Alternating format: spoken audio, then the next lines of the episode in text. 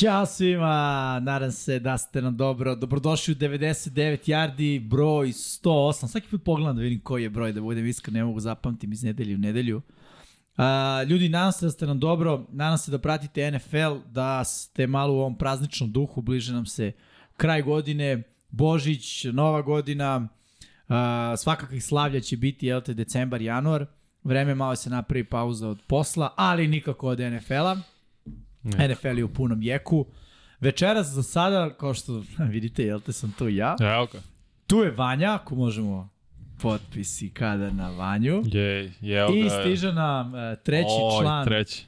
uh, Urnebesne trojke, Urnebesna komedija. Urnebesna Božanstvena komedija. božanstvena komedija. Do što komedija? Urnebesna trojka baš zvuči dobro. Pa, dobro. A? Brate, može zvuči svakako, zavisi kako razmišljaš. brate. Zavisi, ne znam, ne znam šta je veliki srđan misli kad je on rekao. Ne znam pojma, meni zvuči na komediju, kaže Urnebesna. trojka, trojka. The. Amazing 3, brate, šta? Akcijna komedija, nešto, taj A? faz, akcijna komedija, taj Pa, faz. brate, Realno, ne znam. može da bude neki, možda i neki novi žanr. Ne mora da bude Može, što da ne, što da akcija, ne. komedija. Velika trojka, uve, obično je The Big Three, znaš, ali velika trojka. Big Three, bravo, Da, realno. Big 3 ja sam play. Stari ti si Može, player, ja ne, play. Miksa je player. Može. Ja sam oni centar. Ti si trojka. Krilo, krilo. Da. U svakom slučaju, ljudi, uh, nadam se da ste nam dobro. Uh, Erceg i dalje nije tu. Pokušavamo da ga dovučemo, ovaj, ali i dalje se ne da. Uh, završio se motosport, tako? Jest, sve se Formula. završilo, tako je MotoGP, čak se nama završila izložba Valentino Rossi sad u sredu, tako je to bilo ono Srđane. fenomenalno. Ako ovo gledaš, pitanje je zašto. A gde si? Gde Evo, si? treba da odgovorim, bila je ogromna gužva i u galeriji tokom izložbe i sve ono, završili smo u sredan četvrtak u 3 ujutru sa vraćanjem stvari, to je bio blagi pakao, iskreno. Ali vredilo je, bilo je prelepo iskustvo i vidjet ćemo šta je sledeće. Možda NFL izložba, ko zna. Možda, možda je NFL. Eto ljudi, pišite nam tamo na komentarima da li biste voleli da vidite. Kad kažem vidite, mislim na uživo, da dođete uh, do galerije ili gde bismo već to organizovali, jednu takvu uh, izložbu gde bi bile fotografije sa NFL utakmica ili sa nekih NFL uh, događaja, a treći točak urnebesne trojke je upravo stigao. Bam! Treći točak Mihajlo! onog uh, kamioneta trotera. Trocikla, da, da, da, ali koji točak? Prvi onaj, brate. TNT. Taj, taj je možda i najop... Su oni TNT beš? Ja Trotters da. Independent Traders. Da, Ja. Trotters, tako je. Gde si miksa, jesi naša parki? Evo ga, brate. Znači, Mislim, nisam stao sam da nije parkinga. Jel da? Prošlo je devet, pa da, Da. da. nema nigde. Pa gde? Petak. Ne pa dobro, šta ti Petak briga. večer, ljudi došli u grad. Malo da se zabave. Ej, nije hladno večer. su Nije. iskreno. Hladno On uopšte. Znači, izašao sam kao da je Sibir napolju i iskapirao sam baš je cool. Baš je cool. Da, dobro, gledaj, znamo mi ovde da, da kad nema vetra, u principu, vreme je okej, vetar spusti neki subjektivni osjećaj za 10 stepeni bar, da, Da, da, da, da. ti deluje. Ono, ako je 10 i duva vetar, nula. Bukvalno. Ako je 5 bez vetra, šta Šest. lagano. pa nisam, samo lagano. Jeste, i zavisi gde si on. Ja sam sinoć vraćao sa nekog treninga uveče, bio sam blizu reke sa koje igra video igre je Silent Hill. Ako Dobro. znate, horror igra. Ono. Znam. Poznata po tome što si celu igricu si u magli nekoj i zvoniti onaj stari radio kada su blizu zombi. I ja idem slušam muziku i samo čekam da počne da krči i da nađem neku moć. Da, da, da, da se borim protiv zombija. Nije se desilo, Da. ali... Ali ne, ovaj, bila je magleti. Znam kad sam Ozbiljno. krenuo na, na Thursday night, znači prelazak preko mosta, brate, Experience. E, ne znam da je to magla ili smog, to je već upitno Ma šta je. Da, ali bio, da. bio haos. Znači, toliko je bila magla da su se Raidersi stopili u Sivilu u četvrti četvrti. Ej, bio dobar meč na kraju. Brate, Yes. verujete vi u ovo? Ja ne verujem. Monday, th Thursday night. Isti rezultat, isti I 16-3, ishod. 16-3. Da, nesvarno. Dva touchdowna nedostaju, posljednja dva napada. Znači, a pazi, čak nije bio onside kick ili tako nešto. Da, da, da. Nego touchdown, ispucavanje, odbrana, touchdown za pobedu. Pritom mislim da je u slučaju Remsa, ispravim, možda grešim da u slučaju Bucks, a u slučaju Remsa bio treći za jedan. I nisu uzeli uh, Uh, Saints Raiders. nisu. Saints isto su imali Saints, treći za jedan. Da, jesu i oni su I imali treći za bacili su jedan. pazbu. Da, da, bra, slant, onaj koji baš prošao. Kalove. To je da. Ingram kriv, ne mogu verovati da čovjek nije mogu da istrči, prate. Šta? ono. Ma nije, ma nema to veze ko je kriv, ko nije kriv. Ajde ovako, da budemo realni. Uh, smelost i hrabrost u pokušajima kada vodiš 16-3, Mora da postoji. Ajde, ajde ovako, Saintsi su jedva došli do 16-3. Yes. Mučili su se. Mučni, da. Raidersi su mogli, znači... E, mogli jesu, ali su se i oni napatili, da, ali realno. gledaj, znači, ne iskoristiš fumble, ceo teren ideš, baciš interception, imaš neke odluke, onako kukavičke odluke. I ne možeš pobediš kad imaš takve odluke. Po mom mišljenju, neko, ako tako razmišljaš, Slažem se. znaš, ajde, okej, ovo na kraju razumemo ovaj punt, u samom finišu, to je Ma ono, ne, taj odluka scenarij sa je... dosta rezona. Tako je. Znaš, pantuješ i 98 yardi, mada uzmi u obzir tvoju odbranu koja je failovala u koliko utakmica do sad, bar pet. Sve. Bar, ali Sve bar pet je napad, ono, da kažeš pobedio i odbrana je samo trebalo ono da pečatira i ništa se nije desilo. Hoćete da ostavimo to za dublju analizu kad dođemo Hoćemo, da, ali ne, nego samo Da. sam teo neki utisak zato što ono, 16-3, 16-3, Jeste, jeste. identične. Znaš, znaš, ona ja se se smejemo i kao, znaš, kao moglo bi da bude kao Tampi i on gledaš i ne veruješ. Ne. Mislim, plus radimo konstantno ove sezone, očajne utakmice, da ono 16-3 ti deluje kao još je dobro što ima toliko Prime poena. time. I odjednom da, 17-16, 17-16, mislim, ba, ba, ja sam baš bio u šoku. Da se ponove, pazi, jer nije kao za nedelju dana razmak, nego to je bilo sad. Mislim, Da, da, pre tri dana. pre par dana. No, Pre tri ne- noći za vas. Da, da. zamisli. I čovjek bi rekao ono nemoguć scenariju kad ono ponovi se za tri dana. Jeste. Haos. Dva Haos. velika kvotrbeka. Da. pa Da, da, jedan veliki, jedan kvotrbek. Veliki da. ego, drugi. Pa Da. dobro. Alter Ej, ego. sa čime ćemo da, da otvorimo? Vanja, Pa ti si nam- Otvorit ćemo pričom dok čekamo. Ove, imali smo ljudi, osim parkinga, je, što je već postala navika za vas, imali smo male probleme sa sajtom koji vuče statistike. Uh, tako da se tu nešto pobrljavilo, ali ovaj, tamo možemo malo pričom nedelje Može. otvorimo, pa hoćemo otvorimo priču nedelje. Pa da. Ajde. Da. Ajde, dok, Vanja, naši, dok naši momci iz IT sektora evo, Srki, kaže... ajde nam pusti thumbnail. Da vidimo. Da, pustim tam, ne, evo nedelje, kaže Pera, samo box skorovi fale, tako da... Dobro. e, U smislu biće ili neće biti? Fale. Tom rekao da fale. Nije rekao da li će biti, Ajde, ovo ostalo je tu. Fale kao, pero, Da, evo, ako sad gledaš će- ovo. Sad će Srki producent, sad će on Ali to Srki, da reši. pusti nam thumbnail. Pre toga, ljudi, naravno, naravno se da pijete sek dok gledate NFL kod kuće, nemojte da ga pijete ako ste van kući i treba posle da vozite. Nije pametno 9,9% alkohola. Ali, povrede polako oblikuju playoff sliku. Crna vrana. Crna vrana. Ja ću tako samo da kažem, Miksa. Da, video sam kog si stavio. Odveću ljudima. Spoiler, spoiler, alert. Pričat ću posle zašto. E, Da. to mi nije bilo jasno Da, zašto pa, iskreno. uvek ima priča. A znam. Ali ajde da ovaj glavna priča su nam povrede koje se dešavaju i povrede koje ja mislim nisu ni jednu ekipu za obe. Čak i Eaglesi imaju onako Pa u smislu. svaka ekipa mora, takav je sport. Da. Ne, ne može. To, to, znaš šta, samo je pitanje, i to ja uvijek napominjem, pitanje je dubine. Koga imaš da zameni igrača koji se povredi? I ako imaš dovoljno dobar tim, dovoljno dobru dubinu i dovoljno dobar sistem, te povrede se ne osete, ako nisu ozbiljnije. Znaš, na primjer, neko može da se povredi, staviš ga na IR, IR, on se vrati za 4 do 6 nedelja.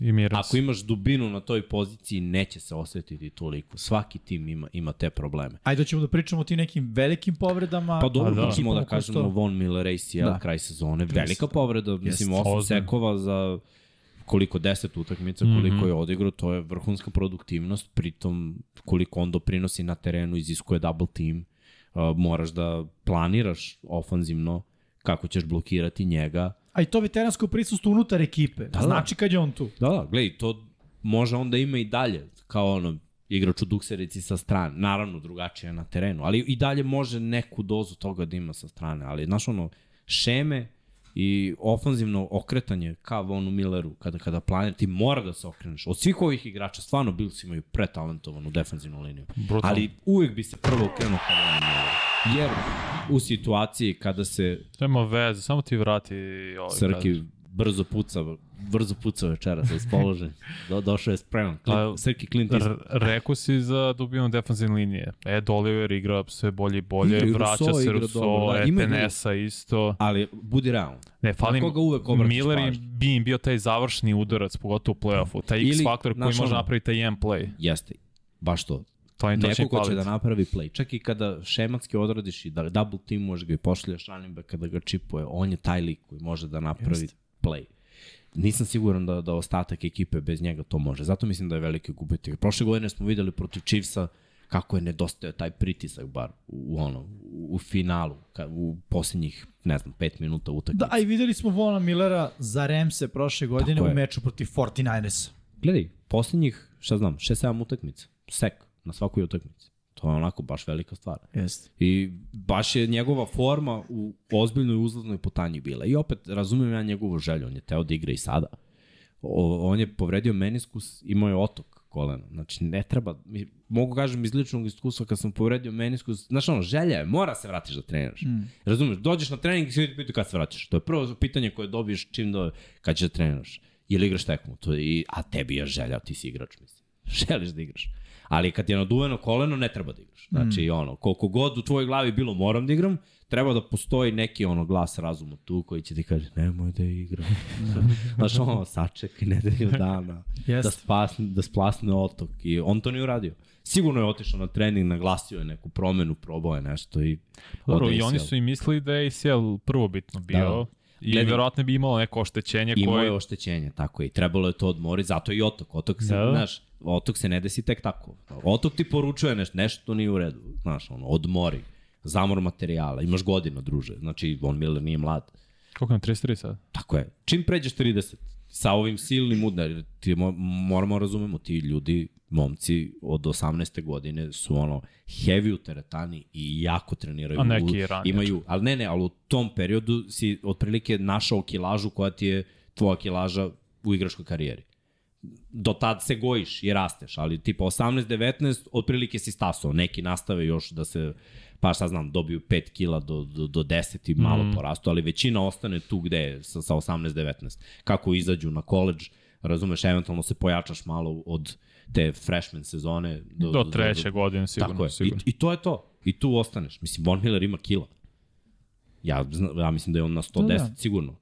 110. Pritom igra poziciju gde je ono zagarantovan kontakt svaki, Tako je, play, svaki play. na terenu. Nije kao da si receiver pa te možda neko ne pipne ili safety. I Mislim. godinama, znaš, godinama treniraš i već si ovaj, imao probleme s povredama. Znači, znaš, tvoje telo nije to superiorno telo. Imamo uvek primer nekog tela koje je superiorno, tipa ono, Frank Gore. Miles Garrett.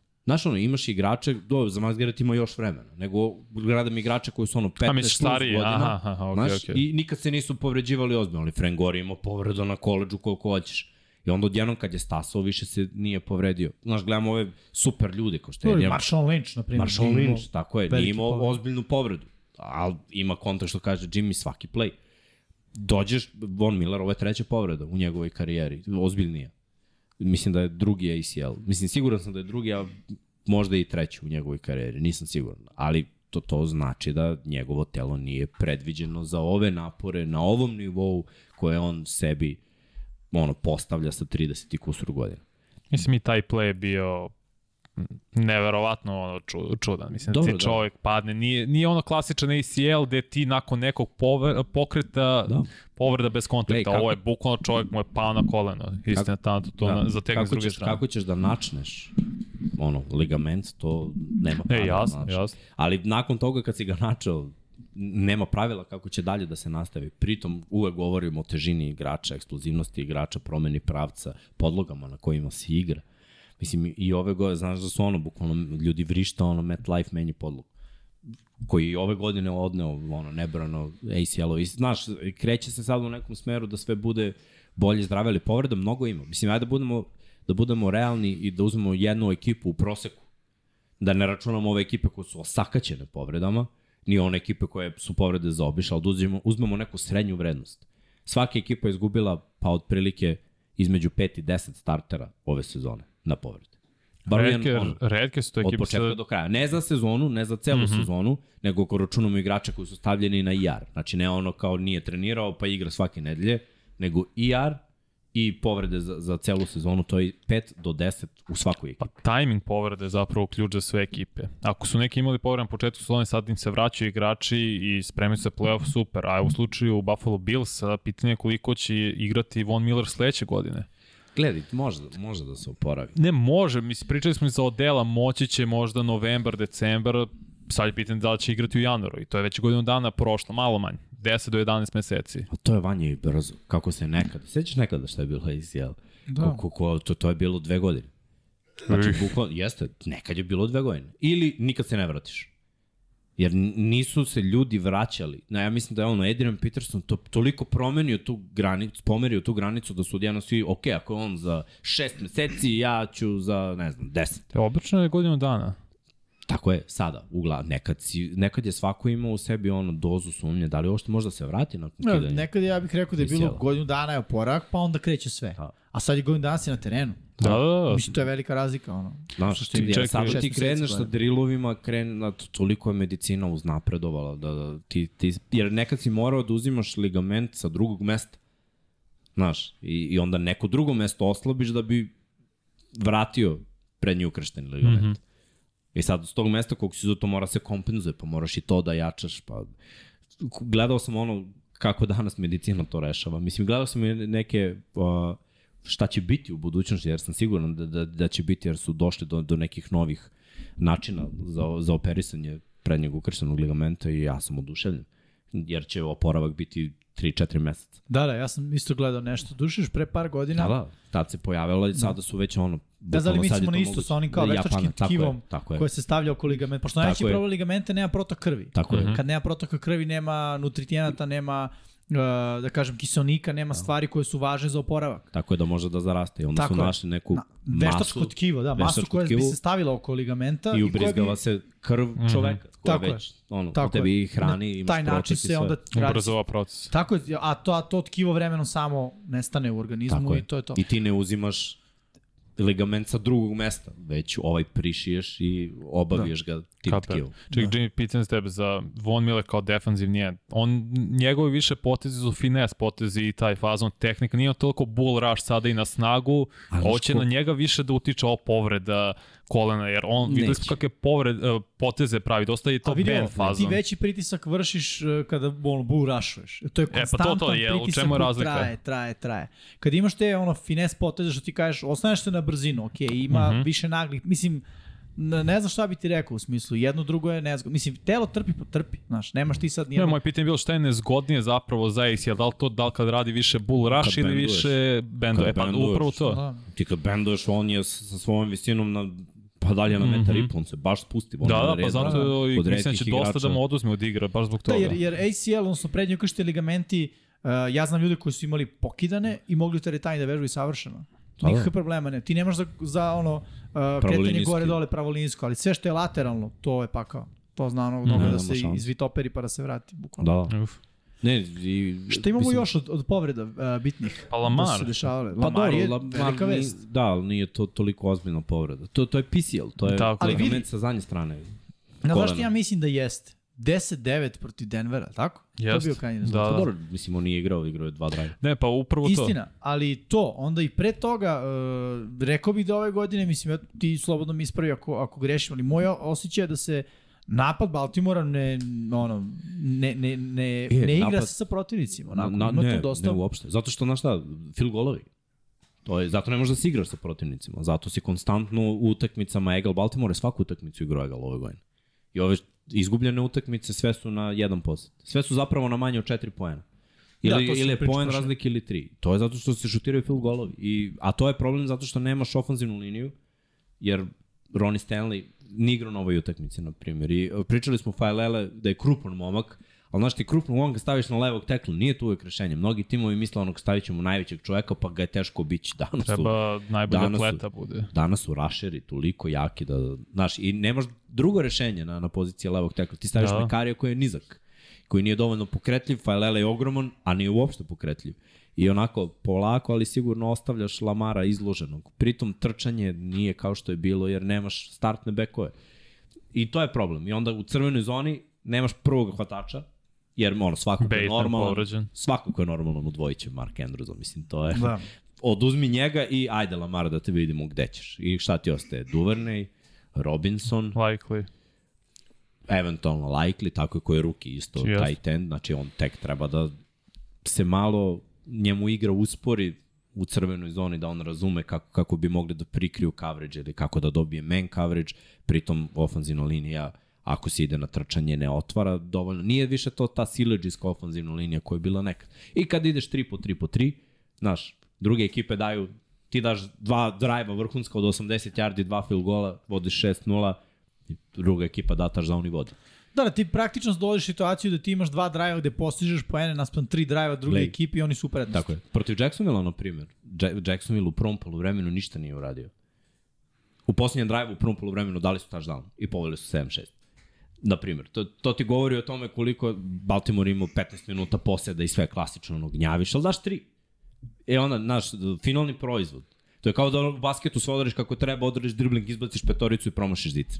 Mislim, ono, potez od milion ali- dolara, završnica od 5 centa. Ali zašto smo stavili Baltimore, to ste rekli, prošle godine kad se Lamar povredio? Da, da, bila je katastrofa. Ja mislim da će i sada biti Pa katastrofa. u, upravo iskreno. to i to je problem za njihove playoff šanse. Ako ne bude igrao tri nedelje, recimo, Mislim, uh, ove nedelje neće igrati, ne bi ga stavio ni sledeće. Znaš šta? Bengalsi u odnosu- su vrući. Jesu, ali to je poslednje kolo. U, ono što... Ne, ne, mislim, uh, znaš, Napravit će da Baltimore prednost. sada gubi, da, Bengalsi, znaš, Napravit ali će prednost, to je ajde da se ne lažemo. Pogledaj istok. To su ekipe koje su trenutno u wild cardu, su sa istoka. Igraju međusobno svi. Washington, pardon, Miami Jets. Miami, Maja, ne, Miami, Miami Chargers igra i- sledeće nedelje sa Billsima, A sad igraju ove Jets. nedelje igra, igra, igraju Jets i Billsi. Znaš, oni će međusobno da se eliminišu, jasno, eliminišu. jasno. Mislim, Tako sad, da naši problemi su u dobrim divizijama, kad imaš dve, tri ekipe koje su kandidati za play-off, to, to je međusobna eliminacija. S kim igra Baltimore sledeće tri? Ajde da kažemo da će Lamar da Pazi, raspored odmori je jedino ono što, jedan što možeš da kažeš da, da, Sad ću baš da, da pogledam koje su sledeće tri utakmice za Baltimore. Jer kapiram da o, rekao je John Harbaugh da neće igrati ovaj meč. Ne, neće sigurno igrati. ne verujem ovaj da će meč. igrati on i tamo, ali ajde sad ćemo pogledamo za ja sam, Ravens. da, ajde vidimo i kakva je trenutno Ne, situacija u diviziji. prethodne, prethodne godine situacija Baltimore. je bila takva da kad se Lamar povredio, o, ostale su ekipe, mnogo jake ekipe. Ramsi su bili šampioni, Green Bay Packersi su bili najbolji tim u NFC-u. Bukvalno si bio izložen da igraš sve vreme, igrao si protiv Bengalsa i protiv Steelersa koji su ušli u playoff. Tako da ovih pet poraza Huntley-a bilo je protiv četiri playoff ekipe. I Pazi. onda ne možeš ni da zameriš toliko. Ove godine je malo drugačija Mislim da je priča, jer si igrao Da, ove nedelje Pittsburgh, igra se i protiv Clevelanda, Tako takođe je, i posle Atlanta. i Atlanta. Mislim da se ne lažemo. Ono, 5-7, 5-7 i Atlanta trenutno ima tako 5-8. nešto. Ne znam, ali meni je Pittsburgh sa ovih 5-7 iskreno budem bolja ekipa nego Baltimore. Ajde, doći ćemo do tog meča. Nego Baltimore 8-4 bez Lamara. Iskreno. Pa, Nije me Baltimore toliko kupio. a čime te je Pittsburgh kupio? Pa, e, odbrana pre svega. Kako se Dobro, vratio TJ okej. Watt, znaš, Jeste, gledaj, i upravo si. Odbrana Pittsburgha radi posao. da. Ali napad Pittsburgha, mislim, Ima muke. se, se povezao u poslednje dve utakmice. Imaju niz od dve pobede. Da. Povezali su se protiv Atlante i povezali su se Bio je jedan meč. Protiv- Uh, s Cleveland možda, izgubili su od Bengalsa, a dobili su još jednu utakmicu. Mm, nije Cleveland. Šta še? Ajde, a, Sve da. u svemu, ho, šta, hoću da kažem, problemi su, znaš, i to je divizija, i to je rivalstvo, i ne, kogoda da pobedi, ja nekako verujem da Pittsburgh ima defanzivnu prednost, ali ofanzivno zaista ne. Colts. Da, ono, Da, da, da. Monday Zato- night, mislim da je bilo. Je fum, fumblovo je Ryan Da, da. zajedno sa, sa Taylorom i, i poklonio bukvalno drive Steelersima koji su rešili. Ali vidiš i ta pobeda protiv Coltsa koji su isto bedna ekipa je bila na jedvite jade. Tako da ono, mučenje. Nije, ne mogu da dajem prednost prosečnim ekipama koje se muče. I Baltimore je prosečna ekipa sa odličnim skorom za prosečnu ekipu. Jer su rešili neke stvari bar. E sad, priča nedelja, ako gledamo te, te povrede, o, Jimmy G moramo kažem. moramo kažemo Jimmy Da. G, jer to je ukupalo San Francisco. Jest. Sad, priča je neka, pošto je to ono Lisfanic foot, da, da on može da se vrati, da to ne mora da bude Od kraj sezone. do on nedelja. nije mobilni quarterback, on se bukvalno ne kreće. On je, da eventualno play action je njegovo kretanje. Da, da, da, da lažni handoff i, i da se okrene i, i da doda nešto. Čak ni bootleg ne radi toliko mm. često.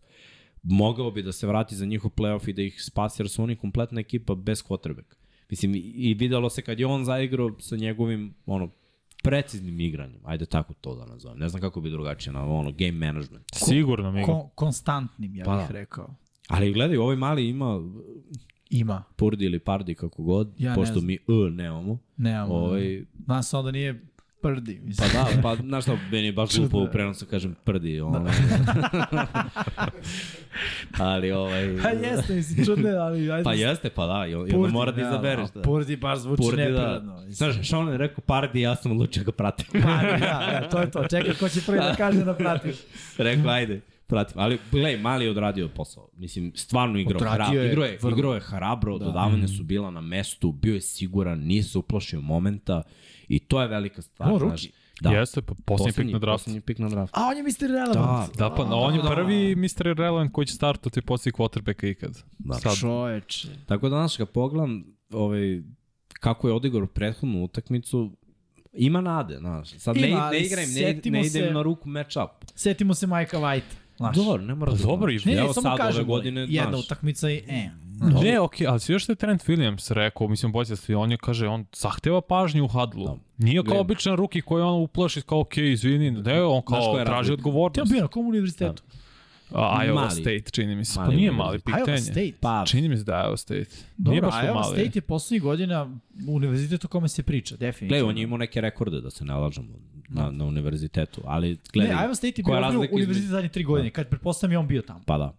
Ako pogledaš, ako pogledaš, a upo, uporedimo s Vajtom i ofanzivnu liniju Jetsa i ofanzivnu liniju San Francisco Istina. Da, da, Iowa State. i trčanje koje imaju i sve hvatačke, toliko je oružja okolo da ono, nije ista situacija. Nije fair prema Vajtu da uporediš, jer Vajta da staviš u ovu situaciju da ima 3 sekunde lagano, a ga niko ne takne Dobro, i da, da. ima Kristijana McCaffreya, Juka i Samuela i Kitla i Juščeka, mislim, znaš ono, previše je opcije ti imaš ono top 5 opcija, ja mislim da niko nema top 5 opcija u NFL-u koje San Francisco trenutno ima ove godine. A, moramo ubacimo i Kyle Shanahan i njegove Ne, šeme i sve to što ima Ne, naravno, to je Pardi, da, da, Plus, znaš, on je tu je sve vreme, on je tu sve vreme. On je bio tu, znači, na ruki mini kampu, na, mini kam, na, na kampu rukija, pa onda na trening kampu kad su došli starteri, odradio sve, ok, nije možda mnogo bio sa starterima, ali sad jeste. A znaš šta mi, se- mislim, to će biti priča sezone, ako mene pitaš, ono, za 49ers-e, ukoliko pa dođu do finala NFC-a, iskreno. Znači, počeo si s jednim QB-om i posle jasnu poruku, ovaj drugi nije naš čovjek. Znači, to je to, hoćemo da ga prodamo, da ga tradujemo. Poredi se taj broj 1. I onda se okreneš ovom broj 2 i kažeš, slušaj matori, ajde da završimo ovu sezonu, ono. I on kaže, ajde, pađi što da ne. Pa i pričali su kao postoji, postojala šansa da obnove ugovor. Da, za da, narednu godinu. On jeste promenio ugovore, tako? Ne, čini Ne, ne. Samo ne, na ne, godinu dana. ne Pa samo to, godinu, godinu dana, ali da da. obnove za sledeću godinu, pre ovog meča što sad, Da. sad što se povredio. I povredi se on. I dođeš do Broka Pardi. Purdija, Pardija, ovaj, do Mr. Irrelevanta, može tako najbolje da ga zovemo. I zamislite on dovede dotle. Nije nemoguće, to ali nećete, nećete ono. on dovesti. Ne, neće on, naravno, Da. dovećete ceo, ceo on, on, paket. će, ali... on će odraditi posao. I Da. ne bi bio prvi put, znaš, da mlad igrač dođe u savršen sistem i da odradi posao. Mnogo puta smo videli ono, mlad igrač, odličan sistem, Pazi, odradi posao. Tuo radi posao u Majamiju. Pa dobro, ja rekao tu i više nego radi posao. Da, da. Pa, Iskreno. ima i... Znaš ko je radio posao u svoje Super Bowl? False. Da, ali dobro, Definicija rađenja posla. ali on nije, znaš, ajde, Nije mlad, ne. Nije mlad, a on Da. je tad već imao Imao je. godina iza sebe i jednu sezonu celu igrao kao, kao starter 2013. pod Chipom Kelly. Tako da on imao je neko iskustvo. Govorimo o klincima koji su ono, to je prve dve, tri godine. Sledeći Mislim, evo ti primjer. Mark Sanchez. On je kao klinac došao u ekipu koja je falio samo quarterback. Nije bio neki quarterback, ali je stigao do finala konferencije. Znaš, i, i to su meni neke mogućnosti koje vidim uh, sa ovim momkom za San Francisco, ne dalje od toga, jer ipak za Super Bowl treba nešto više. Nije nemoguće da ostatak ekipe, ali baš sve mora se poklopi. Trčanje mora da ide, on mora da poveže dodavanje, odbrana mora da dominira i specijalni tim da radi svoje. A mislim, naš Shanahan sve vreme zna da ima problem na poziciji quarterbacka u vidu Jimmya Garoppolo. E sad, velika prednost je što Garoppolo ima i to iskustvo i sve. Hoću da kažem, on je navikao na situaciju, nemamo Ne bih rekao problem, nego ograničenje. Upravo to, dobro si, dobro si. On je rekao, shvatio, ok, ja sam ograničen nečem i moja genijalnost i talent drugih igrača moraju podignu igru uh, celog, to jest nivo igre celog napada, jer moj quarterback to ne može. A mislio je. je da Trey Lance može. A vidi, koliko imamo ekipa koji imaju slične limitacije u napadu, nebitno koja je pozicija, ali i dalje forsiraju. Pa I, dobro, znaš, imamo većinu, mnogo ekipa. većinu, e, po meni da. i Tampa odvoji- Bay, ajde ovako, jedna na- od tih ekipa. Nabori pet koje rade posao. Pet ekipa koja Je ima napad koji radi posao. Da, pet. Sinci, Dobro, jedan. radi... Uh, Evo, ja, pet. I tu stajemo. Verujte mi, tu Dobro, stajemo. u, pravu si, možda ima do sedam, ali ne, nema Pa ajde, više toga. evo, nabroj pet. To ima Fila, napad radi posao. Radi posao. Da, imaš Minnes- Dallas, napad radi posao. Imaš Minnesota, napad radi posao. Chiefs, Chiefs, Čekaj, čekaj, čekaj. ajde. Kako Minnesota, su dali tri pojena Dallas ako radi napad posao? dobro, naišlo je jedno grcanje, štucanje, Nije, kako je za ga nazove. Na, naišlo je mnogo, ali su, za razliku od prošle godine, rešavali. Minnesota ne priznajem. Ali ovo, da. ok, ajde, skinut ćemo Da. da. s liste. Ne, a stvarno. Ne, ne, korektno. O, imaš, imaš pravo. ok. Da. I bilo je utakmica kada rekao se da on- sad- Chiefs i to su sad oni broj 4. Da, Fila, o, smo izvini. Sinci smo rekli. A- Nisi, rekao si i Nisam, rekli Dallas. smo tri ekipe iz NFC-a. Tako je, ok, I rekli smo- Buffalo isto. Buffalo, right, to je šest. Pa kažem ja, sedam. Ali si skinuo Minnesota. Jesam, ali Fila, Dallas, Fila Sinci, NFC. Kansas, Cincy, Kansas, dobro, to Buffalo. je četiri. Buffalo. Buffalo, pet. To su ekipe koje rade posao ofenzivno. Sve ostale ekipe imaju uspone i padove i muče se. Da. Sve ostale ekipe imaju uspone, padove i muče se. Jer zavise od nečega. Zavise od dobre igre quarterbacka, zavise od trčanja i odbrane. Mislim, vidi, ja, bi, Seattle. ja bi zapravo skinuo i, Nije i ni. Seattle, nije ni Seattle ta ekipa. Uh. Šta je, možeš da daš ruku da će Seattle da da toliko poena i da... da... Glej, to- to su- Detroit. Nije, A, Detroit ima uh. padove. Ej, imali su vrhunske utakmice, ali oni se i dalje traže. Znaš, oni su ekipa koja će pljasne 40 na lupom, 7-8 Pa si utakmica je, nisu prošle. i neće se pojaviti na nekoliko mečeva isto.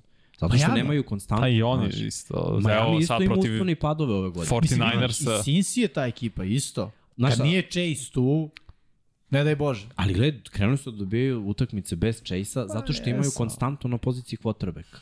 Znaš, i I trčanje. gledaj, trčanje povredio se Mixon, oni dalje imaju konstantno. Oni su defanzivno propali u odnosu na prethodnu godinu, ali sada se budi i ta odbrana i kreće da radi posao. Mislim, ostali su bez dva startna cornerbacka. Nije ni to mala stvar. To je velika Znaš, i onda kad pogledaš neke utakmice, nisu mogli da ostanu u rezultatu, gubili su, ali mislim, oni imaju četiri poraza. To, to je malo. Od toga su poraza dva došle iz divizije gde znaš da se kolju. Tri poraza, Tri mislim. poraza u diviziji, tako je. Gde znaš da se kolju na severu je ono, pravo pitanje da, da mi smo rekli na početku ove sezone da sever i zapad dele. Ono, da će svi imati skoro 3-3, tako nam je nekako bilo realno pre početka sezone. I Sinci ako dobije sve do kraja, tehnički imaće 3-3. Mm -hmm. Ali pogledaj kako njihov napad uspeva da nadomesti sve to. I njihov, oni će biti u play-offu. Od ovih pet ekipa koje smo nabrali, sve ekipe će biti u play-offu, verovatno će sve ekipe osvojiti svoju diviziju, osim Dallasa, koji je ono, je ekipa Fila. iza Filadelfije. Da, ali ima teži. razumeš? Da, teži Ali. Billsi će osvojiti istok, Chiefs će osvojiti zapad, Fila će osvojiti istok NFC, a ostale ekipe, znaš, ja bih volao od Minnesota da je konstantna, Minnesota ako krene da gubi, taj napad ne postoji. Oni će da zaborave trčanje, krenut će Prangeju, Cousins, znaš, ono, pustiš raš na njega i, i od toga nema ništa. Da li možeš to da kažeš, na primjer, za Bills? Da će tako nešto da se desi. Da, Meni je to nemoguće. da. Znaš, ja uvek vidim njihov napad da daje 20. I za Chiefs uvek nekako vidim da, da, da će dati 20. Minnesota mi je jednom pokazala, na primjer, da nije. I onda, kad pogledamo koliko povrede remete tako nešto, San Francisco je ekipa koja ono, dobit će 13-0 zato što će odbrana da izdominira, specijalni tim da odradi svoje, trčat će dovoljno da šutnu par field golova i možda će dati jedan touchdown, kogod da je quarterback. Znači oni već imaju tri rezervna quarterbacka ove godine kao projektovana tri startera. Trey Lance je rezervni quarterback, jer je ruki, jer nema nikakvog iskustva. Mislim, nije ruki, ali da, bila ruki igračka godina i povredio se. Garoppolo, ono, po mom mišljenju je starter zato što nema dovoljno dobrih quarterbackova u NFL-u. Inače, bi bio backup, kao što je bio u New Englandu. To Da, je da. njegovo mesto. Jer ima limit. To, mislim da, da i on zna da ima limit, mislim da smo svi svesni toga. On je siguran i okej, okay, zato što NFL nema visok nivo quarterbackova. I dolazimo do momka koji je ono, poslednji pik na draftu. Brok. Da. Hej, Samo tako. tu, znaš, ali nije bitno jer imaju sve ostalo. I kad imaš sve ostalo, možeš da kažeš, ok, pitanje je koliko ćemo daleko da odemo A to sa povrednim njima se vraća odbrambeni igrača koji su bili povređeni u sred sezoni i sad pre kraj se vraćaju. I sada već, još, sni, Odličan još neke da. fale, imaju najbolju odbranu u ligi. I Imaju, kad stvarno imaju. završam priču o povredama, gledamo Tampuku s kim igraju sad ovaj vikend. Ofenzivna linija nedostaje im četiri Pro Bowl startera. Raspadaju se. I gledaj, Raz- nemaju, nemaju Dobrim nikakav ritam. zbog povreda. Nemaju nikakav ritam ove godine, ti si to pomenuo, muče se, cela liga se muči. Viš da se svi muče da nađu svoj identitet, jer Tampa pokušava da trči i sad nekad ide, nekad ne ide, zavisi od protivnika i onda pokušavaju da, da dodaju ali naš akcije su toliko diskutabilne nekad. Ja, ja gledam utakmicu i ne verujem šta se poziva. Znaš, niti ima smisla sa ofenzivnom linijom koja je loša, niti ima smisla sa hvatačima koje stavljaš u poziciju. Znaš, imaju mnogo puta ono treće za kratko fade. Verujem ima mnogo boljih opcija na trećem To za ti je kratko. kao. Tampa od 2020. prvih mesec dana. Jer ti se Sve je oslanjaš- išlo deep. Konstantno da će ekipa, znaš, e, ovaj hvatač dobije njega jedan na jedan, ja bacim fade i to je hvatanje. Brate, n- znaš, ide to nekad. Ali mm. trenutno niko nije od tih hvatača u formi da jedan na jedan dominira. Nije tu ono Megatron u najboljim šta, danima. ja Julio je davno prošao te dane. Da. Evans gubi korak polako. Znaš, on i dalje Mislim da Evans nema konekciju s Bradyjem, da je to Ima. najveći problem. ima. Evans je u ono, slabijoj formi. Mislim, ono, Evans vuče povrede već tri godine. On igra ono sa 60%. Njegovih 60%, ono što je zastrašujuće, je dovoljno za 1000 yardi. Znaš, Gadvin je tu u najboljoj formi, a Jest. momak se vratio nakon povrede kolena. Jest. Plus on igra u slotu. Znaš, i, i to mnogo znači. Nemaju taj tenda. Brady bez taj tenda. To nezamislivo je. Ako nema taj tenda, mora da ima dva slota. Mm. On je naviko tako da igra čovjek futbol. Nemaš ti sad njega, njemu da ono kao, e, bacaj s polja. Da, da, on je inside out koncept, Ja, definitivno. razumeš, i, i ne ide, i za, zato Tampa ima probleme, ali definitivno povrede mogu mnogo da promene. mislim- Ti pogledaš Dallas ove godine. Kako se vratio Galup? Objektivni utisak je da je sve mnogo bolje jer imaš još jednu opciju s polja. Znaš, i onda imaš dve opcije hvatačke, CD-a gde god da staviš slot ili s polja, imaš Šulca koji radi posao iznutra, imaš dva beka. Ofanzivna linija je zdrava. Prvi put posle, ja nemam pojma koliko, zato što su zamenili levog tekla, koji je opet povređen celu sezonu Mm, Tyron Smith. za drugu Tyler Smith. Problem za Dallas sad je secondary koji polako se povređuje Jordan Lewis noga, ovaj pokida ACL sada.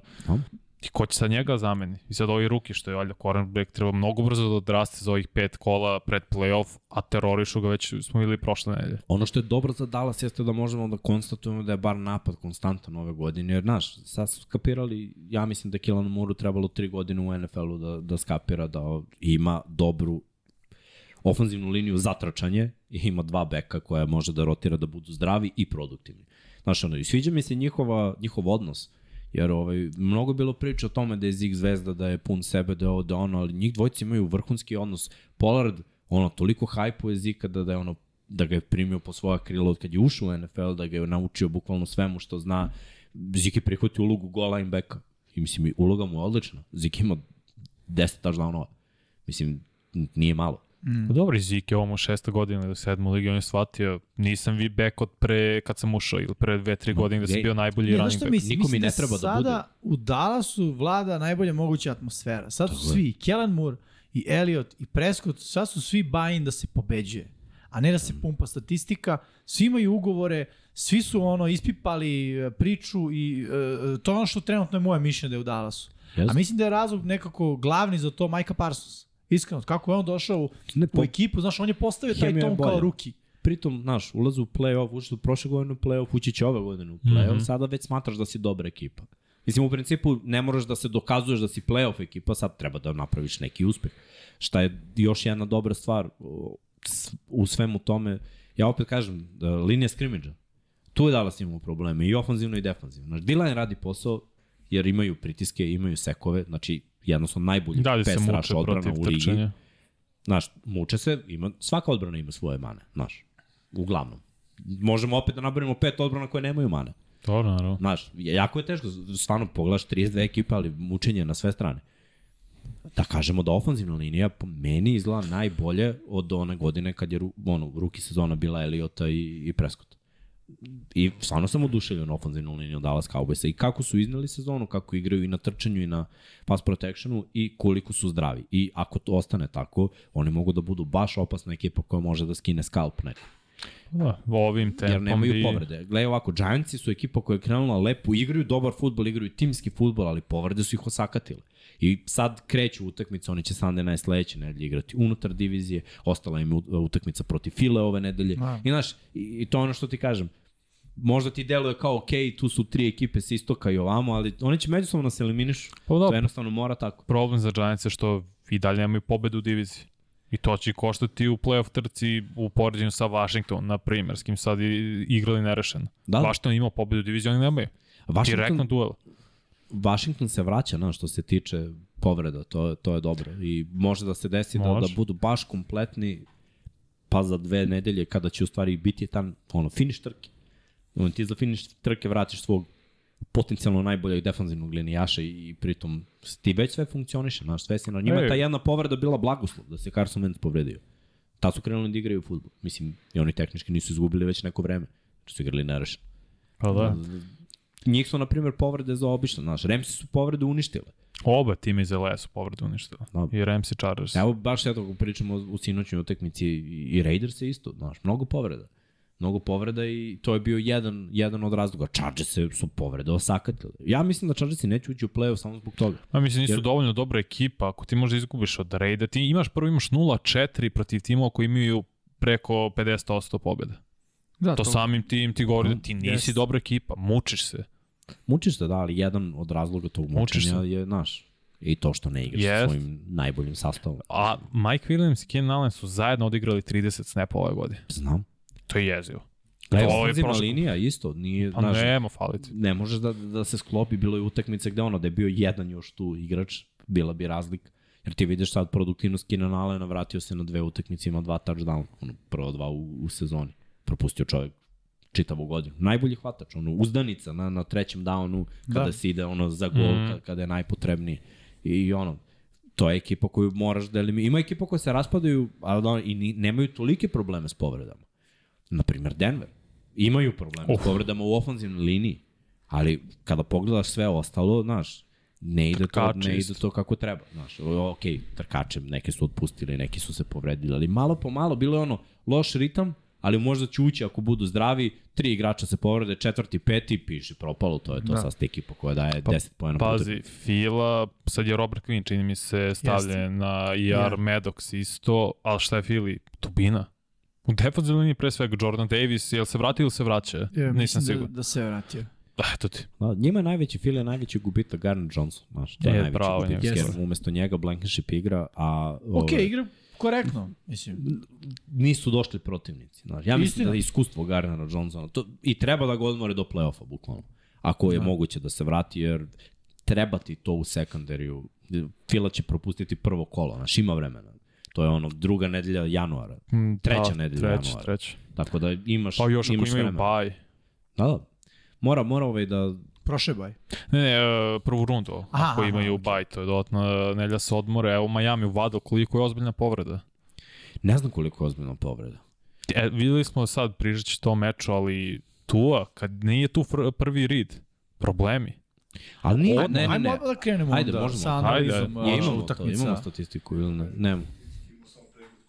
Imamo Pa, ajde, Ajmo, meč pa ćemo pa krenuti. ćemo da, da se zadržimo Gledaj, koliko treba. da, da, svakom radio, sam, radio sam tekmu i mogu ti kažem jednu Da, stvar. si sjajno, slušao sam da sa najboljim drugom uživali smo stvarno. Brate, Tua je bio sa ridovima na pravom mjestu u 80% snapova. Prvi put smo videli, znaš onaj hype, taj Rika Hilla da je Tua mnogo precizniji od Mahomesa. Sve je palo u vodu nakon ove tekme. a Čitavu sezonu je igrao da ispuštuje taj hype. Mnogo prebačaja i podbačaja ridova koji su na pravom mestu, jer znaš, od čega živi Tua? Prebacivanja linebackera, podbacivanja safety-a. I njihov playbook je koncepiran tako dve duboke rute, safety se povuku, mm -hmm. jedna plitka ruka, line, ruta i linebackeri ostanu tu i running back uvek učestvuje, tako da tačno se napravi neki gap od 10 yardi. I tu je dovoljno precizan da lobuje linebackera ispred safety. I oni žive od toga. I kad Vadal i Hill uhvate loptu u toj zoni, između, Yard after Yard catch. brate, to je neverovatno koliko oni mogu od tih 10 da, da dijagonalno iskoriste. U, igra uglova, to počinje da bude. I onda Tua ima velike jarde, veliku jardažu. Da. Šta je meni bio najveći problem ovde? On je u prvom polovremenu, ja mislim, imao 10 promašenih dodavanja. Ali stvarno su ljudi bili sami. Sami, sami. On je prebacivao, podbacivao, promašivao. Šta je, To on je, nakon ovog touchdowna od 75 yardi prvi drive, prva akcija. Prva maltene. akcija, da. E, on gledaj, je posle toga bio koliko? E, imao je, završio je 18 od 32, znači šta je imao? Ili 18 od 33, imao, imao je je 8 17 od od... 18 u jednom trenutku. Na kraju, od, posle tog touchdowna imao je 17 od 32. Neprecizan je bio. Neprecizan je bio mnogo, znaš, ali Mašio je okej, prosto. nije to toliki, svaki quarterback ima neku utakmicu gde mu nešto ne legne. Rukom srcu je bila najbolja odbrana. I znamo i Warner i ali Greenlaw, sve davali su stižu. šanse, znaš. Ofenzivna linija je odradila protekciju, imao vremena. Samo je promašivao. Da li je, da li je bio previše uzbuđen? Da li je ono, znaš ono, igraš protiv prve odbrane i tu je rid. Znaš ono, i bukvalno, ne, ne znam, za, za našu reč, traži me sad po glavi, ono, amerikanci imaju anticipation. I ono, Pa pret, Pretpostavka. pretpostavka. Tako je. Sam je coverage koji mi treba i požuri malo. Znaš ono kao, da li će biti ovde, da li će, pretpostavljaš da će biti ruta dublja, yard 2 ili plića yard 2, jer ti mora da bacaš loptu na pamet u prostor, takav im je koncept. I sve vreme je pretpostavljao loše na ovoj Da. utakmici.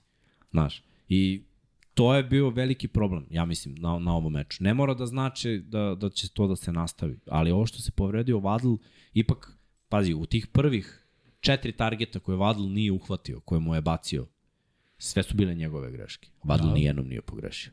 Dva puta mu je dao nisku loptu, jednom ga prebacio, jednom mu bacio iza leđa.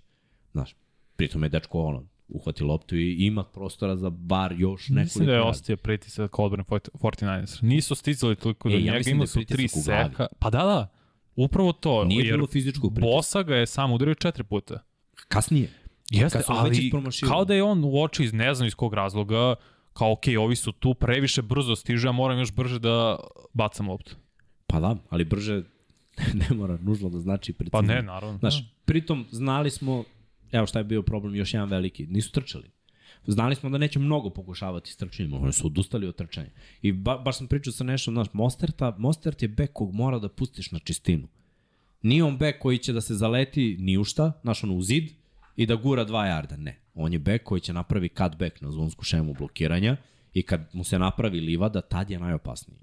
On ako uhvati 5-10 yardi zaleta, to ode za 20 Znaš da, plus. Maj- da je Miami Ali generalno samo- loš u igri trčanja, mislim loš. U fazonu poslednjih pet su. Zato što, zato što ne forsiraju. Uopšte, Ne to mi je nevjerojatno. A imaju sve predispozicije. Zato što, gledaj, ti s ovim playbookom, tehnički su otvorena i dodavanja. Tehnički. On je svaki put, svaki promašaj ima od čoveka. I onda, znaš, taktički kad gledaš, ako gledaš film i analiziraš, nije loše pozvati pas akciju ako je čovek sam. Mislim, malo ako ne pogodiš čoveka, onda nije trener, protekcija je bila dobra, Na kotrbe. hvatač istoču rutu kako treba, mislim, znaš, kube. Neko mora da, da, da kaže ono, ej, momci, moja, znači ova tekma je moja. Nije problem, jer pobedili su mnoge tekme baš zbog tuje. I zbog toga što je on stavljao loptu gde treba, kako treba, trpeo Evo pritisak. se radio videla reakcija Mike McDaniela. Što je rekao, ono, mislim, čulo se posle to bio video kao moja greška. Pa, Ja sam ej, pogrešio, tako se izranim, on je rekao nešto malo vulgarnije, ali u tom smislu. Nije bila njegova greška. On je taktički imao ovu utakmicu. Stvarno je imao. Ovo je mogla bude egal utakmica. Pritom znaš da San Francisco opet odbrana Miami je donekle radila posao. I San Francisco ofanzivno nije izdominirao ovu utakmicu. Ovo Pa Nije, je, ali činjenica da ih je pobedio Brock. ali gledaj, bro, Mislim, pobedio. Znaš, dobro igrao. Brock je dobro stavljao igrao. loptu gde je trebalo Jeste, u trenucima kad je trebalo, znaš, ovi playmakeri. A Kako, Tua to nije radio. Tako je. I, I to je bila razlika. Opet ja bih uzeo celokupan tim i da ocenimo ko je ovde bolja ekipa celokupno. Jer to sam pričao baš i da je igrao Garopolo, šta smo rekli prethodne nedelje u najavi. To je duel dva quarterbacka koji su ono, limitirani i koji moraju da se dokazuju. Još uvek Jimmy i dalje mora da se dokazuje. Bez obzira Da. što je igrao u Superbowlu i u finalu konferencijom. I dalje mora da se dokazuje. Tua tek mora da se dokazuje. Jimmy se povredio, ušao je Brock, on tek mora da se dokazuje, ali ako pogledaš ekipu okolo, više talenta imaju 49ersi. Znaš, jer ceo backfield Majamija Duži su sistem. otpadci 49ersa. I Wilson i Mostard su bili tu i nisu izdržali celu sezonu i došli su ovamo. Ok, oni mogu da odrade posao, ali nisu igrači kao Christian McCaffrey, kome ako ne ide u backfieldu, stavi ga u slot. I stavi linebackera. Bukvalno te ono, čikam, stavi linebackera na, na Christiana McCaffreya da ga čuva prilikom rute. I nemoj da obratiš pažnju na, ne znam, Kitla, Samuela, Ajuka ko, koji su tu. Miami nema taj luksus. Kad je Vadl pao, ta, tek nisu imali taj luk. Imali su Hila koji je dominirao na ovoj utakmici. Stvarno je bilo lepo Da, gledati. brutalno. Imao je par nekih 145 yardi. ja. glej, igrao je vrhunski. Ali je bio sam. Znaš, i, i to je ono, falilo je, falilo je da se uključi neko iz backfielda, da se uključi taj ten, da se uključi Vadl koji mora da ima, Miami da bi dobio, Vadl i Hill moraju da budu iznad 100 yardi. To je neko moje razmišljanje. Kako oni igraju? Pa mora, ako nema Vadl, Gesik je morao da iskoči, ali pošto je i to bio neprecizan, nije mogao Da. ga iskoristi najbolje. Dobro, oni generalno ne koriste Gisiki ove godine Toliko, da. na taj način, znaš. On je imao ulogu, ono, ja bih rekao, mislim, vidi, kao i Kittle u San Francisco. Kittle ima utakmice. Imaće svoje utakmice. Imaće svoje utakmice, ali u većini e, slučajeva će imati zadatak. I zadatak treba da ispuniš. I to je to. To je sistem Miami ovde. I to je, ej, to je okej. Okay. Mislim, Ne vidi, on, on kaže ti si tight end. De facto ti trećemo te kao tight enda. Nemaš puno tight enda u ligi koji se, koji se tretiraju kao zaista prave hvatačke opcije, kao što je Andrews, kao što je Kelsey. Mm -hmm. Mislim da ono, trenutno nakon njih Voler kad igra, mislim kad je zdrav, Pic kad igra. ti Pitts kad igra, tako je, ovaj, ti njih tretiraš zaista kao hvatačke opcije. Dokle ove ostale prvenstveno tražiš njih da budu zaista tight endovi, koji će i da imaju svoje akcije, gde će, gde će, znaš, Kittle, realno kad pogledaš, mislim, evo pogledaj kako ove godine koriste. No. Nema neku brutalnu Što statistiku. kažeš, ima svoj zadatak. I gledaj, zadatak, neki igrače ispunjava statistika, Da. neki igrači ispunjava obavljen zadatak. Znaš, ti ako imaš zadatak tu utakmicu, ne znam, da imaš tri targeta, imaš tri hvatanja, samo za neke, ne znam, 20-30 yardi i blokiraš sve vreme i radiš svoj posao. Mislim, ako je to bio moj zadatak i ja sam to uradio, ja sam srećan jer sam doprineo timskoj pobedi. Kittle obožava. Ne, Obožava. ali, znaš, imaš igrača koji, kao šta god da mu daš, znaš, on voli to da radi jer je ono, timski uspeh. Imaš Jeste. igrače koji su u fazonu, trebao sam ja Ali više, je trebao sam ovo, trebao sam ovo. Lakše je Kittle da ima sada to, ili Kittle imao sezone kad se pričalo o njemu, kad je Kittle zvezda broj 1, i to kad kažem imao sezone, to je ono prošla i sve do, do, do ove. I ove je okej, radi zadatak, ni ne mogu kažem sada, ali definitivno ima manje ga koriste u napadu kao hvatačku opciju. Gesiki to još nema. Gesiki je dalje mladi tight end od koga želimo da vidimo tu neku sezonu kad će da eksplodira i mogu više da razumem da on nema to strpljenje da bude igrač koji radi. Sjeti se, bilo je pre početak sezone priče da on hoće da ide. Pa da, Da mu se ne ali, sviđa uloga koja mu je dodeljena. Tako je, ali gledaj, ostao je da odradi ulogu i znaš šta je njemu ono, doza samopouzdanja. Sada da je slobodan, ja mogu ti nabrojim 10 timova koji bi se tukli da on dođe da, da igra za njih. Pa bi, istina. Lagano, Ali lagano ti 10. timovi moraju da ga imaju ono, u svojoj šemi, moraju da uzmu u obzir šta Ali on može da to, je njemu ono, on je dobar igrač. Svi znaju da je on dobar igrač. Jeste. Znaš, I dečko odrađuje posao. Tu je ovde baš podbacio. I ovo, ok, jedna utakmica gde, mislim da smo imali ove godine, pa skoro svaki tim je imao meč da je quarterback podbacio. Čak i šta? najbolji timovi. Znaš šta meni isto deluje? A, da je ceo Miami bio pod utiskom toga što McDaniel igra protiv svoje bivše ekipe. Znaš. Moguće. I Gledaj, da i je opet tu malo bio taj pritisak. igralo znaš. se i naš gostovanje. Da. Putuješ s Floride u Kaliforniju, mislim ono, stvarno je s jednog kraja na drugi kraj kontinenta. Dolaziš u drugačiju klimu, gde te opet čeka ekipa koja je od koje si nastao, ajde tako da kažem, Da, da, manje da. više. Ceo ovaj koncept i šema i sve je bilo nadjačavanje koja ekipa je tu bolja. Da. Koja ekipa je ono... Koja bolje I, i na kraju original je dobio. Da. Naša replika nije i, i to je to. Što ne, ne mora ništa znači u nastavku. A, ali original je definitivno pokazao... Šta je original? Č- Mnogo čvršći i u ofenzivnoj i defensivnoj Jeste, liniji. da. I vidi, duže igraju Bio. zajedno i duže je sistem implementiran. Znaš, moramo da u odbranu za Miami ovaj sistem koji McDaniel tek donao ove godine. Ok je igralo odbranom. Ja. Opet, videlo se da imaju defanzivne bekove koji, znaš, bilo je iznuđenih grešaka. Bi... Da, bilo je Dobro odigrala odbrana Miami. Ja opet kažem, samo da je tu pomerao lance. Oni su pantovali kad nisu smeli u situacijama kad su imali opcije. Dva, tri puta da su pomerili lance i ta odbrana 49 kada im vršiš pritisak, kada igraš protiv njih dobro, oni igraju drugačije. A kada si nemoćan, a ovde je bilo nemoć Oni zahvaljujući promašenim dodavanjima, e, onda je to njima Da, da. dodatna motivacija. I mislim, kad imaš, evo, kako je igrao Miami, pošto nisu trčali, ili ako su trčali. Drugi pokušaj im je bio za veliku jardažu, dodavanje, ništa, treći pokušaj velika jardaža. Šta misliš da će da rade sa San Francisco 49ersi, kakav front seven imaju? Naravno će da idu na blitz i ono najjači rush ikada. I nijedna ofenzivna linija nema što da pokupi. Mislim, mora da ide brzo dodavanje, to ne može da se desi ono 10 yard. Znači, onda igraš na pamet malo. E, ako igraš na pamet i dobro, može da ih pobediš, ako igraš na pamet i loše, ne možeš. Pa vidio si kad desilo. je išlo brzo i kad su se povedali sa dodavanjem, baš se sećamo na akcije Gesik kad je išao na prvi dan kako ga je zaustavio Greenlaw. Koliko Gle- je istrčao, vi u par navrata horizontalno stigo prosto hvatače. Jeste, nepokretljivost linebackera, to pričamo godinama. I Warner, i Alshire, i Greenlaw igraju na brutalnom nivou. Njihova najveća mana su cornerbackovi. Tehnički. Trenutno, da. I mislim, Tyreek Hill je ovdje igrao protiv svog bivšeg saigrača Charorisa Warda, uništio ga. Mislim, Tyreek Hill uništava 49 kako god igra protiv njih. Što, znaš, za game plan za sledeću eventualnu utakmicu, ako bude bio Super Bowl, samo to, To može da bude. Pa da li, ako- bude bila, ti moraš da menjaš malo game plan. Znači, šta Miami mora promeni za ovakve slične protivnike? Jer će sad sigurno neko kopirati ovo, što, probati bar, što rade 49 Kako mi da odigramo sa našim sistemom slično da zatvorimo ovo?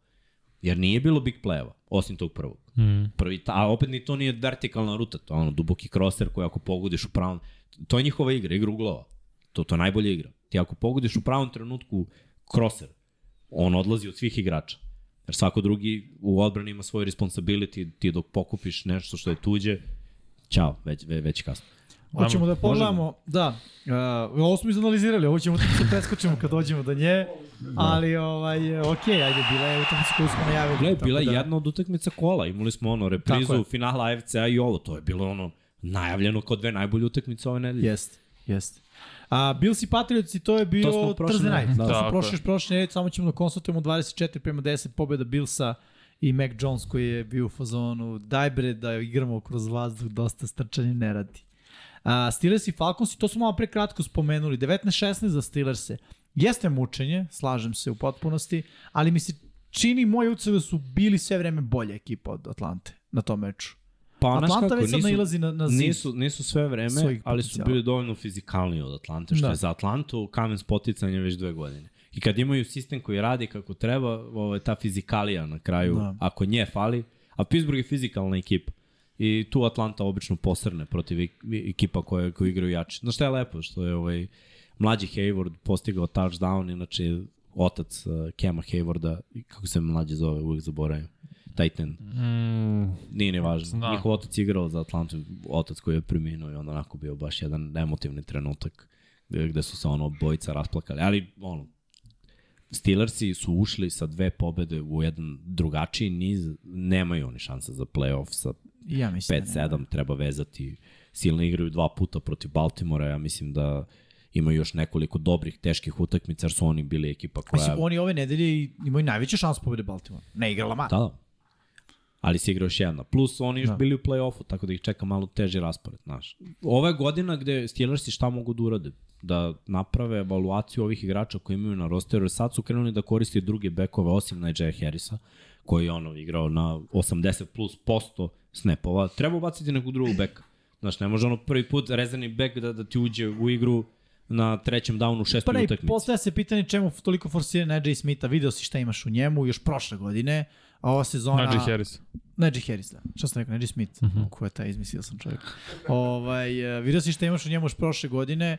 Ok, ove godine imaš neke probleme na drugim mestima, trajiš i kotrbek i ofanzivni ritam, promenio si ih hvatački. Mislim, trajiš u smislu... Pickett igra dobro. Igra, igra dobro, ali tražiš ga u smislu mladije, znaš. A, treba, treba da treba iskustvo. Znaš, Tražiš hvatački korpus, promenio si dosta toga u tom. Kad pogledamo prošlu godinu i ovu godinu, nema Claypoola, nema Washingtona, je tako? I A, gledaj, Tražiš Pickens- ofenzivnu liniju sada. Da. Ko će ostati sledeće godine, ti bukvalno tu sagradiš fondaciju za ofenzivnu Jest. liniju. I Jer odbranu si sklopio i to, Jesi. to je super. Ali Jesi. na, napad ima problema, napad mora da, da pronađe način. Ovaj, da do kraja sezone bude relevantan u svim utakmicama. Slažem se. Samo to, ništa više. Sa što da se- su to ambicije. Što se Atlante tiče, njihova divizija, oni su i dalje mogu biti šampioni svoje divizije. Pa mogu, Mislim, ali na papiru. znaš zašto neće? Zato što ako gledamo tu, to ja kažem, mala doza fizikalije. Ja mislim da njima ostalo još jedna utakmica protiv Tampe. Neće nadječati oni Tampu. Oni nisu ta ekipa koja će nadječavati. A, više ne znam, znaš, Tampa mi je... Nije, Gej, Tampa igra loše, ali de defanzivno ume da nadjača protivnika. Pa Ka- kad, kada je ono važno. Ume. Pa znaš, njihova odbrana ima samo 11 oduzetih lopti, što je malo, ali kad si u crvenoj zoni ne postižeš touchdown protiv Tampe. Za, znaš, imaju tri odbranu po tri samo trčanja, dobijaš. to zaustaviš, ostaneš se na quarterbacka, Marcus Mariota, mislim, to je, E, to je prostor. Uh, Reader će sad startovati. I treba. To je, to je bilo moje pitanje. ono, Šta, šta sada kada Reader startuje? Je, da Ništa. li to znači ono... Znači Mariota, ćao, to meni znači... Ja mislim da je Mariota ćao i Mariota, to je sasvim okej. Okay, znaš, posle Jest. 13 nedelja sasvim je u redu da Mariota bude ćao, jer si negdje znao da on nije rešenje. Da, Da je ono, vidiš, ono, ovo ti da da, vidiš da li Reader može da igra naredne godine ili da li ćeš morati da draftuješ quarterback. Da li sad ovo znači sledeće? Pošto je 13. nedelja, 5-8 i dalje si u trci za playoff. Kako i tako, ali si u trci Mislim da su i na baju ove nedelje svakako. Da, dosta ekipa na Ne, baš. Šest. okej, nego mislim, da li ovo znači sada jedno od dve stvari? Ili znači, videli smo u Rideru nešto što nam je reklo da je vreme da igra, ili predajemo se od trke za playoff, Ne. idemo sa Riderom. Glej, na zašto Reader nije bio starter od početka? I zašto je doveden? Ne, ja nemam problem s time što nije bio. Ne, ne, zašto je doveden Mariota? Da ga uvede u profesionalizam mm. NFL quarterback. To mora da ima svako. I gledao sam neki intervju Patrika Mahomesa koji priča A što o li to tome. misliš da je Mariota dobar za to? Zašto godinama u NFL-u i godinama u ovom sistemu Artura Ali Smitha. znaš ko je moj samo problem s Mariotom? On je godinama u NFL-u i godinama se muči da Ali u ovom sistemu godinama, znaš. Jeste. I on zna ovaj sistem ono, od A do Š. I nije mu sigurno bio problem da nau... u quarterback sobi, znaš, ti analiziraš, a nije bitno koliko dobro igraš, tehnički. Bitno je koliko znaš akcije, koliko zna... ti znaš pravu odluku. To što Mariota na terenu ne donosi pravu odluku, to je već pritisak, neki X faktor. Znaš, neki quarterbackovi uvijek donesu pravu odluku. I, I tako gledamo njihovu inteligenciju i to koliko su sposobni da igraju. Neki quarterbackovi znaju koja je prava odluka, ali znaš, pod kapacitet. pritiskom donesu drugu odluku. Ono, poslovnu odluku. Ponekad. Tu Mariota greši. Ali možda je, znaš, imaš mnogi igrače koji su bili loši quarterbackovi, ali su dobri treneri i dobro znaju da, da analiziraju sve. Mislim da je tu malo Ridera spremio Mariota, mm -hmm. zajedno sa Arturom Smithom, da, da može da startuje u finišu sezone. Nije to predaja, ali ako pogledamo povrede Atlante, kojih ima dosta, Spremaju Znaš, za sledeću godinu. spremaju Mislim, da za sledeću iskren, meni se Rider na koleđu svideo. I ja mogu da vidim njega u ovom, Smith, Ja- ja- u ovom sistemu ja- Artura Smitha. Ja kako čekam da ga vidim do kraja sezone, jer to je za njega taj playing time. Ovo je produžena predsezona u stvari, Da. za, za njega. Da. Da. Gledaj, čak i da prođe, kogod da prođe iz te divizije. To je Ide, to. ide, na, ide na Dallas. Ma, sto, sta, sta, staje Staje, kogod da prođe, to nema šta. Znaš, Pre nego tako da, što- da je bukvalno ono sve jedno, daj da vidimo šta imamo do kraja sezona. Pre nego što idemo dalje, moram pokloniti Chris Lindstroma, guard Atlante koji poslednje tri nedelje, tri utakmice ima ocenu 99.9. Znači igra savršeno tri nedelje za redno, to u životu nisam vidio, nikad niko nije bio ocenjen da igra skoro savršeno tri nedelje za redno. Tako jako je guard sve pohvala. Cool. Ne, Atlanta stvarno ima, kad ga pogleda, lepo ih je gledati, to ono što ja pričam. Ja sam ih i birao da dobiju ovu utakmicu. Zato što sam, nisam sumnjao u Steelers-e defanzivno, sumnjao sam u Steelers-e ofenzivno, ali sam nekako video da će Atlanta da napravi play više. Ovaj rezultat govori, znaš, da su bili tu, negde samo su bili nadjačani u, u nekim trenucima, ali neke lopte koje je bacao Mariota su Ka- stvarno, Kao i celu njegovu profesionalnu karijeru. su stvarno bile horor. Packersi protiv Bersa, uh, Green Bay otišao u Chicago. Ja sam video ovde najveća šansa Chicago da pobedi Aaron Rodgers. Ma kako. Međutim, da, da, i vlast. Fioka nije se desilo. Nije, ali koliko je bezobrazan onim Istorijska na pobeda da je Green Bay. ja nisam Da, jeste, prestigli su uh, Chicago po Da, broju pobeda u istoriji franšize. Da, Da, da. da. Ima jednu više. Da, da. Pa dobro. Chicago je dominirao godinama. Jeste, i je- najstarija Oni- oni franšiza, s- jedna od. Srednjim godinama. Svake sezone su oni završavali na prvom mestu. Svake, već. Ali baš je bezobrazan Aaron Rodgers sa onim izjavama. Kao, lepo je To. da, da dođe da vidi publiku. Da. baš je ono, znaš, čak nije ni je na ivici, preše ivicu. Ali gledaj, ja nisam očekivao da će on da igra. Nisam ja, I- nisam ja. Bilo Ja sam baš očekivao zbog ove pobede. Rekao, nema teorije da daju Jordan Lavu ako se da pobedi ovaj davanja, meč. Znaš, povrede. Ne jeste, ali je kako god. ozbiljna. Nije manje, veruj mi. Mislim, zaslužuje da on ima ovu Očigledno pobedu. nije toliko ozbiljna kao što je delovalo. Da. Mogo je da istrpi i ovaj, pohvalno je što je istrpeo. Mislim, neke šanske, šanse teoretske još postoje za, za Packers jer imaju ono 5-8. I oni su na Imamo još baju. pet kola do kraja, tako da ono, nije, nije Zamisli nemoguće. 10-8 na kraju, a? Ne, ne, 10, 10-7. 7. 9. 9-7, 9-8. 9-8 može. A da, da, bude još pet najbolje. kola zato Oni što su- su, na Pet Oni- kola, ali četiri utakmice Da, da. igraju. Tako da, gledaj, nije nemoguće da taj skor odvede. Postoje teoretske šanse, kažem, ali ja lično mislim da je desetka da će zacrtana biti za ulaznica. NFC. Da, da. Opet gledamo ove ekipe koje sad trenutno imaju I, po osim sedam, Juga, gde možda i sa 9 može da se, zbog, šam, zbog toga što će neko Da bude šampion. da, da. ali ovako wild card, uh, mislim da, da Giantsi, Seattle i Washington su sad trenutno tu oko 7 i mogu Jel- da dođu do 10, znači 9 im je ono u poslednjih Da. pet kola šta da dobiju. Srki, Ili imamo playoff Da, sliku bravo. trenutnu NFC. Ajde baci po, daj da vidimo. Ajde samo da bacimo pogled kako I- to. Da, da. NFC, da, E, pošto trenutno inače, pričamo o produžeci su Holandija i Argentina 2-2. Dobro. Mora se kaže sigurno i ton obaveštenja. Okay. A, evo kako trenutno izgleda playoff kada bi se danas završio, uh, završila s- uh, liga. Evo, regularni pogledaj. deo. Eaglesi su prvi u Da. NFC-u. I oni bi bili slobodni. Vikingsi kao šampioni svoje divizije, 49ersi kao šampioni svoje divizije, Buccaneersi sa 6-6 prvi u svojoj diviziji. U wild cardu bi bili Cowboysi, Giantsi i Seahawksi. Da, ali gledaj, moramo ovde odmah da razvijemo. Cowboysi će ostati korak iznad svih i bit će broj 5, bit će peti seed. Ja sam siguran 90% da Buccaneers i Cowboys igraju u wildcard vikendu prvu utakmicu, da Cowboys idu u Tampu. Giantsi, Seahawks i Commandersi imaju 7 pobjeda trenutno. Da ne računamo ovo dalje. Igraju neki međusobno, Seahawksima je ostala utakmica sledećeg četvrke u diviziji protiv 49ers. To su utakmice, ovamo Giantsi baš igraju protiv Commandersa, to Za će biti nedelje. Sunday night, tako je. Ove nedelje igraju protiv Eaglesa. Ile, da. To su šanse za ove timove koji su u Huntu, ja kažem teoretski neke šanse postoje da se te ekipe pridruže. Packersi su jedna od tih ekipa sa, sa 5-8. Lionsi takođe imaju šanse sa 5-7. Pa i Falconsi sa 5-8, jednu pobedu su iza Buccaneers. Da, koji su prvi ali gledaj, Ali imaju, ok, utakmicu više. Pa dobro, pazi, ja ne očekujem Falcons tek stvarno... treba na baju, to jest i ove nedelje Da, na baju. ove nedelje ja ne očekujem stvarno Buccaneersi dobiju San Francisco. To bi meni bilo šokantno. bilo bi, da. Da. To bi bilo 6-7 i 5-8. I oni će imati međusobni duel, znaš. I koliko god to delovalo sada, kao ne, mislim da će taj međusobni duel biti ono Pa da. ključ. Ko, ide, ko će za, biti za prvaka divizije, ali Da. da. za wild card, znaš, ne, moraju, wild card moraju, moraju ove ekipe da gube. Giants i Seahawks i Commandersi. Nije nemoguće, Philly je ostao jedan Pa, meč protiv mislim da je Washingtona. nemoguće, jer- Giants igraju i protiv Commandersa i protiv Eaglesa, dva puta su već izgubili od Cowboysa. Seahawksima takođe imaju nekoliko utakmica ko- koje će biti teže ove sezone. Teoretske šanse postoje, ali ja nekako naginjem da će 70% playoff slika biti ovaka koju vidimo trenutno, eventualno Commandersi umesto Umesto Giantsa Giants, ili da. Seahawks.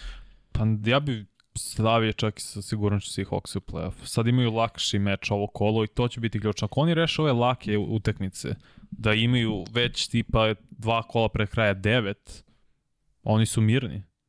De facto, devet pobjeda, pre dva kola, dva kola do kraja. Ajmo da se vratimo onda na nedelju broj 13 i na, i na utakmicu da nastavimo sa uh, pregledom. Uh, Jaguars protiv Lionsa. Lions je ono, bilo je... Prvih šest poseda, odmah poeni. Da, da, da. Je, svaka čast. Detroit, videli smo ga malo pre u trci su za playoff, baš mršava šansa, ovaj, ali igraju dobro, igraju bolje. Ja sam negde najavljivao da sam imao osjećaj da će Dan Campbell na kraju sezone dobiti otkaz, da će neko od sledećeg godina preuzme i da napravi, da kažem, čudo, samo da nastavi ono što, ali možda i neće. Mislim da neće. Ako dođu do, do, sedam, do nerešenog, do, do, nerešenog, do izjednačenog broja pobjeda i poraza sad do kraja, bilo kom trenutku, ne mogu da završe, Da, logično. da. Ali ako bi došli do 7-7, mislim da bi to bila definitivno kupljena karta za sledeću godinu za Dana Campbella, ali bi se i očekivanja definitivno povećala sledeće godine. Jer bi se reklo, ok, sad smo kliknuli.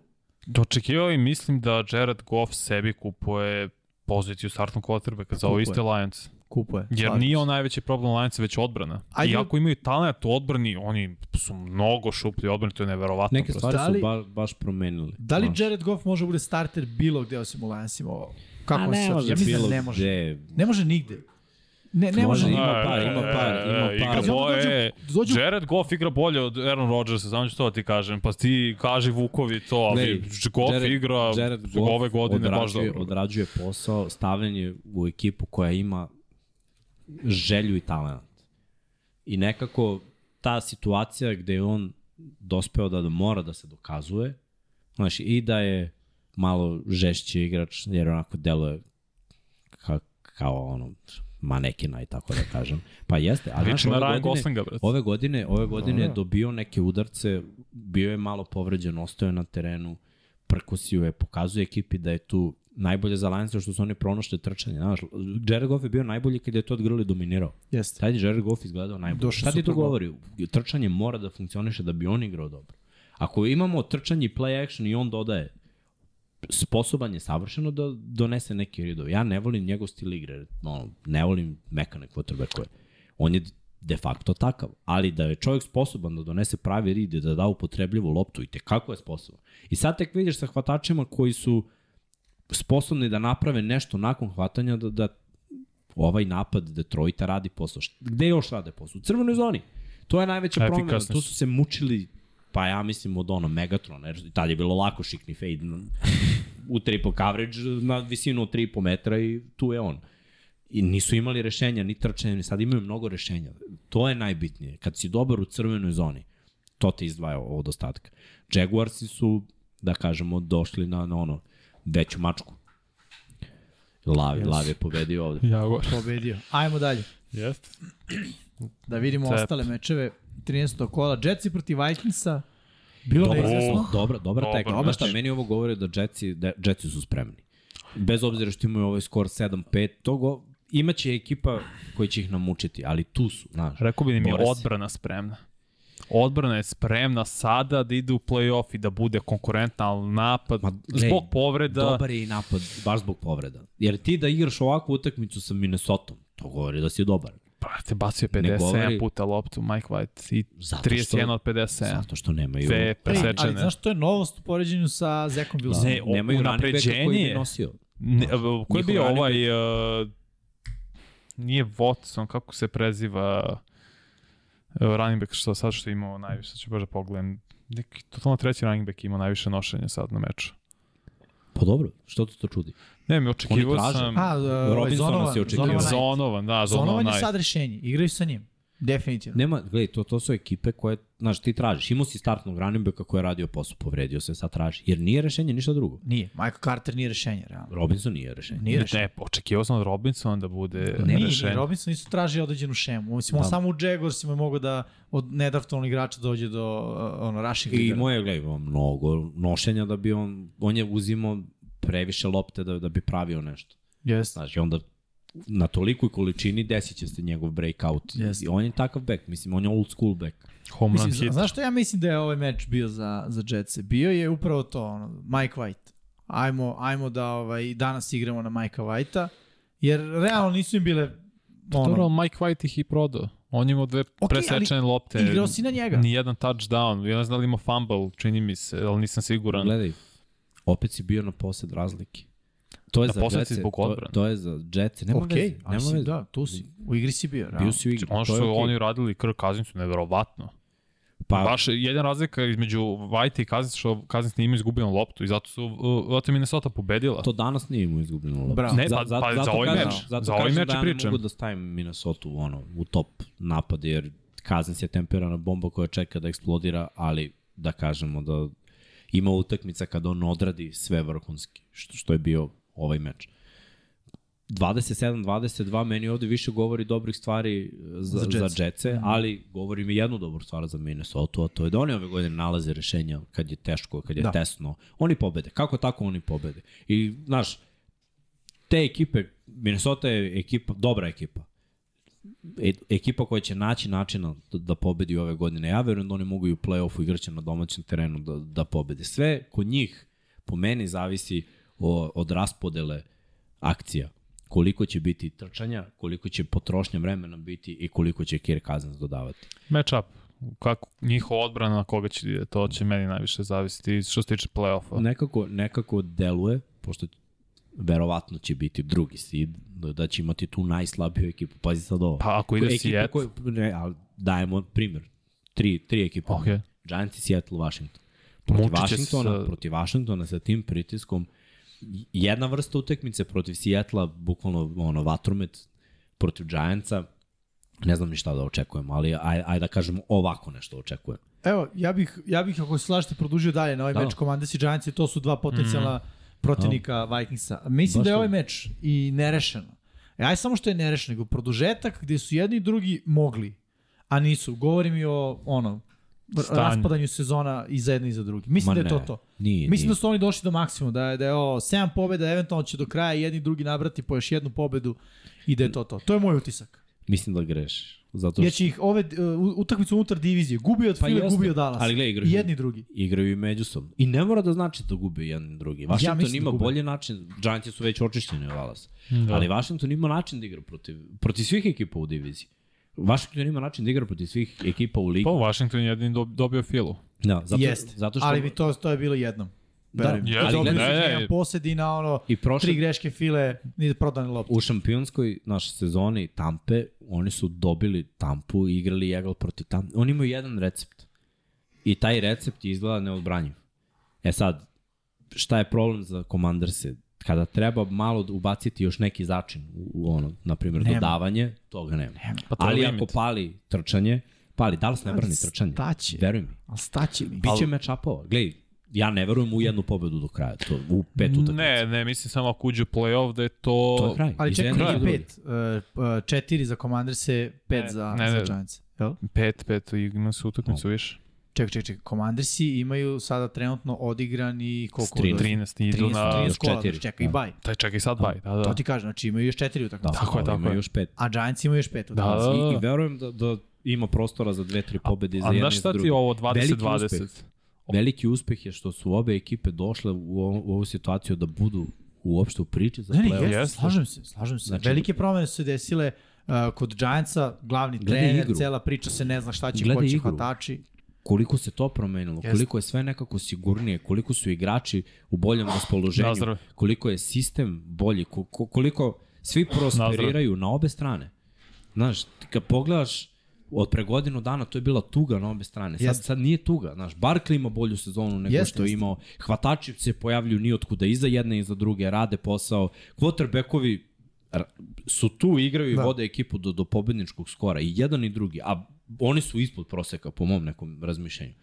Sve to zahvaljujući dobrom nekom sistemu i dobroj timskoj hemiji. Ali onda kao što Pritom će biti zdraviji mm -hmm. jedni i drugi Ali do kraja. da li sezone. se slažete, kogod od ove dve ekipe da uđe u playoff na bilo koji način, izlazi. Ali da, ne ali... mora da znači. Ne znaš zašto znači. Ako Ovo ti... igraju protiv Vikingsa. A, verovatno će igrati protiv Jer Vikings. gledaj, Vikingsi Dobro, imaju, jesu pobediva ekipa. Vikingsu imaju tu moć da unište nekoga Imaju. i da izgube od svakog. Ali znaš šta će da odluči? Zašto je 20-20 bilo? Zašto oni nemaju to, taj dodatni aj kažem promenu brzine u smislu u poziciji quarterbacka koji će napraviti taj jedan play, jedno dodavanje koji će da ih izvuče. Ja bih rekao, ofanzivno nijedan ni drugi nemaju, ok, Commanders imaju Terija McLaurina, ovo imaju Sa- Saquona Barkleya, ali kada znaš da postoji samo taj jedan, možda se fokusiraš To, na to. to, to je quarterback. Zato ne, ja mislim ne mogu dobiti Minnesota, jer ako bude bilo to na poslednji posed i da je blizu, Gledaj. neće ni Heinik i ni Daniel Jones napraviti i- to I sve, dodavanje. I sve je. govori u prilog tome. Ali kada cele godine dobijaš utakmice na jedan posed A nije, mislim da se navikneš, znaš, to je men, stvar, Jej. stvar mentaliteta. ili failuje, gledaj, u istoriji Minnesota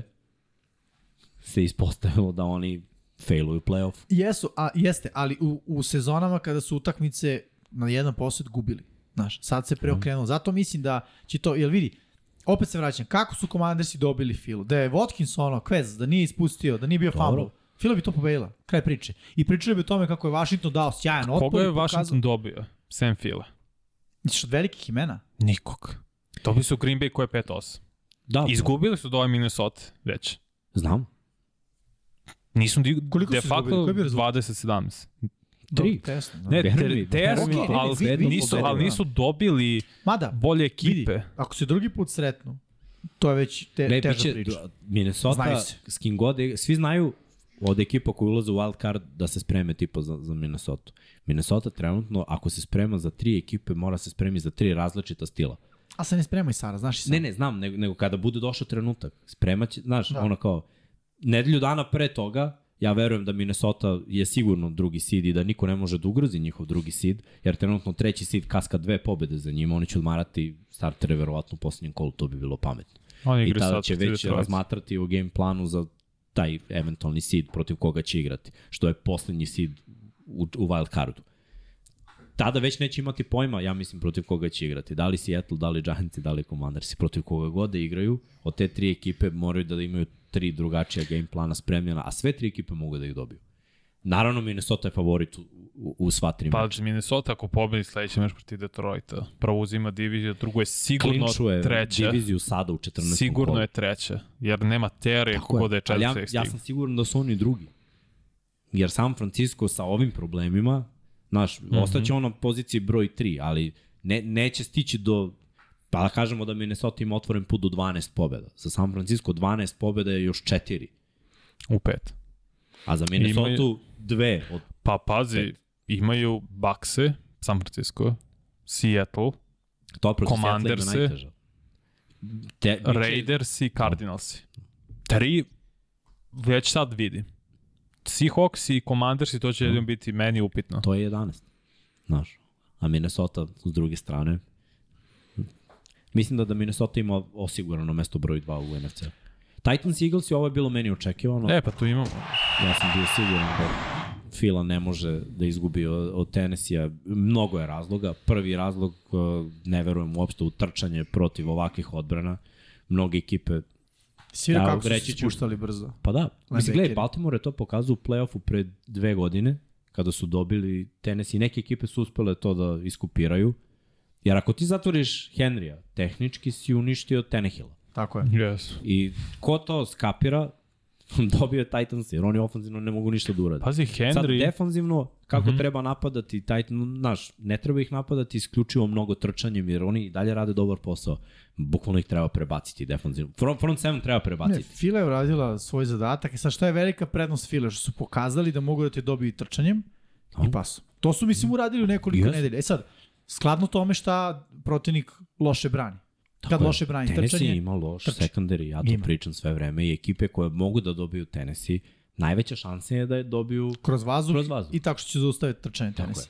I to se ovde isto i desilo. Mislim, opet Henry, ok, nije imao preko 20 nošenja, ali i tenis je pokazao da koliko god da je Henry dobar trkač, da ukoliko u ovih 10-11 nošenja nema jedno koje je Breakout. 8, 9 yardi, odustaći od njega. pa znaš, Henry u poslednje četiri meča ima 204 jarda samo.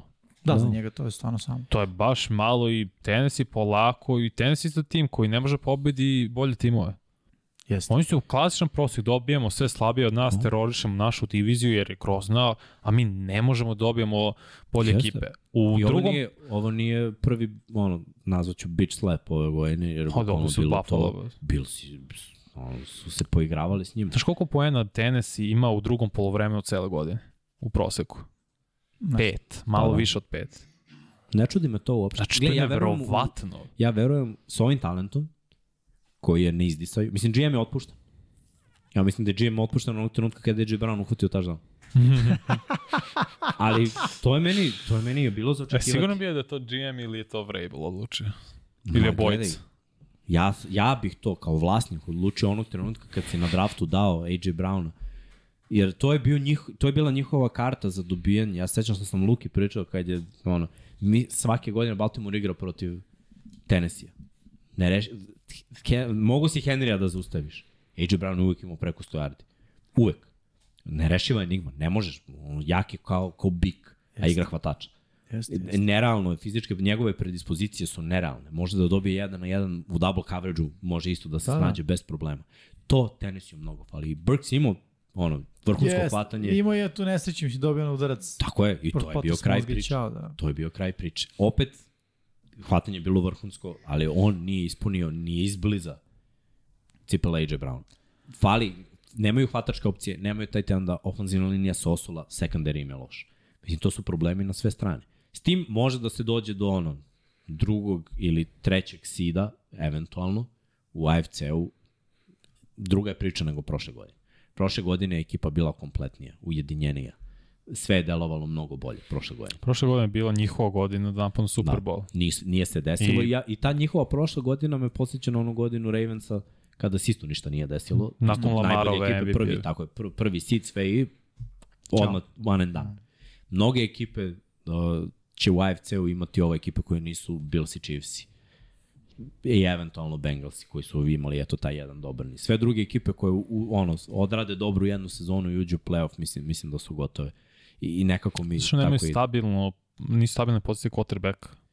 Ima i toga. Ima i toga, ali mislim da talenat okolo nije napravljen za ovoga. Fila je napravila znači, vrhunsku priču jer su bili agresivni u pravim trenucima. Od momenta ulaska u playoff, oni su se okrenuli ka novoj sezoni, Hurts, to je to, rešili smo. I to je bilo za mene onako najbitnije. On kako odigrao utak, to ono što vam ja pričam, da li Hurts može sa ovim, brate, stavite prvog hvatača. Svaki quarterback delo je 10 puta bolje. Ma ima mnogo i mnogo vremena. Stavite dva prva hvatača. 20 puta bolje. Dobra ofenzivna linija i trčanje. 50 puta Ali nije bolje. dobra, najbolja je ofenzivna linija.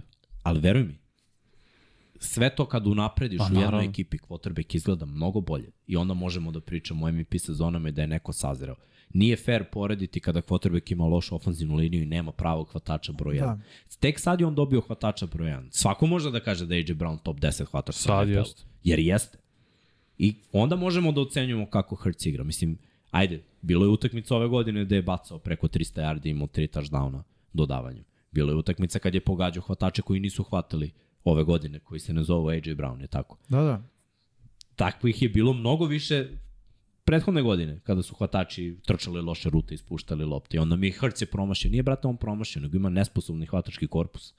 Sada ima sposobne hvatače i evo je razlika. Isto i za Tenehila. Tenehillu daj dva broja jedan, ko što imamo Corija Davisa i ko što imamo AJ Browna. On je bolji Ali quarterback. to nije, ali to nije pravo Nije, pokazatelj nije pravi kvaliteta quarterbacka. ali je pravi pokazatelj za tvoju ekipu kako ona može do uspeha.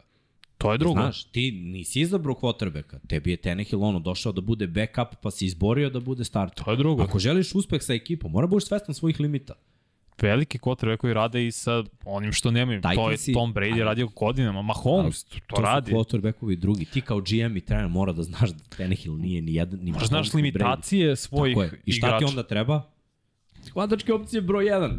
Tri ako je moguće. Dajte mi tri hvatačke opcije broj 1. To, To je sam ono sad i htio da se ne doveže na ono što si rekao Vanja, e, prosječan broj pojena koji Tennessee postiže u drugom polovremenu je pet.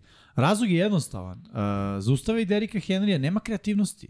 Da, Ti znaš da. šta će će oni da rade u napad. Ne može odjednom da oni naprave plan u drugom polovremenu. Ne, ajmo sada ovaj, batali play action, batali Henrya, igramo četiri hvatača. Ne, to se ne desiti neće. Jer nemaju, ne mogu Nemaju to da, da igrače iznesu. za to. I onda nastavi da igraju istu igru koja je pročitana u prvom Tako polovremenu. je. I zatvorena, i nema prolaza. Da, da, To je to. jasno. Za, zato ne može da se igra protiv, protiv uh, lupom. Playoff. Jaguarsa, Texansa dva puta godišnje. možeš da igraš, šta hoćeš. Znaš kako Henry skupi 800 yardi svake godine unutar divizije. Jeste, ali to neće moći od naredne godine. Dobro, to ćemo tek da Polako vidimo. sad ide. Ajmo da se vratimo na ćemo ostale da utakmice. vidimo. 13. 13. nedelje. Da, da. Oh, ova grozota od meča, ovo je strašno. Znači, Ravensi, ako smo bili deca, igrali smo onu igru 10-9. Ovo je waterpolo. Kad nas nema Vater, dovoljno. po, bukvalno. Pozdrav Igrali za smo Paju. 10-9 na jednom golu kad nas nema dovoljno. Ako sećate te Znam, igre, da. brate. E, i Pa oni su gledaj, igrali 10-9. Viktorija. Budi Pa nije Viktorije. Ne, ne, 10 Viktorije 10-9 je ono, krećeš, imaš 10 gola koje Kon- možeš da primiš. Aha, aha. Igra se samo na jedan dodir. A čekaj, ako odbraniš... Ako odbraniš, onda juriš i gađaš. E, Koga pa to da. pogodiš, onda on brani. A šta su Viktorije onda bile? Viktorije je 3 na 3 na jednom golu. Golman je niči, golman je neutralan, Neutralan. golman igra za sebe. Okej, okej. Igramo dobro. nas trojica Dobro, protiv bilo koje druge trojice. I Kao basket, Okej, samo što je okej, golman okej, cool. niči. E, oni su igrali 10-9 i niko Užas. nije hteo pobedu.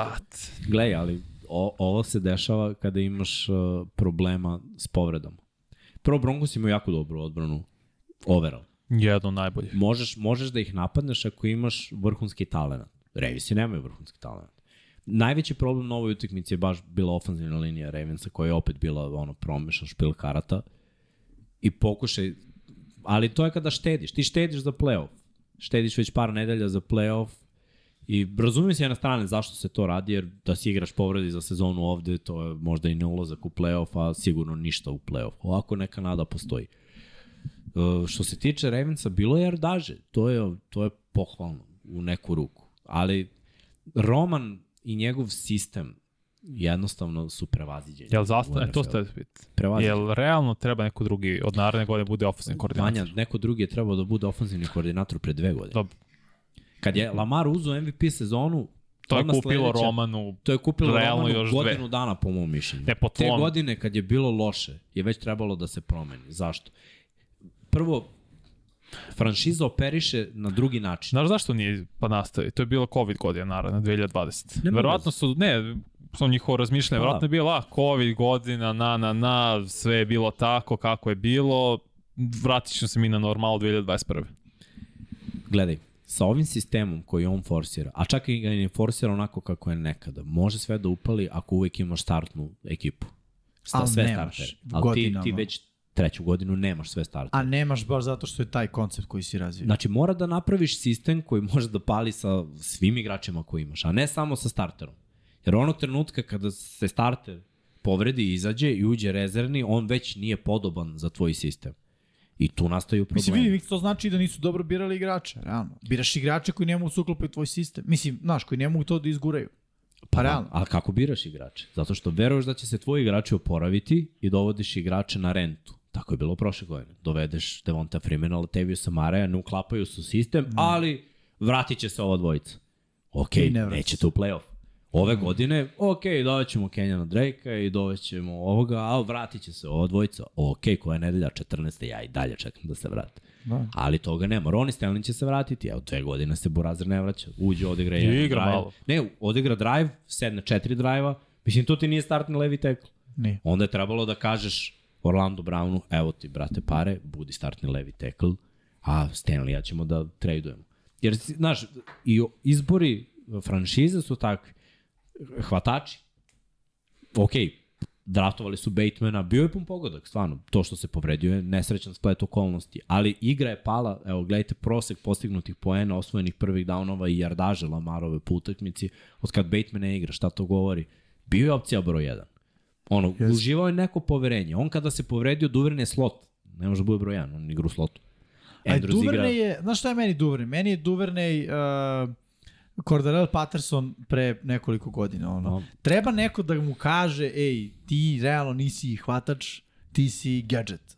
I no. budi naš gadget. Light verzija toga. Da, da, mala, mala verzija. Mislim, mala u smislu i iskustva i nema ni to telo kao Cordarel Patterson, ali bi bilo super da ima tu ulogu. Znaš, pritom na ofanzivnoj šemi Baltimora mogao bi da ima takvu neku ulogu. A to je Roman njegova, koji njegova ne uloga, može da sastavi to. Da, njegova uloga je okej, okay, ali on je slot. Znaš, i on ima, ne može da ima veliki Te, broj targeta i nošenja. Umesto Greg Roma? Kako vrstu napada bi, mislim, voleo, kako zamišljali, kako god pa želiš da... Ja bih pogledala Marove snimke s koleđa koji uopšte nije bio, vrate, fullback, tight end, running back, još jedan tight end. Ali ja nemam i... problema sa fullbackom i tight endom ne, ne, u nekim formacijama. Ja, ali, ali kada se izbaci, i kada se izbaci spread, koncept ruta Grega Romana je uvek isti i, i ono, provaljiv i dosadan. Jer znaš ti kao 4-5 godine ne radiš ništa drugo i sad kao ne možemo da kažemo to je zato što je quarterback ovako ili, onako. Mislim, Greg Roman je bio tu kad je bio Kaepernick, Greg Roman je bio tu kad je bio Alex Smith. Greg Roman je promenio mnoge quarterbackove u, u svojoj trenerskoj karijeri i uvek ima isti koncept. Znaš, jednostavno nije evoluirao, nije odlučio da napravi taj korak napred. Mnogi treneri koji jesu, su uspešni treneri. I Andy Reid može da zove akcije iz 2002. za Philadelphia Eagles, ali ne. On sedne čovek, pogleda snimke utakmice 60-ih, 70-ih, 80-ih, razmeni, proba. Znaš, nekad neće da upali, nekad je baš fail to što uradi, ali ti ako ne probaš, nećeš znati šta pali. Slažem se. Mislim, moraš malo da, da ispituješ neke stvari. Ja, da Naročito da bi... utakmicama, znaš koliko su Ravens imali utakmica gde su vodili 20 razlike? Da i dalje Ma, ja. nastavljaju do kraja da igraju, ej, istu stvar. Što tad ne probaš? Bar jednom, da vidim. Jednom kad bi vidio nešto novo. Dobro, to je onda drugačije. i na John Harbaugh da preseče. Harbaugh nikad neće biti taj lik. Harbaugh je ono, u, ujedinjenje svih trenera. On je taj lik. On aminuje, no, on je on, on trener igrača. Ako oseti vibe psihološki, emotivni, on, on tako donosi svoje odluke. Šta ko mu Lamar kaže? Kogod da mu kaže, ne mora Lamar da mu kaže. Da dođe ne, Lamar mora kaže da se pet igrača ofenzivne linije da kaže trčimo, on će kaže trčimo. Da, ne, ne, ne, ne ako mu Lamar kaže, ok, ja se osjećam ograničenim play callingom Romana, ja neće ne želim... Lamar to nikad neće ne, reći, Lamar je vaspitan drugačije. Da. Ne, da kažem hipotetički, znam da neće na njegovu žalost, kažem hipotetički, da dođe do toga, viš da uh, John Harbaugh neće reći, ok, pravo si Roman out, izvini. Ej, Baltimore jednom imao ovu situaciju kada je Martin Mortenweg bio ofenzivni koordinator, tada je Flako još uvek igrao. Uh mhm. -huh. Najbolja odluka koju su Ravensi napravili, to je bilo nakon Superbola. Dve godine baš bilo mučenje, jer je bukvalno iste stvari pokušavao u svim utakmicama. Najbolja odluka je bila tada su doveli Gerija Kubijak. Već sledeće godine su ušli u play-off, izgubili u New England Patriots ono egal utakmici, ali cela sezona bila onako wow. Tačno se videlo, ok, promena, ofenzivnog koordinator, osveženje, nova šema i sve je to bilo, ok, onda je Kubijak imao onih zdravstvenih problema i otišao je i onda su ono, Ravensi bili u lošoj situaciji nekoliko godina. Dok Roman nije došao da napravi ovaj game plan. Napravio je, ali ga nije unapredio. Jer ti možeš da imaš osnove neke playbook, Kad je mora da Roman došao? Isto godina kad je Lamar? Ne, sledeće. Prva godina Lam. nije bio. I evo što ja mogu odmah ti kažem. To ti kao Miami sa Wildcatom, samo što je potrajalo duže, jer je dobar odabir igrača bio to. Kao Dolphins one godine sa Wildcatom i sa da. Ricky Williamsom mm. kad se mm. vratio posle pecanja i to. Uh, Ti kada si imao Ovo Baltimore... sada prestaje da funkcioniše u NFL-u da. prosto. Zato što je što Mix kaže providno. Providno i kako trčiš, još providnije koje ćeš da. koncept ruta Pritom da nemaš startere. Znaš, drugačije je bilo Janda, najbolji gard u ligi. Stanley, tad bio najbolji ocenjeni tackle u ligi.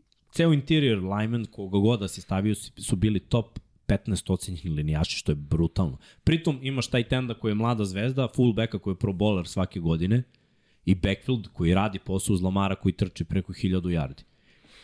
Problem. Problem je što Znaš, tada... Sada nemaš ništa od toga. Niti je dobra ofenzivna mm -hmm. linija. Uh, tight end je tu, ali svi znaju da je to tight end. Hvatača uopšte nemaš. Pro, problem je bio za NFL zato što sad prvi put videli Lamara da. i njegovu brzinu. I ceo taj, i ceo tu šemu Ravensa, znaš, Jest. to je bilo... Gledaj, jedan I onda sport. drugi put, kad su ih neko video, tad je bilo Chargers i šta je bilo, ok, stavi 7 DB-eva. Bukvalno je bilo, jur, juri se s njima. Ali to je bilo ove godine kad nije bio uh, Roman ofenzivni koordinator. E, jeste, pravo, da. to je bilo ranije, da. Tako je. Gledaj, šta je za Ravens dobro i dalje. Šest utakmica ove godine dobili su u posljednjem drajvu na trčanja Lamara do kraja. Ono, da se šutne field goal ili da se postigne touchdown. Šta to govori? Znači, to radi posao. Radi posao do nekle. Znači, oni mogu i dalje da implementiraju fizikaliju i trčanje. To je dobro, ali će utakmice biti užasne za gledanje i utakmice će biti na mali broj postignutih poena. Jer opet i ovde, ovde je jedan touchdown. Jedan field goal, jedan touchdown.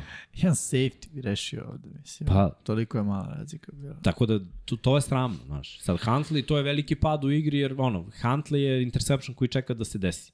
I ovde je bacio jedan i Roman je onda imao potrebu da zove. Jesi vidio play action, na primer, to je trick play u stvari, jer je double reverse pass. Čim je ono onako odrađeno i ono bačeno, to ti govori da koordinator apsolutno nema nikakvu kreativnost. Jer najprovidniju stvar koju možeš da uradiš je ili flip flicker ili ono double reverse pass. To su stvari koje na ovaj način uručenje ovom, ovaj vrati reverse ovom i to traje 5 dana i jednog čoveka pošalješ da trči rutu. Mislim, sigurno ima 2-3 DB-a pozadi, ni, da. nisu Raiders. protiv ono, odbrane Broncos i Tako je, to sekundarne bi protiv koje Raidersa da- možda upalilo, ali Dobro, protiv Broncosa bio je jedan čovek u, če, u četiri defanzivno beka. Ono što Broncosi godinama rade, prave brutalno dobre defanzivni igrače. Ali evo kad To je pričamo o, o ofanzivnom playbooku, upravo je najveća mana Broncosa ove godine njihov ofanzivni playbook. Jer se držiš kao pijan plota. Jedna stvar zacrtana koja ne pali, Da. ajde da probamo to. Znaš, Ja bih rekao to i je- loša integracija Russella Wilsona u ceo taj sistem. Pa da. Koji je kao pravljen za njega. Da, i glej, i on sigurno ništa neće reći, ali ja sam siguran da njemu ovaj playbook i, i pozivanje akcija i način, to je sve isto iz utakmice u utakmicu, ni to ti ne uleva poverenje. Pa i Pritom rezultat oni je imaju, isti, mislim. I oni imaju iste probleme. Ofanzivna linija, mnogo povreda i oni igraju bez startnog levog tekla, jer Garrett Bowles ne igra. Mm -hmm. I oni imaju povređene startni backfield, kao što i Baltimore igra, i ovamo Jackie Dobbins i, i Gus ne igraju, ovamo ne igra Javonte Williams, otpustili su Melvina Gordon, znači bukvalno copy-paste problemi, bez primarne hvatačke opcije jedan i drugi mi sad upiramo prstom i kvotrbe koji su krivi. Brate, ima toliko stvari. Da kažemo na kraju da su ovde odbrane odradile posao, ali 10, nije ovo dobro ni za jedne ni za druge. mislim. Ovo je grozno Samo za je za Baltimore jer imaju kulturu pobeđivanja. I prvi Ajde. su u svojoj diviziji, mislim. Pa, Dalje. Gledaj, da- oni protiv Cincija su pokazali da ako dođe do takvih utakmica, da oni mogu da trče protiv Bengals.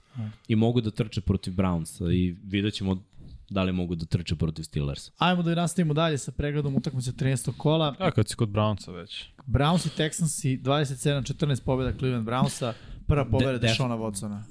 Pa, loš meč Watsona. Dobro pobeda. Pazi, Odbrane Browns, da što on ovde ništa nije pobedio. napad nije imao ni jedan touchdown. Da. Sve odbrana.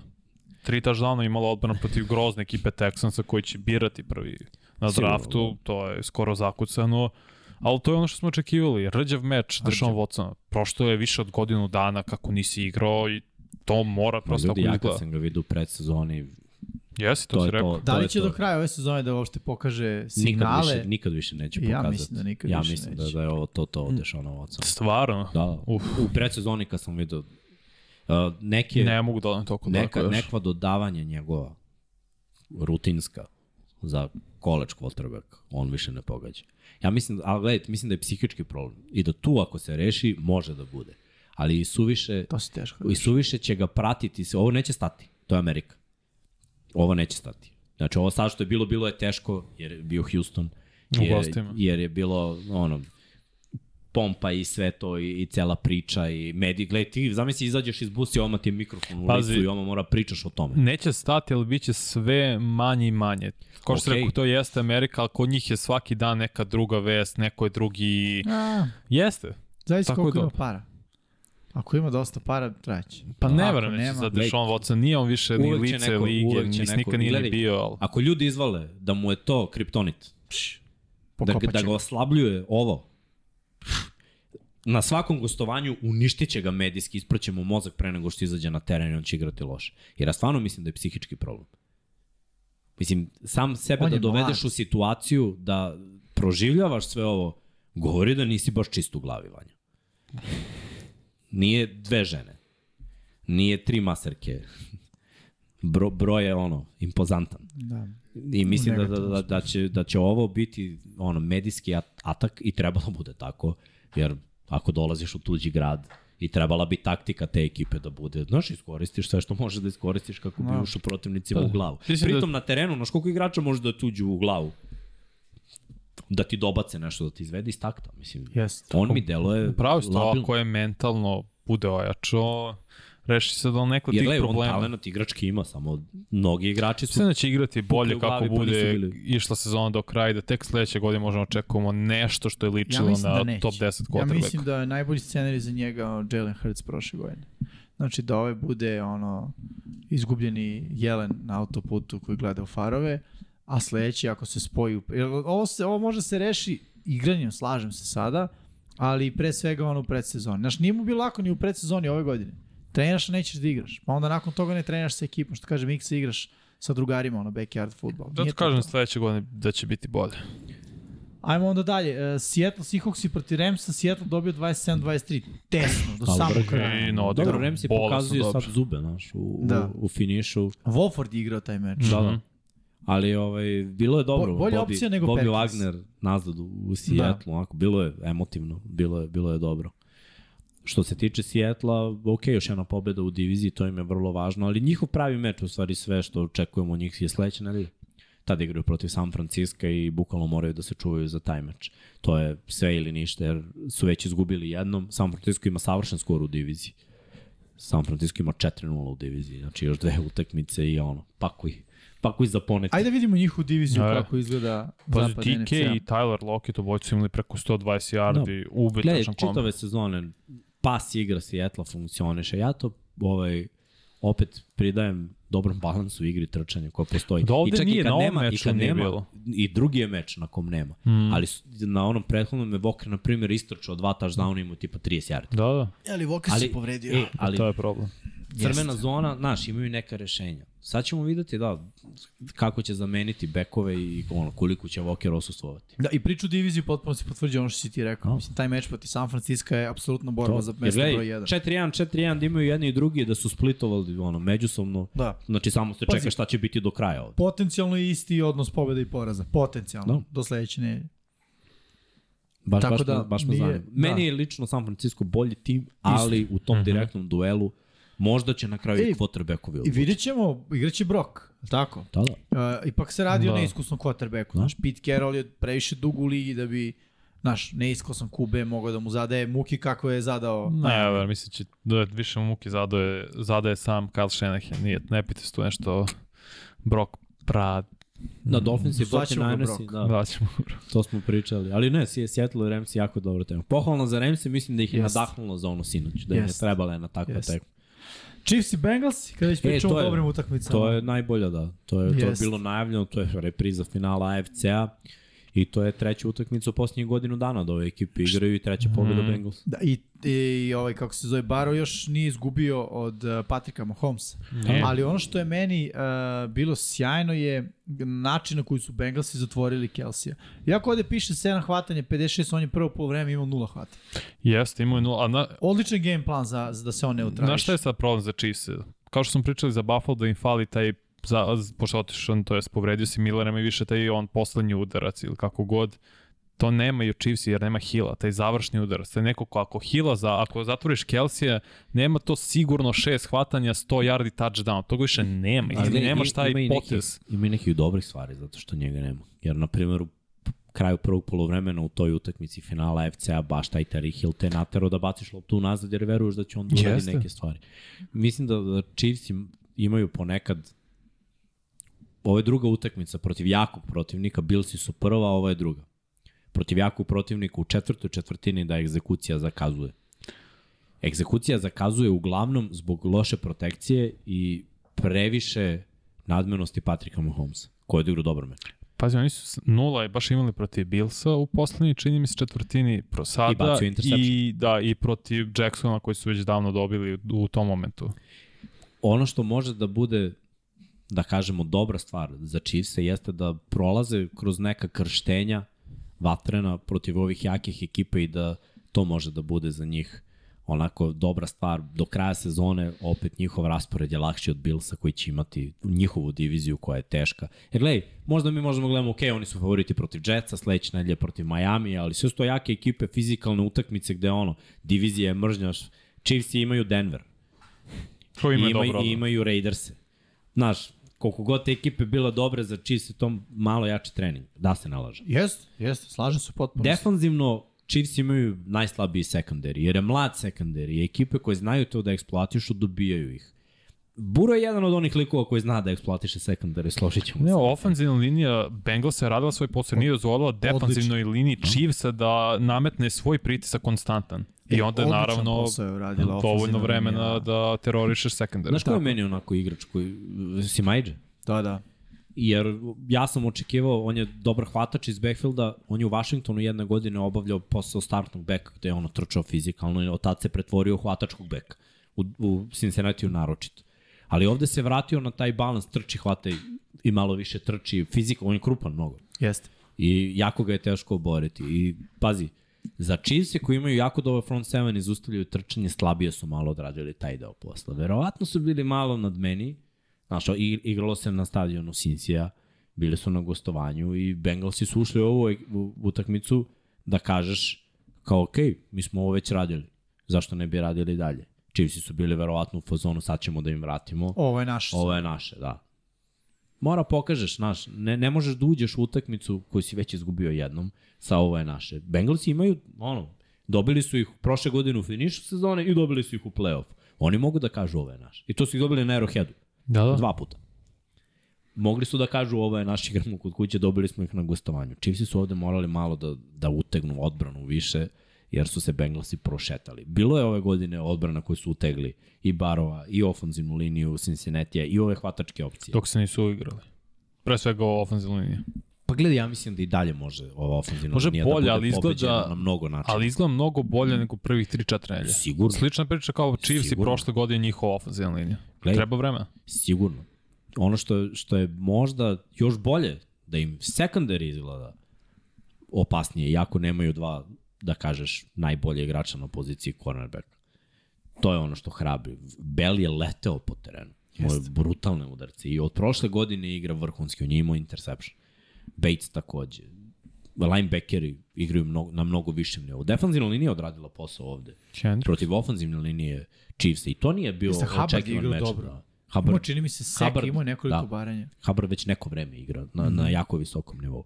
Sve u svemu ja verujem da ovo može da bude okrešaj u play-offu. Ne bi me čudilo da Bengalsi budu prvi na severu, ako Baltimore se oklizno ovih nekoliko utekmica koje je preostalo, mada Ravensi nemaju toliko težak raspored. Mi smo rekli već da Bengalsi imaju paklan raspored, a već su rešili dve utakmice od tog paklanog u svoju korist. E sad, posljednje kolo je protiv Ravensa. Vrlo lako može da se desi da, da to bude odlučujući meč. Šta će još odlučivati? Grozan skor koji Bengals imaju u diviziji. Chiefsi su ih već, uh, Chiefsi, pardon, Steelersi su ih već očistili, Sad igra protiv Browns, od kojeg su već izgubili. već su izgubili od Browns i izgubili su od Ravensa. Da, da. Znači, čak i, i na kraju da se ispostavi nekako da uđeš u Dva, Eagle. četiri najbolje slučaja, tako? Je- U diviziji. Ja razumeš, ne, mora da imaš još- pobedu više. Kraju. Baro je 0-4 u karijeri protiv Brownsa, što je nerealno. Ali nije nerealno. Jer te, te, je, Brownsi trče protiv njih. Kako su Ravensi dobili tu utakmicu? Trčali su. Ne možeš da igraš ti protiv... Chiefs igraju protiv Bengalsa u dodavanju. Ne možeš tako da ih dobiješ. Tennessee je za malo dobio, ali dodavanjem je krenuo Tannehill i to je bio kraj. Protiv Bengalsa treba trčati. Takva su ekipa. I ako budeš uspeo da trčiš protiv njih, ima šanse. Ako pokušavaš da se nadmećeš sa Burovom i pokušavaš da dodavanjem rešiš tu priču, bit će jako teško. To- je moje mišljenje. Ono, vidjet ćemo kako se bude sve razvijelo. Cleveland bi morao da uspostavi igru po zemlji. E sad, dok je bio Brissett, to je bilo lako, jer si znao da mu kažeš, ok, trčanje, trčanje, pa možda play action na nekom prvom downu. Sada s Watsonom oni možda pomisle da mogu da uđu u taj obračun. Ako to Istina. budu uradili, ako Mislim to da je budu uradili, Stefanski m, nije baš taj Uf, tip trenera. Paljevina i taj, realno. on pokušava Da, s ja Bakerom to, a ne sa Da. Watsonom. Da, Tako Baker. ono, Sve, sve je moguće, sve je moguće. Sve u svemu vrhunska utakmica, baš, baš ovaj, sam se nadao da će čisti da nama lakšaju malo. Da. Ali nije se desilo. AFC pokazuje da Polako se kristališ To. stvari koje su top timovi Ja, zapravo. mi, ja mislim da, da možemo da vidimo sliku za playoff u AFC-u. koja je trenutno takva da u Huntu ove ekipe imaju po pobedu manje. Patriots i Chargersi, ali igraju na malo slabijem nivou. Šta A, je za njih šta je za njih dobro? Za njih je dobro što ove ekipe koje su trenutno u wild cardu mogu međusobno da se eliminišu. Uh, Dolphins i Jetsi igraju, proti, igraju protiv Billsa, tako to je njihova divizija i ono. Beng, Bengals ili Ravensi su sigurno, po mom mišljenju, u play-offu. Sad, koliki je domet, rekao bih Bengalsa mnogo veći nego Ravensa, ali nekako će se sve svesti na kraju, po mom mišljenju, na Bills i Chiefs što se tiče AFC-a. Za ove Hunt ekipe, Patriots i 6-6, Chargers i 6-6 mora, moraju da krenu da pobeđuju. Znači, bar tri pobede su potrebne, ali ja bih rekao bez Četiri. 10 nema Po ništa meni, leče. leče. realan hunt samo imaju Patriote i to ukoliko Jetsi ovaj, uh, Patriotsi sad igraju protiv Arizone, mislim, i to je must win. Da, da, Jest, Monday night. jest. Uh, Jetsi zbog problema, da kažem, koji imaju nejasna potpuno situacija na quarterbacku, uh, mogu da možda unutar divizije, ono, Znaš što je dobro Imaju za Patriots, očistili su Jets. Eventualni mm. da, taj breaker. taj breaker, a isti skor, Patriots Ne, su protiv, play za Patriots bit, bit će ključno protiv Miami što će da urade. I to. To će biti jer to deluje kao nemoguće misli sa ove baš delo je Da. teško. Ali opet dobro, izgubili su na Floridi, je tako? Ko, da. Jesu. Tu gube uvek, ali kod kuće je druga priča, obično. Da, ali istorijski gledano Miami je uvijek bio kanta. Sad nije. Znaš. Dobro. Ali ta kanta ih je na Floridi dobijala, mislim, Da. to je tačno. I u šampionskim godinama Tako je je. kanta dobijala, Tako je. znaš. Ne, pa Tako da- Miami ima sada Chargerse, pa Buffalo, pa ne znam da li onda Patriote odmah, sad ću da pogledam. Da, pa, Jet, Šta je pa Jetsima raspored? Ajde imamo to. Jetsima je Buffalo sad ove nedelje. Imaju i oni duele unutar Da. divizije. Mm, sad ću pogledam šta je Ako Jetsima. Igraju protiv Billsa i protiv Dolphinsa do kraja. Pazi ovo, to sigurno. ako, ako izgube, a Patriote pobede, Patriote idu ispred njih. A tako? Zbog uh, unutar Ako imaju isti skor, Patrioti su ispred Pa pazi, Pa da, koliko bi bili 7-6 jedni. da, da, Jets i sad Buffalo, Dobro. pa Detroit, I Pa to Jacksonville, pa Seattle, pa Jacksonville Miami. lakši, Seattle težak, Miami. Da, ne, ne, razumeš, mogu Jetsi- Jetsi da ispadnu iz priče. Mogu. Tako je. E sad, pa, raspored Patriota, kako ide ako možeš da... Sad ću pogledam. Mislim, Sad to je ne znači da su Patrioti nešto ultra jaki i da oni sad mogu da tu... Sad je Čiste. Arizona za Monday, Billsi su ih očistili, ostaju im... Su im samo Dolphins i onda. Ne, ne, ne, ne, Da, pa da, pazi, samo Dolphins, pazi. Jedna utakmica. Uh, ne, imaju Bills sa poslednje kola, Patriote. Aha, Aha, nisu ih Billsi A očistili. Cardinals i Raidersi, Cincy, Miami i Buffalo. Da, dobro, teško. zadnje tri teške. Moraš ove dve da rešiš. Moraš. Ako Moraš, da budeš da, u da. Da bi onda eventualno jurio i mislim za Jer gledaj, u AFC-u situacija je takva Izvini. i ni Chiefsi, ni Billsi neće odmarati jer hoće prvi seed. Da. Hoće da se igra na njihov... Jedni i drugi žele ne, na za svom terenu da Patriote igraju šta mora se desi nekim čudom da sad Chargersi dobiju Miami. I to se onda njima otvara. Jer ako ti dobiješ Miami 8-5 i Šta, da jure 7-6, drugu poziciju u diviziji? nije nemoguće. Meni Onda će ne- oni direktno odlučivati sa. Majamijem za to drugo mesto. Ako Miami oklizne ovo kolo. I ovi pobed. I Jets su isto izgubili opa. 8-5, 7-6, 7-6. Da. Znaš, kad je jedna pobjeda razlike, a čitava divizija je pozitivna i čitava Da. divizija ima šansu. Ali ono, nade naš padaju. Ja sam mislio da mislio Raidersi dobijaju i Isto. dolaze do šeste pobede, imaju 6-7 i oni su u trci. U teoriji njihov raspored je ubedljivo bio najlakši, ali eto, oni su izgubili u poslednjih 5 minuta primili dva touchdowna. Tako da ono, za, za ove ekipe, ovo su sve ekipe koje imaju probleme na, na različitim nivoima. Ajmo, ajmo dalje, što tiče 13. nerije da završimo. Da, kad smo kod Chargersi protiv Raidersa. Ovo, Vanja, ne znam šta da, Ne znam ja šta. šta da kažem. Znači, Ali Raidersi, znaš šta, šta, šta je problem kod Raidersa? Kada imaju svoj identitet, ka- kada forsiraju, kada igraju hrabro, oni mogu stvarno da pobede svaku. I ofanzivno tad nemaju problem. Ofanzivno kreću problemi kada kre- krene njihovo štekanje. O, očigledno njihova odbrana nije sposobna za njihov, Da da, da, meč, da nije. njihov napad ne postigne 27 plus poena. Oni su Chiefs izgubili on na, na posled razlike. 30-29. Tako je, za, zato što je odbrana bila nesposobna. Proti kolca, odbrana nesposobna. Sinoć, odbrana nesposobna. Ovde, u ovoj utakmici, ova utakmica je bila baš stravična, ali šta se ispostavilo? Znaš, Ra- Raiders su ekipa koja ima top running back u ligi, E, ima Jacobs top 3 hvatača u ligi, prevodi ligu u yardi Jardima. Trčanjem iz skrimidža, istočanim prvim downovima, yardima, posta kontakta, Znači, igra brutalno. Ako ga Raidersi neće da platite njega, Sigurno neko će. neko Ali si- njima je pametno da ga plati jer bez njega oni nemaju svoj identitet. S druge strane, Devonta Adams isto dominira. Ima preko 1000 yardi, ima najviše uhoćenih touchdownova u NFL-u. No, Mislim- poslednjih dva meseca igra na kao najbolji hvatač. Ma on sve vreme igra dobro, samo nije dobio lopte. Znaš, to je problem. Evo i sinoć, dva fejda, to je 70 yardi. U oba slučaja delovalo kao da ne treba da mu baciš loptu. Zato imaš hvatača broj 1. Zato što kada ti deluje da ne treba da mu baciš loptu, samo ti baci loptu. To je u najgorem slučaju 50-50. To je, gledaj, to je Aaron Rodgers radio sve vreme. I sve je bilo kompletirano. To je Stafford radio i sa Cooperom Cupom, i sa Megatronom. Kad imaš takvog hvatača, taj sledeći nivo, ba, evo ti Cousins. Poneka njegova dodavanja stvarno deluju kao da je 20% šanse za Justina Jeffersona i 80 za odbranu. Tako Jalen je. Hurts. Malo pre sam pričao. I odmah, I odmah se odmah vidiš da je druga priča. Gledaj kako igra Josh Allen od kad je Stefan Diggs došao, koji je top hvatač od kad je tu u Buffalo. Odmah je drugačije. Ti imaš, ne znam, Tariq Hill, 20, Miami. imaš 10 Tako je. sekundi do kraja utakmice, ti ćeš baciti u njegovom pravcu, ono, 30 yardi, kroz sredinu. On hvata tu loptu. Da. Nema dileme, da je neki drugi hvatač, Možda. treći, peti, to ne bi bilo tako. Ovde je Chargersima falilo to. Znaš, Pa, znaš, Je, je ovo, htio sam da kažem, je ovo, mislim, očigledno pobjeda je, ali jel e, ide e, na stranu što se tiče Josha McDanielsa kao dobar izbor za Raiders i head coaching? gledaj, McDaniels ima na momente vrhunske odluke, na momente ima konzervativni Bill Belichick odluke. Znaš, odluka je ispisana, ono, Bill, svuda piše. Bill u futbal može da koučuje Bill. A znam zašto najviše? Jer je jaka odbrana. da. Gledaj, i, i tu sve... A ovde on nema jaku I, odbranu. I tu sve staje. Znači mora da imaš malo, malo drugačije rezonovanje. Znaš, Bill kada je imao Randija Mosa, Bill igrao drugačiji futbol. Jer je skapirao igricu. Ok, imam Randija, baci loptu Randiju. Ali trenutno tamo je triple coverage, baci loptu Randiju. I Randy imao najviše touchdownova u istoriji NFL-a za hvataču u jednoj sezoni. 22. Devonta Adams je sposoban da to uradi. Nije jedini hvatač u modernom NFL-u. Još su pravila drugačija. Znači, on neće pretrpeti neku kaznu. Još igra s polja.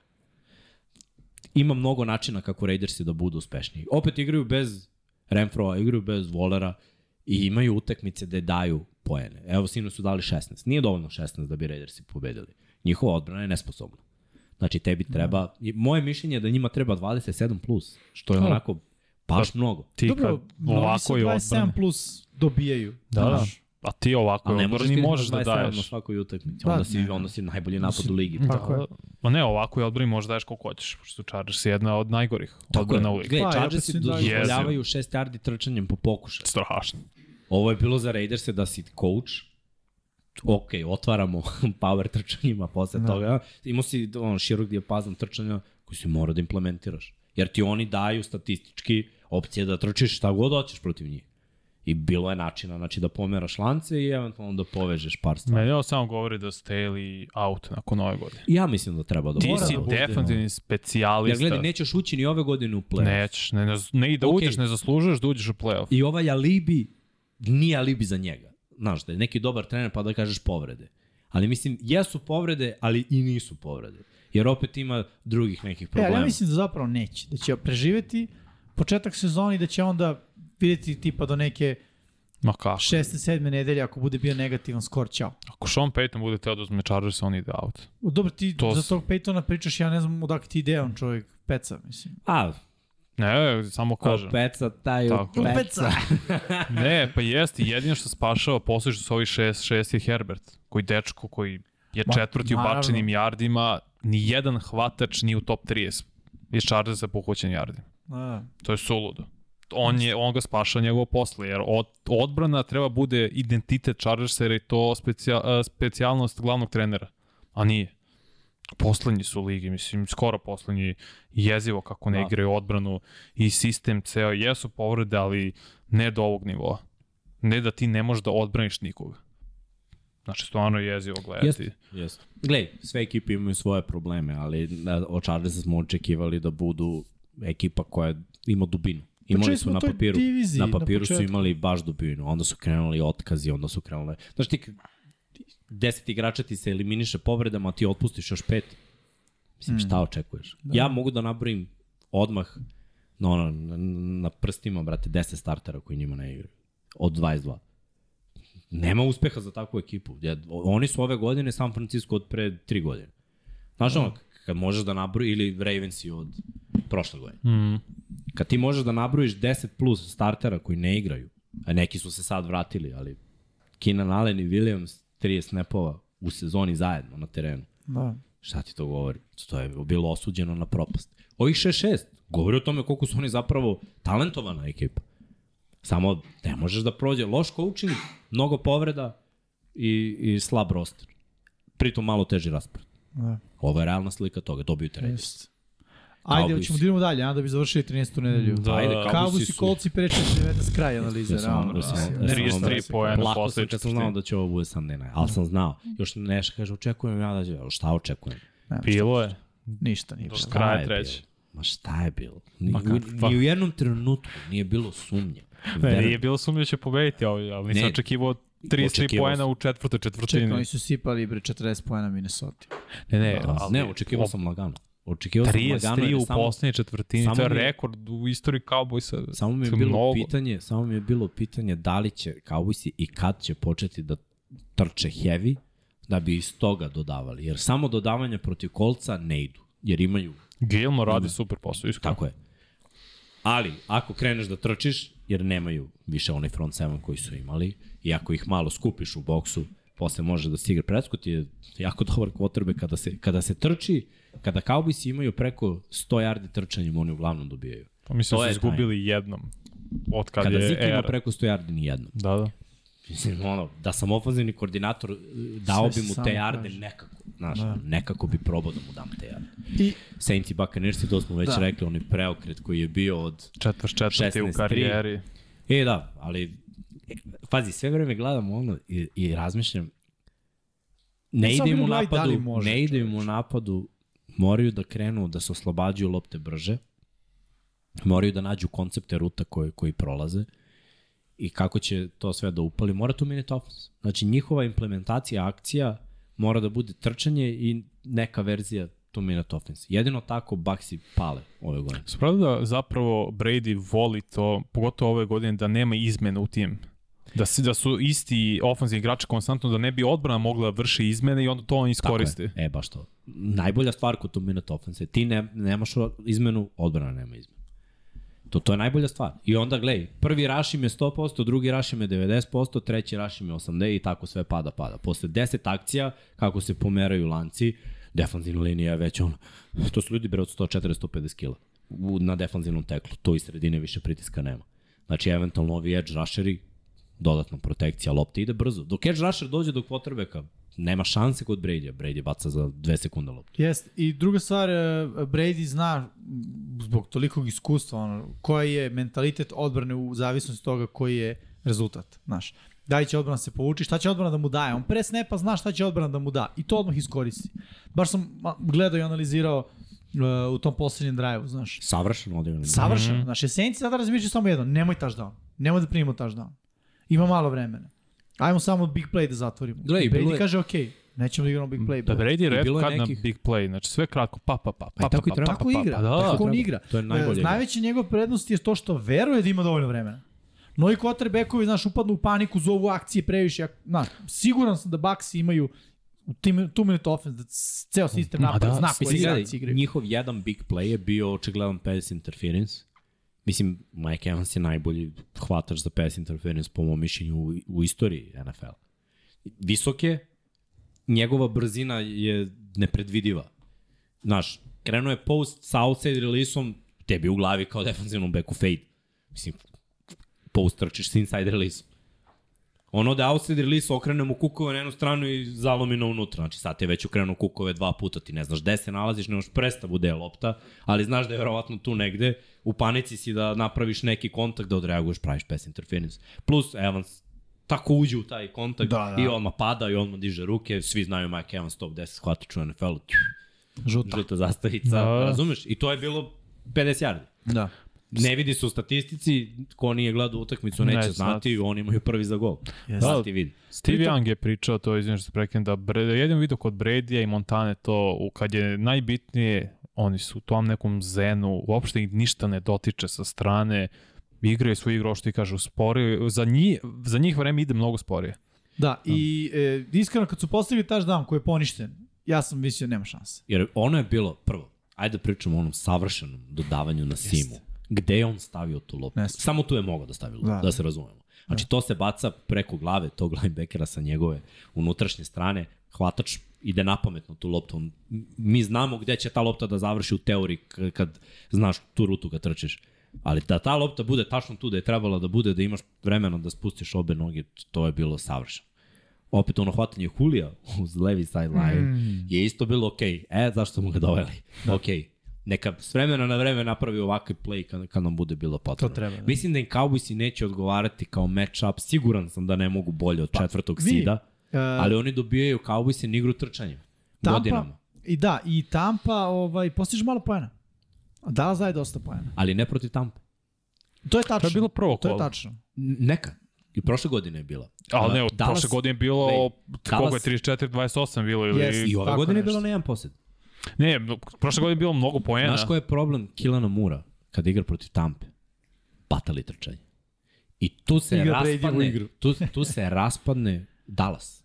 Dallas, šta smo rekli kad pobeđuje? 100 plus yardi. On protiv Tampe, ja mislim da nikad nema 30-40 yardi trčanja. Odmah se ide u Nadam spred. se da Gledaj, promeniti. Jeste taktički bolja šansa kada pogledaš. Ima tu ovaj, dobro mu je zamisao da napadne taj slabiji sekundari. I oni igraju tako egal utakmice. Ali Dallas tako vraća zapravo Tampu u život. Jer Tamp, kad bi krenuo Tampu da gaziš trčanjem i dodavanjem, to bi bio kraj. I mislim da će se opametiti u play-off, ali ne mora da znači. Da. Tako da ono, to bi bilo to što se tiče, baš smo ga... Da, ovaj, Cardinals i, i, i, i ovi Panthersi su bili na baju. Oni se ove nedelje vraćaju sa svojim mečima. Ok, ajmo da pričamo o herojima. Koji su nam heroji za Vaksuznu nedelju broj 13? Meni je Samađi Pirajn. Uh, na, najviše zato što, ako se ne varam, Joe Mixon se vraća, može čak i ove nedelje. I neko deluje da, da će njegov, mislim, uloga Samađi Pirajna će da spadne, tu nema šta. Ali čovek je odigrao ove nedelje pogotovo. Po meni je on bio možda čak i ključ pored ofenzivne linije za, za pobedu. Definitivno. Jer uh, očigledno se ispostavilo da odbrana Chiefsa nije bila fokusirana na njegova trčanja. Imao je 20 trčanja preko 100 yardi, imao ih hvatanja i zaista je odigrao meč na, na, na vrhunskom nivou. Da. Mislim, ako realno pogledamo, on je jedini trkač uh, Cincinnati Bengals. Ima i ovaj Williams, ali ništa, on ima baš epizodnu ono epizodnu ulogu epizodne uloge, bukvalno. Sve na ovom momku i on to radi, momku, čoveku. I on to stvarno radi jako dobro. I baš je ono, beka broj 2 i morao sam ga stavim kao heroja, jer čini mi se da će kad se Mixon vrati da mu ono, njegova load spadne drastično. Po meni je defensivna linija Eaglesa. Šest puta sve koš quarterbacka i još devet da ga udariš, plus zadržiš Henrya na koliko je bilo. Ispod 40 yardi, Da. da. mislim. Ti si uradio svoj posao. Malte ne zatvorio si sve tenesi, svega 10 pojena si im dozvolio, defensivna linija Eaglesa meni izdominirala. Meni je Burrow jer, mislim, dobiti najbolju ekipu u AFC-u trenutno. Zaslužiš da budeš heroj. Odigrao je vrhunski. Imao je preko 270 yardi, bacio dva touchdowna. I ono, za godinu dana tri duela protiv Chiefsa, mi znamo šta su Chiefsi, četiri godine za redom finalista AFC-a, dva puta bili u Superbowlu, osvojili jedan. Očigledno nemaš problem sa najboljim timom u AFC-u. Mora da imaš nešto herojski u sebi. Istina. Da, Srki je 49ers isto defensivna linija i oni su imali tri seka, još pet puta udarili ovog tu, ali su ga iznuli na greške. Konstantno su ga požurivali i mislim da je to glavni razlog što je on imao tako i po očigledno promašeno dodavanja. Ja bih tu dodao i linebackersku liniju. Da, Može, front seven. Front Front seven. Da, i Da, da, Greenlaw ima touchdown, Da. isto tako da. Da. Da. Znaš, i ne samo to, opet sve je išlo nekako, znaš, ta završno obaranje bilo su linebackera. Oni stvarno rade, njihov front seven stvarno radi kao Jeste. dišu zajedno. To je Jeste. tako lepo gledati. Jeste. Ajmo na džokere nedelje. Meni je Brok. Brok, jer stvarno sam bio dušenjen. Prvo, ono, ruki, pik sedme runde, ono, zadnji pik na draftu, to je poslednji, ovaj, i stvarno odigrao je hladnokrvno. I odigrao je zrelo, odigrao je spremno, odigrao je on, znaš, kad, kad, kad, kad se Garopolo povredio, stvarno mi je bilo u glavi, ok, sad ih ima Miami. To je to. Ko je ovaj? Brok. Mystery I relevant. momak realno odradi odradi ono što smo što bismo očekivali da uradi Jimmy G. Da. Da izmenadžuje utakmicu do kraja, da kompletira šta treba da se kompletira i da, ovaj, i da na kraju upišu pobedu 49ers. Meni je Christian Watson, hvatač Green Bay-a koji ima i touchdown trčanjem i da igra. hvatanjem. Da, da, Mali, da, da. mali kida. Kida, Jest. kida, Poslednjih par stvarno. utakmica se, se E, baš... I izvuko ih je on na kraju, da. On ih Ja je svojim da ima- touchdownom izvukao. Koliko? Četiri utakmice, šest touchdownova? Možda više. Ili sedam? Osam? Osam, da, da, da. Po dva, Dva dva po. Ovaj, meni su Raidersi... a ne sinoć. A, pa ne, pa ja sam sve uvezivao, u mojoj glavi je bilo vraćaju se, dobili su dve utakme, dobili su Chargers, to je mi bilo onako, to je to. I sada rešavaju ovaj meč, jer su apsolutni favoriti protiv Ramsa, yes. duše tada nisam ni znao da će Baker igrati, ali, ali da si zna. mislim, došao je juče Da. i bilo je Raidersi, dođite juče. Tako da, što tiče prošle nedelje. Ovo Jokeri su za prošlu nedelju, ali sad, sad ih je Batman zustavio. Da. Srki je izabrao Gino Smitha, tako je? Da, da, Da. da, Gino Smith, izdominirao Gino Smith. I opet, skoro 300 yardi, Jest. 3 touchdown dodavanja. I znaš Baš šta je najvažnije? dobro. Što je umeo da on bude lik koji vodi svoju ekipu do pobede. Znaš, bila je klackalica. I odigrao je, mislim, ono, baš je zreo Gino Smith. No, nije prvi put ove godine. Da, da. Stvarno, stvarno se sve poklopilo. I opet, eto i on kako igra, kako je igrao nekada, daj mu dve prve hvatačke opcije. Ja stvarno ima tu Loketu i Metcalfu. Mnogo je bolji quarterback, zar ne? Kad Jest. ima ova dva Jest. hvatača. Mislim, i vidite kako je Russell igrao s njima dvojicom u odnosu na ono pre što je igrao. Pravi razliku kad imaš ono čudovišta od hvatača. Tako je. Ajmo da vidimo ko su nam tragičari nedelje. Meni je Lamar Jackson, sad ću da objasnim zašto. E, ja čekam ovde, čujem. Uh, povreda.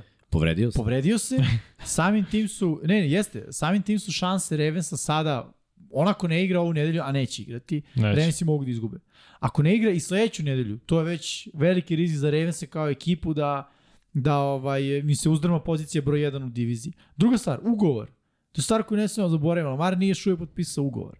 Znaš, mislim da Istina. sada Ravensi dolaze u situaciju kada ono, šta sad radiš sa Lamarom? Da li je Lamar Kube koji će te odvesti u super, do- ko će ti osvojiti Super Bowl? Realno. Može da bude. Može da bude, ali pričali smo to jednom. Koliko quarterbacka njegovog stila je osvojilo Super Bowl kroz istoriju NFL? Ja mislim nula.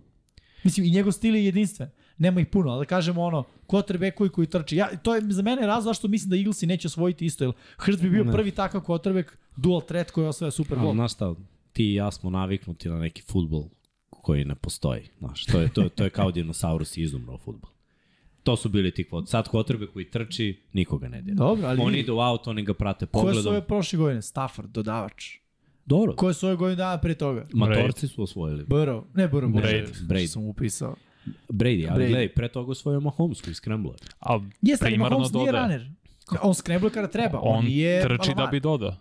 I trči quarterback draw u play-offu najbolje od svih. Mislim, kad Ne, ne, pogledamo to je u redu, yardažu, ali vidi, znaš ko, nikog- znaš ko bi razbio ne isto? udaraju. Josh Allen bi razbio. Ili on bi mi bio Ali opet kube on, koji trči. da on dodaje ne bolje. prevashodno, ali više od nego bilo koji drugi. Ali ti misliš više na onaj koji prevashodno trči, Šta god. Da. Evo, ko je kvotrek u poslednjih Super Bowl, ako pogledamo 10, mara je Brady igrao koliko već njih. Gledaj, ne bio možeš- prevashodno trkač, imao više možeš- pretrčanih jari u tom Super Bowl. Da li bi Lamar imao više pretrčanih ili bačenih jari u Super Bowlu? Ma bačenih uve, on sad ima. Nema. Šta ti je pa trči? Ne, on više ne trči ni 100 yardi puta.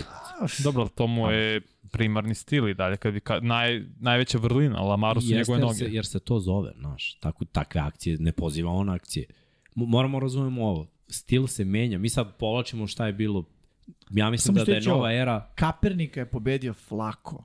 To je ono definicija mobilnosti i imobilnosti. Kapernika jest pobedila odbrana Ravensa. Yes. je Ok, ali hoću ti kažem, ako gledamo duel quarterbackova, znaš, zato prosto mislim, glavno pitanje o kom sam ja razmišljao prošle nedelje, da li Lamar, Justin Fields, uh, uh, Hurts. Hurts i takvi quarterbackovi To je nova mogu era. ikad, ali nije neće osvojiti super. Znaš kad će osvojiti? Kad Hoće. svi 32 budu bili takvi. I bit će. Neko će A- morati da a, osvoji A znaš kada će biti? Kada će 32 tako. Biće za za 3 godine. Ne, biće Nije. za više, verujem. Ok. Ko će ostati od nepokretnih quarterbackova? A ne od nepokretni, ne, ne, nije to Pa evo, pitanje. ti, evo na primjer, da li Baker Mayfield pokretni quarterback? ne, ne, ne, da ne, ne, nije pitanje, pok- nego to im je primarna, primarna stvar. Ne primarna, dual threat.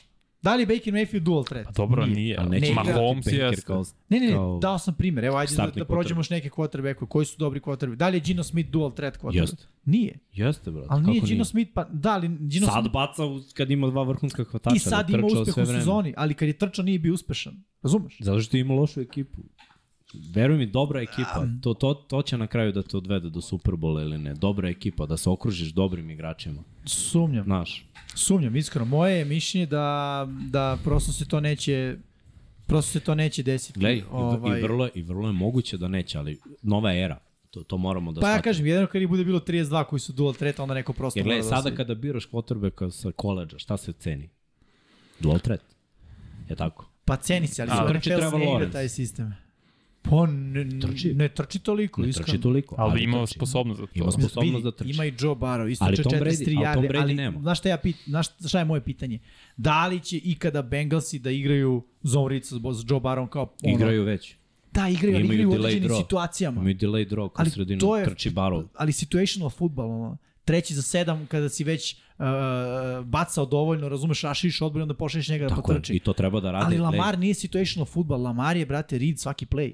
Ali- Kao što je Trey Lance, kao što je Jalen Hurts. Ja mislim da ti quarterbackovi nemaju kapacitet prosto ta, nije takva igra, razumeš? Imaš ne može dovoljno možda talenta u ruci Cam to. Newton nije mogao da osvoji. Kako nema talent u ruci, bacio je 65 yardi A u vazduhu loptu, brate. ne pričam, znam za to, ne pričam jačinu, nego video si dodavanja neka koje... Ali osvojio On je- Super Bowl. Jeste. Na odbranu, na šta god, on. ali osvojio Super Bowl. Te, brat, nemoj da zezaš Flaku osvojio Super Bowl na najbolju Tako je. odbranu i na Jacobia Jonesa koji je Jeste. vratio kick-off za Jeste, ali znaš, put do Super Bowla, nije Super Bowl bio, probudio si jedno jutro i evo ti Pa odbrana. ta odbrana je bila najbolja od cele godine. I se. izgrmio taj playoff. Slažem Jeste, se. ali nije, za, na, kao, on je Nije on nosio tim, ja hoću to da Ne, kažem. Slažem ne da se, nije. ali- A Kaepernick je nosio taj tim i stao je protiv najbolje odbrane. Je tako. Sve stoji, ali Okej. ima raz zašto je stao. To hoću da ti kažem. Ovo za Lamara, Lamara i dalje... Nije samo za Lamar, Ne, ne, ja ti dajem primjer ovako. Ne, Russell si, Wilson je bio neko vreme najbolji trkač Seattle. Dve sezone. Je bio najbolja trkačka opcija. i Gde je radio došli. i read option i da je imao dizajnirana trčanja za njega. To je bio ofanzivni koordinator, nije bio Russell.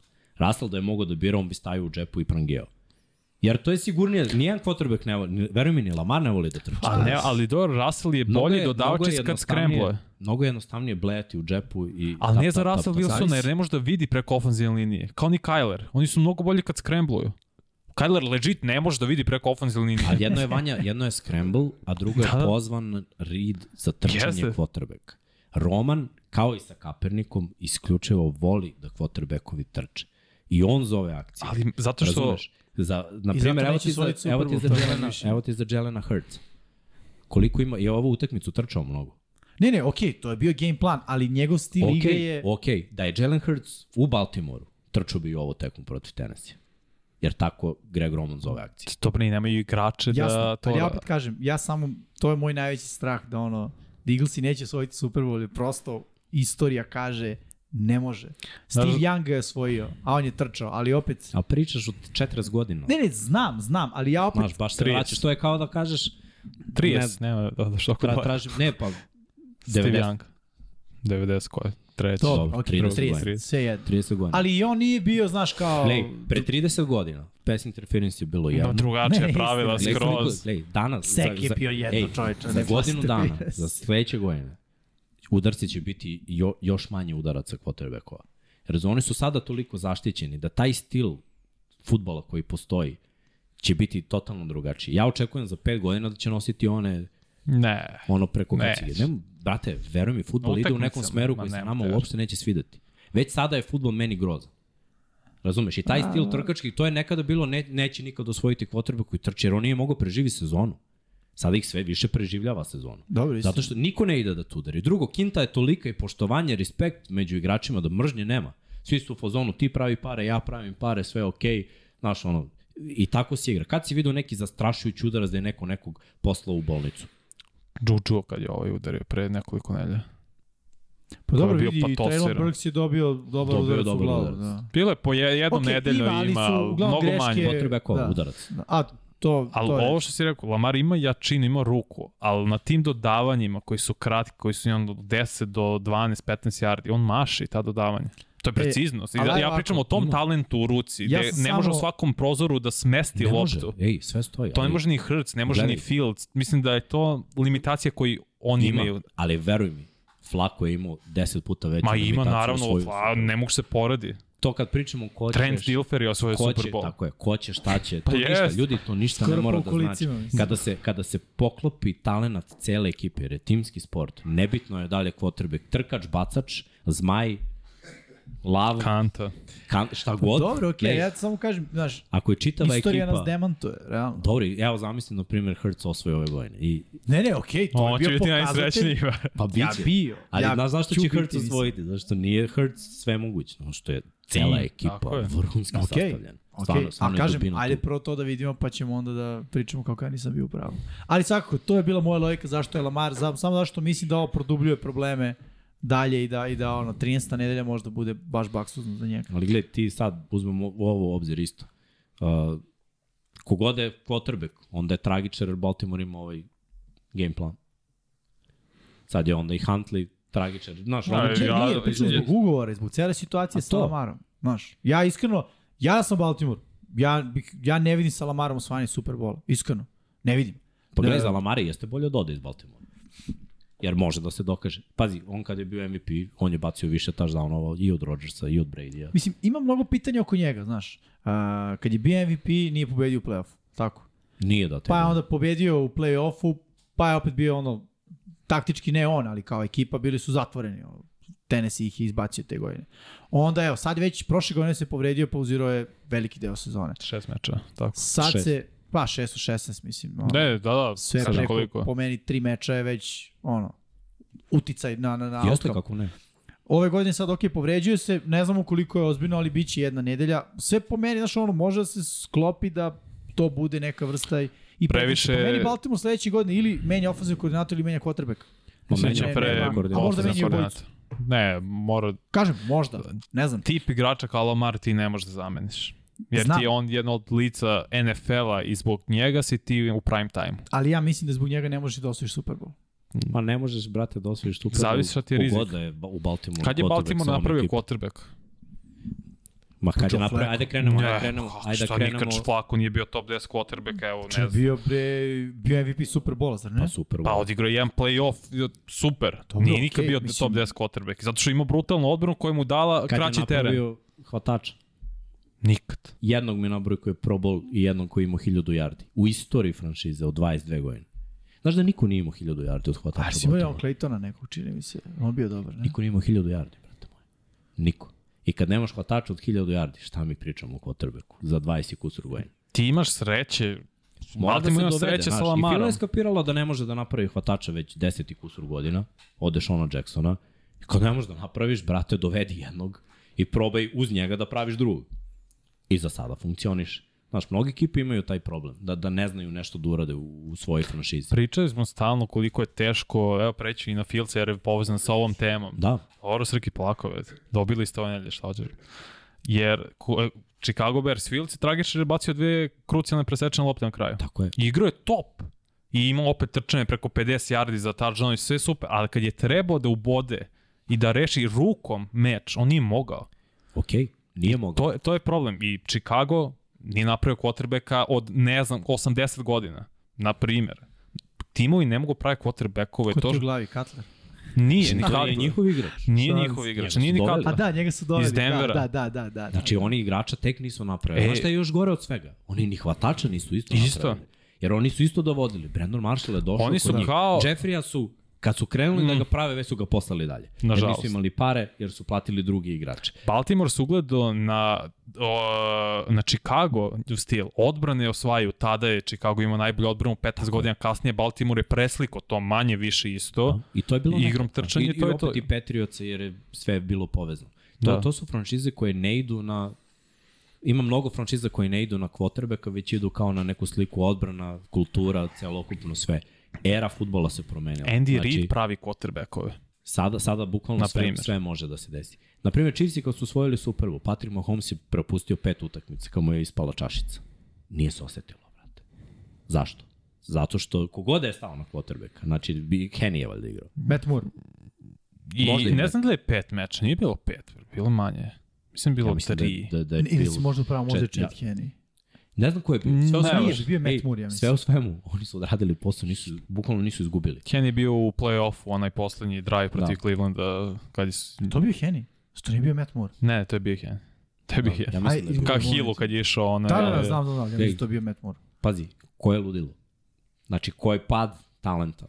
Ali, mislim, Tyreek Hill, Travis Kelsey, sistem, akcije, čak Da. i to što, što nam je delovalo svima kao potpuno ludilo četvrti za ovo sa rezervnim kotrbekom, ideš ovo dodavanje, ali brati imao je Tyreeka Hilla koja videli smo protiv San Francisco, tu ga promašuje dva jarda izdom, hvata levom rukom iz okreta mm. da utrči fade. Pazi, i Jednostavno Chicago... moraš da uložiš oko quarterbacka kako želiš da ti Tako se je. isplati. I Chicago je to i krenuo i tradealo sa Claypoola i Mooney, ofenzivna liga izgleda, izgleda bolje, ali oni će se zadržati sa Fieldsom kao što će ovi sa Jacksonom. Jackson je pet puta bolji igrač, naravno, zato što nemaju bolje opcije. jer Green Bay, šta, Green Bay nije draftovao Favre. On je došao kod njih, Da. on je Atlanta ga draftovao. Ali da pa su onda, Rodgers. to je ta sreća, znači oni su imali suludu sreću. Chargersi su draftovali Brisa, Roy, Riversa i sad Herberta. To se nikad neće desiti. I naravno, pazi, ni jedan Super Bowl za to. Da. I Tenis- to je to je ludilo. Mogu ja novog Da, da, da. tragičara na tenis, jer evo ti još jedna ekipa koja godinama forsira ofanzivnu liniju trčanja i odbranu. I ne prave kvotrbeka i ne prave hvatače. Znači, oni su uspeli da draftuju dva vrhunska hvatača i već u, u ruke ugovorima u posljednje godine su ih poslali dalje.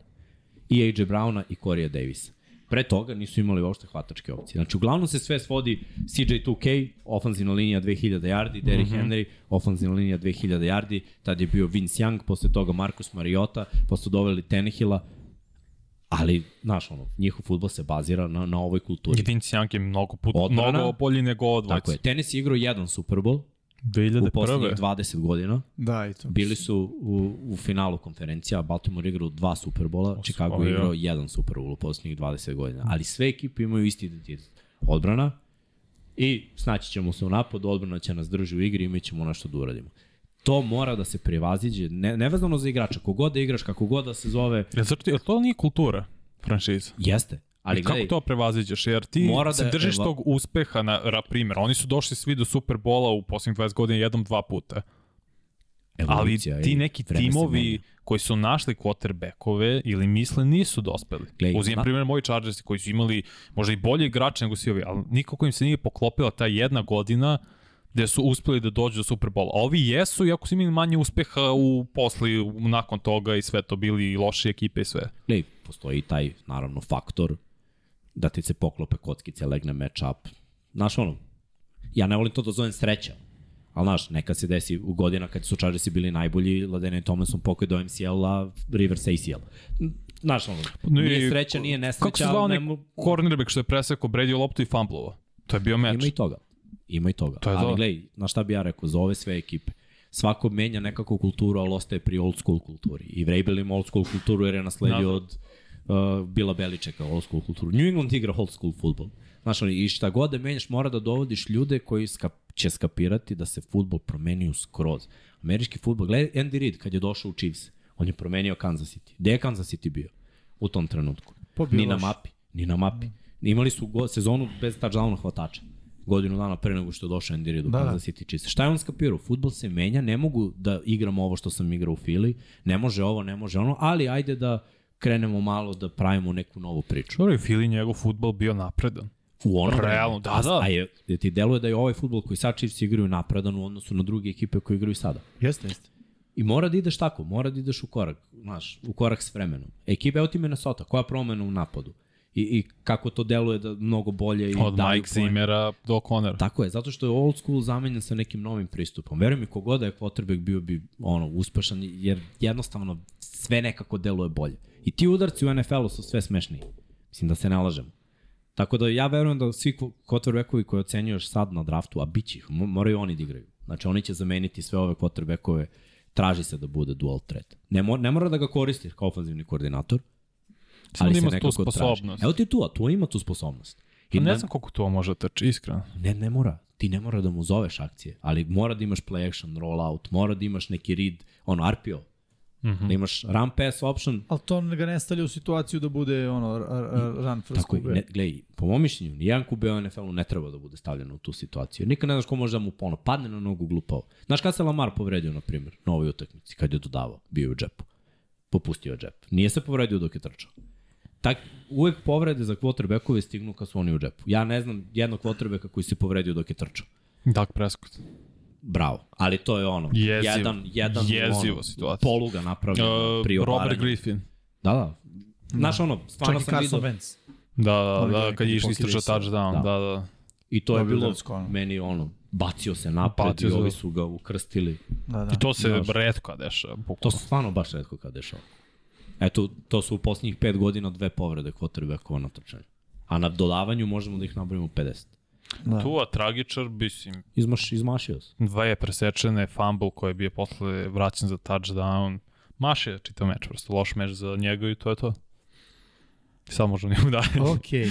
Pola sata kasnije. Da, ovo je, ovo je bila mini tema, to je mini priča. Pa Ne, dobro, gledaj, to, to, to je jako do, dobra tema. Jeste. Znaš, jer ako se, ako se ispostavi da si u pravu, Jimmy, mislim, Onda- kad će se ispostaviti, znaš, za 10 godina će neko, bit će svi dual threat Pa ne, i neko će pa- morati da osvoji. ja verujem da će već za 3-4 godine biti svi dual threat i da, da će se sve ovo što smo mi do sada absolvirali promeniti. Ću morati da steknemo novo Igra se mišljenje, college futbol, sve više i više, samo je razlika u tom pitanju je Ali college zapravo... futbol je uvek bio, ono, uglavnom run first uh, što se tiče quarterbacka. Mislim, nije uvek, ali ispred NFL-a barem 10 godina. Pa da, I taj ali Vince tek Young kad je sada... imao najveći uspeh Sećam se u Tennessee, Baš. čini mi se da Da. je igrao. I, i sezonu Devenu. igrao kako treba. Mislim, u tenis. I Robert Griffin isto. Odmah direktno s koleđa, prva godina izdominirao NFL-om, da se nije povredio, ko zna šta je bilo, ali to što si rekao pre 10 godina, da je tad bio college futbol, što je sad malo manje više NFL. Zato što ti treneri, mladi, sad sve više dolaze u NFL. I mlađi treneri iz NFL-a kopiraju Nije samo game to, plan. Nije samo to. Uh, uh, stil igre na koleđu je drugačiji. Uh, ono što ti momci mogu da urade je mnogo realnije u odnosu na ono što u NFL. U NFL ti možda nacrtaš bilo šta i neko, će, neko to ume da izvede. Na koleđu može se desiti da niko u tom timu ne mogu da izvede to što ti nacrtao. Nemoguće je prosto, ono, znaš. I ti onda moraš da budeš kreativan. Da, da, Moraš da, da razmišljaš na drugačiji način. Kako da staviš tvoj igrač u najbolju moguću poziciju. Dok na NFL-u ne moraš. Jer ako on ne ume, ima neko ko ume, ko je slobodan agent. I potpisat ćeš i to je to. mada se to i menja college do transfer uh, portala. Sad više ne moraš čekaš godinu dana da bi igrao. Ti sad odmah možda igraš, prvo zameniš faks, kao što menjaš NFL timu i možda igraš odmah. Glej, Nema mnogo, više čekanja. mnogo toga se menja. Ljudi, sad su koleđ igrači plaćeni. Za Da, da. početak. Da. Znači, ono, toliko stvari se promenilo. Ajdemo, ajmo na, na naše Ajmo. i vaše. Da. Naši, te moramo napišemo ovde naše i vaše Da. Prognoze. Da, prođemo kroz prognoze za prošlu nedelju šta smo gađali, šta smo pogodili. Uh, Buffalo, New England, svi smo izabrali Buffalo, sve se zeleni, bravo. Pittsburgh, Atlanta, Miksa, Veliki Srki i Pablo birali Atlantu, nisu bili u pravu, Pittsburgh je odneo pobedu, tesno, ali, ali ovaj, uh, pobeda je pobeda. Green Bay, Chicago, svi smo izabrali Green Bay, svi pogodili. Detroit, Jacksonville, svi izabrali Detroit, svi pogodili. Ajmo dalje.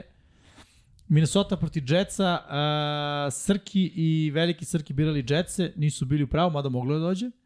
Washington Giants, svi smo, šta je sad ovo? Svi smo nerešeni. Nerešeno. Svi smo birali, ali ništa. Da, bravo, zabao sam u trenutku, rekao šta je sad ovo. Da, birali smo jedni i drugi, to je Srki i Pablo Giants, mi ostali Washington, niko nije pogodio, pošto je bilo nerešeno. Tennessee Fila, svi smo rekli Fila, svi pogodili, Denver Baltimore, svi rekli Baltimore, svi pogodili za jedan. Ali pogodili. Bukvalno. Ajmo dalje. Uh, Cleveland, Houston, svi birali Cleveland, svi smo bili u pravu. Seattle proti Ramsa, Srki i veliki Srki bila, bila, birali Ramse. Nisu bili u pravu. Mi ostali sa Seattlom jesmo. Miami, San Francisco, Vanja i Erceg birali San Francisco, svaka čast. Vi ste bili u pravu, mi smo ostali promašili. Kansas City, Cincinnati, samo je iskusni Don Pablo izabrao Cincinnati, pogodio, a mi smo sve ostali promašili. Chargersi protiv Vegasa, ponovo Pablo dominacija, uh, vira Vegas i pogađa. Uh, Indianapolis, Dallas, svi smo izabrali Dallas, svi smo bili u pravu, gaženje Dallasa. I New Orleans, Tampa Bay, veliki Srki je birao New Orleans. Čini mi se se čak dvoumio tokom emisije da si nešto kao, ja, greška, nisam znao.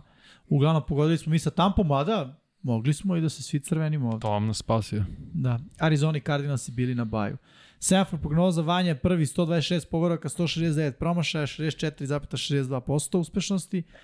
E, ja sam u drugom mestu, jednu pobedu manje, 125 plus 70 promašaja, 64,10%. Erceg treći, 120 pogoraka, 75 promašaja, 61,54% uspešnosti. Miksa četvrti, 117 pogodaka, 78 promašaja, 60% ravno procenat uspešnosti. Bablu 115 pogodaka, 80 promašaja, 58,97% i Veliki Srki 107 pogodaka, 88 promašaja, 54,87%. Su procenti stara tačni? Mm -hmm. Mogu da kažem da su svi preko 50%. Jes, jes. Cool. Ajmo ovako. Vaše i naše prognoze na Ranjor Pulu. Znači imamo Bata prvi, 131 pogodak, 63 promašaja. Uh, Bolings 87, 128 pogoraka, 65 promašaja na mestu broj 2 zajedno sa Vanjom. Isti skor, 129 pogoraka, 65 promašaja.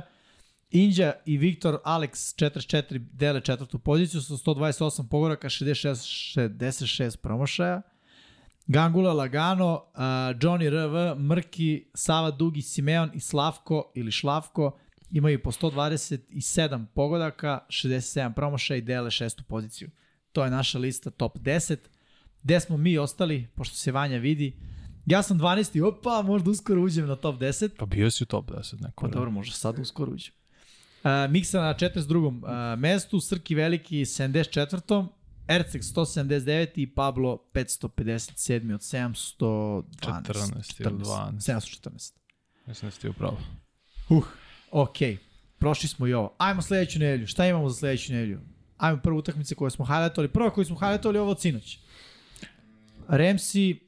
A dobro, u kratkim crtama. Ajmo u kratkim crtama, da. U kratkim Ramsey crtama, Raidersi. dve ekipe koje ne mogu da uđu u playoff. Baker Mayfield za dva dana naučio E, dovoljno sve pohvale za Bakera, bravo. Gledaj, Bravo. bio je pun energije, pun dobre energije. Ramsima, ja mislim, baš i falila ta dobra energija. S druge strane, Raidersi su imali utakmicu sve vreme, odradili posao, vodili i onda Odbran. jedan interception. Ne, ne, prvo jedan interception, pa onda u napadu, ok, ne moramo sada, vodimo, ne moramo da rizikujemo, šutnut ćemo tri, šutnut ćemo tri. Ne može da šutiraš tri da pobediš u NFL-u, to je definitivno. I to je razlika u odnosu na taj futbol nekada koji si igrao. Nekada si mogao. Sad su redke utakmice gde, gde ono, možeš da dobiješ. Možeš samo da dobiješ jako lošu ekipu. I evo, za koliko, 5 minuta, dva touchdowna i ti gubiš meč u kom si dominirao do četvrte četvrtine, dominirao si Da. u utakmici. I izgubio si na kraju. Zašto? Zato što nema dovoljno poena.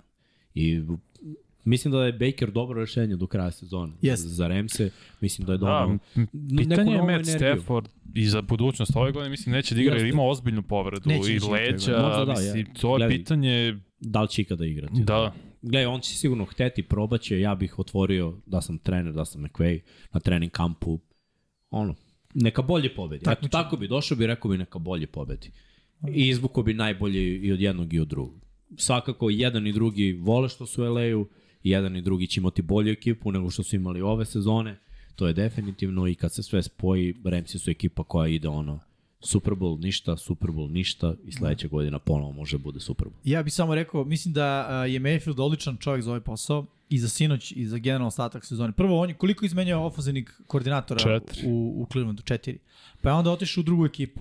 Znaš, to je čovek koji je navikao da brzo uči sisteme u kojima se nalazi. E, svi kažu da je Baker što se tiče futbalske inteligencije veoma, veoma inteligentan mislim, i kapira futbol. To se vidi. Ajde Ej, samo da... s- da Mana Bakera jedina je ono, pun sebe. I to je, Ego. Mislim, koliko je mana, toliko je dobro. Da nije pun sebe, sinoć ne bi kompletirao na neka je. dodavanja. Jeste. Skowronek bio pokriven. Jeste. Ti bacaš loptu, pun si sebe protiv bolje ekipe, interception. Ej, pritom, mislim da sistem McVeya mnogo više odgovara njemu nego bilo koji gledaj, sistem u kome on pre sistem toga bio. McVeya, koga god da staviš. To je ono što pričam. Ne veze kakav je tvoj identitet quarterbackovski. Dođeš kod takvih, u takav sistem, kod takvih uh, ofanzivnih koordinatora, trenera. Instant si bolji. Instant si bolji quarterback. Jer ti imaš mnogo, znaš, nije uvek sve jedan read, nije uvek samo jedna strana. Mnogo ima kretanja, mnogo ima ono krosera, mnogo, mnogo ima svega, pritom imaš i ono vertikalnu rutu da odvojiš safety. Opcije su ono beskonačne. Da. To ima i na koleđu kod Lincoln Riley-a. Bukvalno je vrlo da. sličan sistem na koji je on prostudirao svoje Heismana i naravno da mu odgovara ovakav sistem. Da, i samo bih rekao, ono, čisto moramo da spomenemo priču mm. -hmm. Baker Mayfield, danas sam je pričao, uh, vokao na koleđu, Tako izbori je. se za stipendiju, izbori se da bude starter, osvoji Heismana, bude prvi pik na draftu, stvari ne funkcionišu kako treba funkcionišu u Clevelandu, izmenja četiri ofenzivna koordinatora, na kraju bude bukvalno ono, ćao, nećemo te. Moram da kažem, ovo je u playoff, brate. Ne, ne, okej, okay, ali... To je veliki mislim, uspeh za Cleveland. Pa dobro, jeste. Pa koliko nije da je nije. on bio glavni uzrok, što je, ja, Bio je dovoljno, Vidi. dovoljno glavni uzor, brate. Kompletirao je to mu najbolju Najbolja sezonu. To ide ofenzivna u linija. plus stranu. Ok, ej, najbolji to, trkač, brutalna odbrana. ih povređeni hvatači. Sa rezervama je kompletirao dodavanja. Mislim, Bio je Odell igra- povređen. Da, Pa Odell nije ostali. se odigrao lošu sezonu i on igrao kroz povredu. Igrao kroz povredu, bio je na terenu, ali sve vreme igrao. Opet, znaš, Baker je odradio posao. Jeste. Meni je velika stvar da uđe neka ekipa u play-off posle 15 godina. Ničeg. Od 15 godina su imali 5 sa ono 0 i jednom pobedom. Znaš, doneo je on neku promenu i u Cleveland. Jeste, jeste. Zato ti kažem. Jednostavno nije mogao da uradi više. I Šta je je, bilo šta je sve ostvario? Onda otišao u, u Karolinu, je tako? Borio se za mesto Bio startera. grozan. Bio tu na pola sezone, otpušten. Došao u LA kad? Utorak. Utorak, da. Igrao. Odigrao u četvrtak, Dobio. pobedio, E, za to predvodio skidam drive, kapu. 98 yardi za touchdown, a realno njegov drive. Njegov da. Jeste, Njegov ne, drive. to mu skidam kapu do tada, do sinoćeg meča imao jedan najgorih QBR sezona ikada od kad se to vodi, od 2006. Jeste. Ikada. I evo, evo, koja je razlika? Ofanzivni koordinator i talent oko njega. Verujem. A ne mu kažem talent, oko njega još je imao talent u Karolini. Ne ovako. Mm, U Karolini, DJ, DJ Moore, izvini, nije bolje od svih. da, ofanzivna linija. Najgore Ramsi imaju najgore ofenzivnu liniju po, Imaju. rang, po rangu. Imaju, Dobro, ali, na okej, ovoj, ali- ali na ovoj utakmici je game. Asist Dobro, ne možeš kažeš Ej, da ima bolji talent. Mogu Ne. kažem da ima goru koordinatora i game plan. McVay je genije za Ili- bilo koga tamo. Kakva god je ofanzivna linija, ako te stavi ovako s lošom ofanzivnom linijom, izbacuješ loptu za dve sekunde, je bolje nego sa dobrom, ne odličnom, nego dobrom, da držiš loptu 3 sekunde. Imao je talent u Karolini, samo nije, je, im, mislim, on je Pa dobro, DJ da mu je uspeh bio veća šansa za uspeh u Karolini nego sad što mu Remsima. Ja ne mislim. Mislim Ni da mu je ja veći, veći Da. potencijal u Remsima. Ja mislim da ima šanse u čak Karolini, ovako iskreno. Ako odemo sezonu napred, neki paralelni univerzum, okay. on je quarterback broj 1, Cooper Cup. To gledaš u napred. Gledamo napred, Cooper Cup, uh, uh, play action, uh, ono, kombinacija uh, akcija koje se dešavaju u sredini terena, ono što njemu, da kažem, više odgovara ta plića, odnosno različite dubine gde on može da gađa. Mislim Dobro, da to može ali da mu... i više hvatačkih opcija u Karolini. I DJ Moore, i Robbie Anderson, i ovaj što, što Robbie Anderson pravo. Terence uh, Marshall. Rob- koji ne brzo- postoji i- već godinama, kako je došao. Ej, imao DJ je... Moore jedino njega priznajem, iskreno. Ovi Gledaj, ostali, Robbie Anderson trči koliko pravo. god da su talentovani, taj game plan je ofanzivni koordinator New York Giants. Bob McAdoo je grozan bio. Mora čak i Naš. Joe Judge. Nije, nije, nije, nije, Ne, Bob ne, McAdoo. plan, plan. McAdoo je bio ofanzivni koordinator McAdoo Karolina. je bio. Da, koji je da. bio glavni trener Da, da, da, Giantsa da. kada su se oni raspali. Mislim, ako pogledaš, Da. zamisao koga god da staviš na hvatače Failuje. je fail u napred. Ali napad je, po, Karolina je počeo da mnogo bolje da funkcioniše kad je bio PJ Walker i Sam Darnold nego A ko je bio Baker. ofanzivni koordinator? Je znaš kad je dobio McAdoo otkaz? Pre nego što počeo PJ da igra. I odmah je sve proradilo. Zato što je game plan bio loš. Mislim, gledaj, Baker po mom mišljenju nije ono top quarterback, svakako. Ali hoću u njegovu odbranu da kažem da je ofanzivni koordinator koliko ume da te zacrni, da te zakopa, niko ne ume. Znači, iz, izbor akcija. Gledaj, na primjer, Green Bay kad nije ušao play, playoff sa Rodgersom, a imali su talent. U koga smo upirali prstom? U glavnog trenera, ali realno, brate, svi treneri su bili katastrofa. Došao je LaFleur odjednom, game plan, Rodgersu se ne sviđa, ali ekipa pobeđuje. I na kraju se ispostavilo da je game plan dobar. I mora da pohvališ trenere da rade dobar posao. Ramsey, Fisher, McVay, velika promena. A Maltene, ista ekipa. Golf u dukserici, do duše, ali on je rekao, ok, dajte ovog malog u dukserici, stavi ga da bude startni quarterback, pam, najbolji napad u ligi. To je trener, to, to je zamisao. I, I to je ono, vel, velika razlika da li je okej ili nije. Sad, prosečan igrač u dobrom sistemu je mnogo bolji igrač nego u lošem. Razumeš? Čak i dobar igrač u lošem sistemu, ja bih rekao da je bolji prosečan igrač u dobrom. Slažem se. Tako mi nekako... Sa, samo bih ono zaključio da Baker mi deluje kao dobar fit za Ramsa. Ako se Stafford oporavlja duže, ako mu nije do Baker može sledeće godine, gledaj da se bori. Ako ostane, Za njega da. je to najbolje. To je LA, to je slava, to su reklame. To Da. je Baker. Brate. Da. Baker je on, attention freak, egomanijak. Jeste. Leži mu ovo, razumeš? Oni McVay imaju neku dozu Imaju. udjela, je- jednako. Ima je. Ej, ovo je zakucao glavom bez kacige sa igrača. McVay je pred dve nedelje dobio Uf, š, rame u, u bradu. nije baš to hteo da dobije. Nije to Baker da je dobio, ali hteo. dobio i nije trepno. Mislim, bilo je kao u fuzonu, dobio sam udarac, znaš. Nije se one svestio, nije... Brate, njih dvojica su Jesu, ludaci. stvoreni jedan za drugog. Da. Bukvalno. Sino Da. se videlo, znaš, video sam neku konekciju. Jeste. I još Energetska. pazi, dobro što je on odigrao ovako sa Skowronekom, Van Jeffersonom i ovim I malim. Atwoodom. Da. Eto. Atwell. Eto. Atwell, da. Ajmo dalje. Ajmo dalje. Ajmo Svakako- dalje, a dalje E, kad smo prvi kod- meč koji najavljamo, Dolphinsi proti Chargersa. Vanja, To je ovo idealno što si rekao, prosečan igrač u dobrom Evo ti sistemu. vrhunski igrač, vrhunski igrač Da, da, u lošem krš sistemu. sistemu Da. i Muči prosječan igrač u dobrom sistemu. Muči je, se, da. to je ovo, apsolutno. Veruj mi, Vanja. Ne, ne grešim 100% Ne, da je obrnuta Čekaj, situacija, bre, 49ersi su definicija toga, sa, od kako je došao Šenahin. Koji vrhunski kotrek? Ne postoji. Ne. Sve prosječni E, ali se muči kad nije Garopolo tu. Ne, može, ne mogu pobediti, mnogo loše iskorima. Dobro. Zašto? Zato što su to ispod prosečni igrači. Aha, Garoppolo Istina. Još jedan sloj. Tako je. Jeste, pravo, Jeste, moramo da, da, razgraničiti, jeste, ne jeste. možemo mi da kažemo- Jeste, nije jeste. pokazao. Ne možemo Jeste, da kažemo jeste, Nick jeste. Mullins prosječan igrač. Da. Ako je Garoppolo, nemoj da vrećamo Nije, Garoppolo. nije, nije, naravno. Znači, zna se šta je prosek, zna se šta je iznad proseka Da, da. i zna se šta je ispod. Brok Pritom, imamo, ćemo, imamo ne igrače koji su tik iznad i tik ispod. ispod. Da. Da, da. Znaš, to je neki ono, talenat među. Niti si vrhunski, ali bolji si od proseka. da. Pazi, ovo je stvarno mismeč na sve strane. Za? Ča, za Chargers nema teorije, Miami u svakom segmentu bolji. Dobro. Bukvalno u svakom segmentu Miami- bolji, samo u mo- poziciji quarterbacka nije bolji. Da, da je Herbert, kao što je i U Teo, Majamiju, da, Ćao. Miami bi bio favorit. Ali nije i zato, zbog, samo zbog Ne znam šta Her... ti znači da je Herbert, da je hteo samo... Ne, ne, da je Ne hteo, ne, hteo je, uh, Flores je hteo Herberta tada, Aha, a okej. vlasnik je hteo tu. Da je obrnuta situacija, Miami bio favorit, a ovako je Bio meč... tada favorit, realno. Ne, jeste, ovako je samo ja postoji nešto šansa... da zamislim Vadli Hill sa rukom. Da je. Ne, ne, ne, Herbert. nemoj da pričamo. to je neki, ono, univerzum.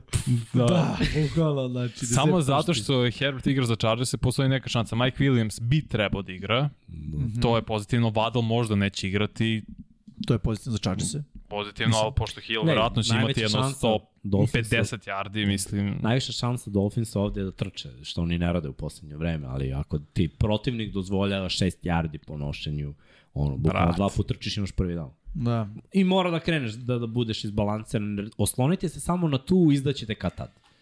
Znaš, čak i oslonite se na Herberta, izdaćete kad tad. Ali opet ja verujem u taj sistem Miami Dolphinsa. mnogo bolji Odbrana im je bolja, napad im je bolji, playmakeri su pa možeš više da se osloniš na njih jer su tu za promet. Eto. I ja bih rekao, ovaj meč je jako važan za play-off. Ma Kako jest, god se jest. to činilo, znači Dolphinsi moraju da pobeđuju. Dolphinsi ako pobede, To je devet. Maltene su nokotirali Chargersa i to je to. Da. Ćao.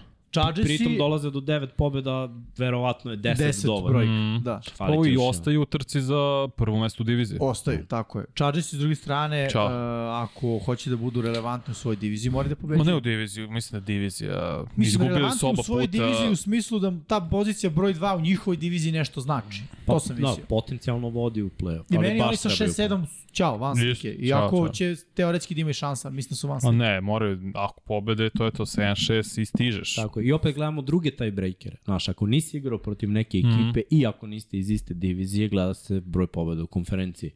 Mislim, ovo je još jedan duel u konferenciji, u Da. da. AFC-u. Ne možeš da ih gubiš konstantno. Znači, izgubio si u svojoj diviziji, gubiš van svoje divizije protiv AFC-a, Ne ideš u ne play-off. ideš u play-off. Mislim. Da. Što bi bio poraz za Chargers, ovo je treća godina da su ekipa koja treba granici. da ide u play-off, a ne ide u Ne play-off. Ok, ćemo sledeći meč. Može? Da. Šta smo još najavili? Jets i Billsi. E, Po revanš. početak sezone ovo bi bio blowout u korist uh, Billsa beda za mišljenje. Ovako, što kažeš, revanš. Či Jetsi su dobili Billsa, ljudi, to ne smemo da zaboravimo. Zonska odbrana, zonski coverage protiv Alena je upalio, jer Alen imao tada dve presečene na tom meču, u- kad je bila Jetsima odbrana u zonska šema, 11 od 23, QBR mu bio 3. Znaš zašto to funkcioniš? Zato što rašuješ s četiri. Tako Da, I rašuješ dobro s četiri. da, Da. Ako to budu uspeli na ovoj utakmici, problemi. i, i imaju bili si problema. Ma da- Ali, znaš šta, i bili si prave dobre adjustment u tim situacijama, takođe. O, to može On- poredimo kao prošle godine New England, prvi meč, pa onda drugi da su ih oduvali. Tako je. I isto su ih, da kažeš, oni veter je možda smetao svim osim Joshu Allen u novom svetu. Da. Njemu nije bio problem. Ali, znaš šta, odbrana Billsa ove godine je igrala dobro, pa igrala loše i kao prošle godine sad dolazi period kad će oni opet igrati dobro. Mislim da ovo Svonu Milleru može da bude i neka dobra motivacija da se ostali igrači ono, fokusiraju i vinu u zvezde. To može da bude njih. Opet, šta je njima preko puta? Kvotrbe koji nije. E, Mike Kvotrbe White koje je mora igrao da rešiš i trčanje prošle koje mora da godine. limitiraš. Znaš. I Jetsi ne daju poene, to je jednostavno. Mike White je igrao prošle godine protiv Billsa Jeste. i imao četiri presečene lopte. Tako da, To je bilo onaj... Mislim, vidi, Billsi, ako, uh, Billsi, Jetsi, ako su sada pametni, ono, trči je. Sad, to je malo problem. Što Ne osim- mogu da trče. Z- Tako, i osim Zonovana Najta, nemaš neko rešenje, realno. Već smo rekli, Michael Carter nije, on samo će da ima Ne, po neko nošenje. Moraju da probaju, a Billsi moraju da zaustave. Da. Ja više verujem da će Billsi da zaustave ne, Isto. ne, nego da će Jetsi da, da uspeju. Isto. Mislim da je dovoljno, nekako, prvo si igrao u Buffalo, mm. -hmm. Bills igraju mnogo bolje kod kuće. Ove godine su baš dobri kod kuće. Ledara je, verovatno i sneg. Tako da Moguće. njima, njima je ovde sve nekako ide na njihovu vodenicu. Za Jetsi, znači mi se držimo ovako odbrana Jetsa protiv celog sveta. Znaš, ta odbrana ih je stvarno dovodila do mnogo pobeda i do mnogo egal utakmica. Znaš, negde mora da stane. Jest. Ovo je mesto gde staje. Tako je. I uh, dodao bih samo još jednu stvar. Mislim da onaj poraz prvi koji su Billsi doživjeli od Jetsa je shvaćen kao prošle godine protiv Patriota. U smislu, imali smo ih, izgubili smo na nas. Neće se desiti postao lično. Da, isto kao i za Miami. Da, Isto su izgubili svojim greškama. Znaš, ono, imali smo ih, uh, nije ovo onaj poraz u smislu, oj, stvara se blokada kako da ih dobijemo. Ne. Oni se dobijaju, samo su nas dobili na našu glupost. I to mislim da će biti faktor ovde, da će Billsi biti To prilično nemilosrdni u ovom meču. I- I Što ne mora da znači da neće biti grešaka Josh Allena u vidu interceptiona. ovo je najgora sezona. Ili. Sre- previše pravi greške greška ove ima, da. Dvocifren Što realno će vraćati Jetse u, u, igru, mislimo, da će Hoće, to vi, da li će Mike White uspeti iskoristiti, to je pitanje. Ali vidjet ćemo. Bilo je Bills Juri 10 pobedu, to im je, ovo će im biti četvrta sezona za redom s 10 Da. pobeda, što je ogroman uspeh. Jest, jest. Eto ti promena kulture, uh, play calling, koliko je unapredio quarterback. Takođe. Da. Ajmo na sledeći meč. Buccaneersi protiv 49ersa. Ponovo uh, playoff implikacija. U smislu Bucksi se bore za poziciju broj 1. Divizija jeste bedna, ali mora se pobeđuje. Mhm. S Ali druge su, prvi strane, ide, ali su prvi da izgube. ok, Zato što su zabeležili pobedu u Monday Nightu i sad im... Mislim, gledaj, iskreno, da budemo realni. Oni nemaju ni jedan segment igre koji je bolji od, igre 49ers. o, pa ako samo quarterback. Kao, Da, takav, ali- kao izolovana jedinica. Ali gledam, da, gledam napad. Naravno, nije. Mnogo bolji. više talenta i Slažem zdraviji su i bolji I ofanzivno. sistem je bolji. Gledamo od ofanzivne linije. Od tu, odatle su bolji 49ers i pa preko skill igrača, jer su zdraviji, dostupniji i onda računamo i backfield. Bukvalno sve kada zaokružimo, naš, ne može Tom da igra Da sam. pitanje, se čini da je Fournette debel? A nije da... De, nije bre, ugojio se, Yes, izgleda ugojio. bre. Brate, Kao- igro je s Ali tom bio je istom povređen. kilažom. Ali bio je par povređen i sad se vraća polako Vidi pola. se da je jeo, iskreno. Mislim, to je moje mišljenje. Kao da su za njega praznici već prošli. Tek da dolaze te- ovi Da, glavni da, znam, praznici. ali za njega dele, on dele kao da je praznik već pregrmeo. Problem najveći je, znaš, što, što, što je povređen i što nema. Vidi se da, ne, da nema tu eksplozivnost. Eddie Lacy. Eddie. Lacy koji je bio sve veći iz godine u godinu. Minut. Kelvin Ben, Da, Kelvin najveći, Benjamin iz najveći problem isto, da. ovde za Buccaneers je da se manemo hrane. Bi, biće ofenzivna linija, ja ne znam kako oni mogu da igraju Nikako. ovde. Front 7 49 se već ima ta, Nikako. re, rešenu tu priču. Teško će biti trčati, dodavanja. Mislim, Čitao sam da hoće gde- da gde bih- implementiraju two minute offense sve vreme da igraju De, protiv pa to ste ti 49ers. kažem, gde bih napao? Sekundari, znaš, ono. Mada i safety su dobri. Bre. Jesu fangaleti. Da, Ali, da. znaš šta, treba, treba protekcija za ta malo duže dodavanje. Jeste, nije ali ja baš mislim da neće biti ta duža, znaš. Ja mislim da će ovaj, ovaj game plan da bude run, screen slip, screen na tight enda, screenovi na ove spoljne. Ali ne možeš To to, na linebacker To su već probali 49ers. jednom ove godine protiv Baltimora i nije prošlo, jer igraju front 7 igra slično kao, kao što igra. To je bila prva utakmica, ako se, nije u stvari. Nije prvo je Dallas. Ne, ne, nego mislim prva utakmica kada je došao Roquan Smith, ali nije to, to su bili. Saintsi. Ali bila šema ovakva sa, sa dva bekera i sa četiri do pet igrača na liniji. Baš to da, da oduzmeš Brady. Mislim, da ga način- teraš da, da baca duboko. Jedini način koji mogu da vidim da on koristi tight endove, ovde su te takve varijacije. Ono. Pa- ne, ne vidim nešto drugo. Probaće, ali ja mislim da će biti neuspešno. No, njihova najbolja nada je da unište život ovom broku. Broku. Tako je, defanzivno, da bude toliki pritisak da, da. San Francisco koji je već imao, na primjer, protiv Saintsa, sličan problem. 13 poena i to kad je igrao Jimmy.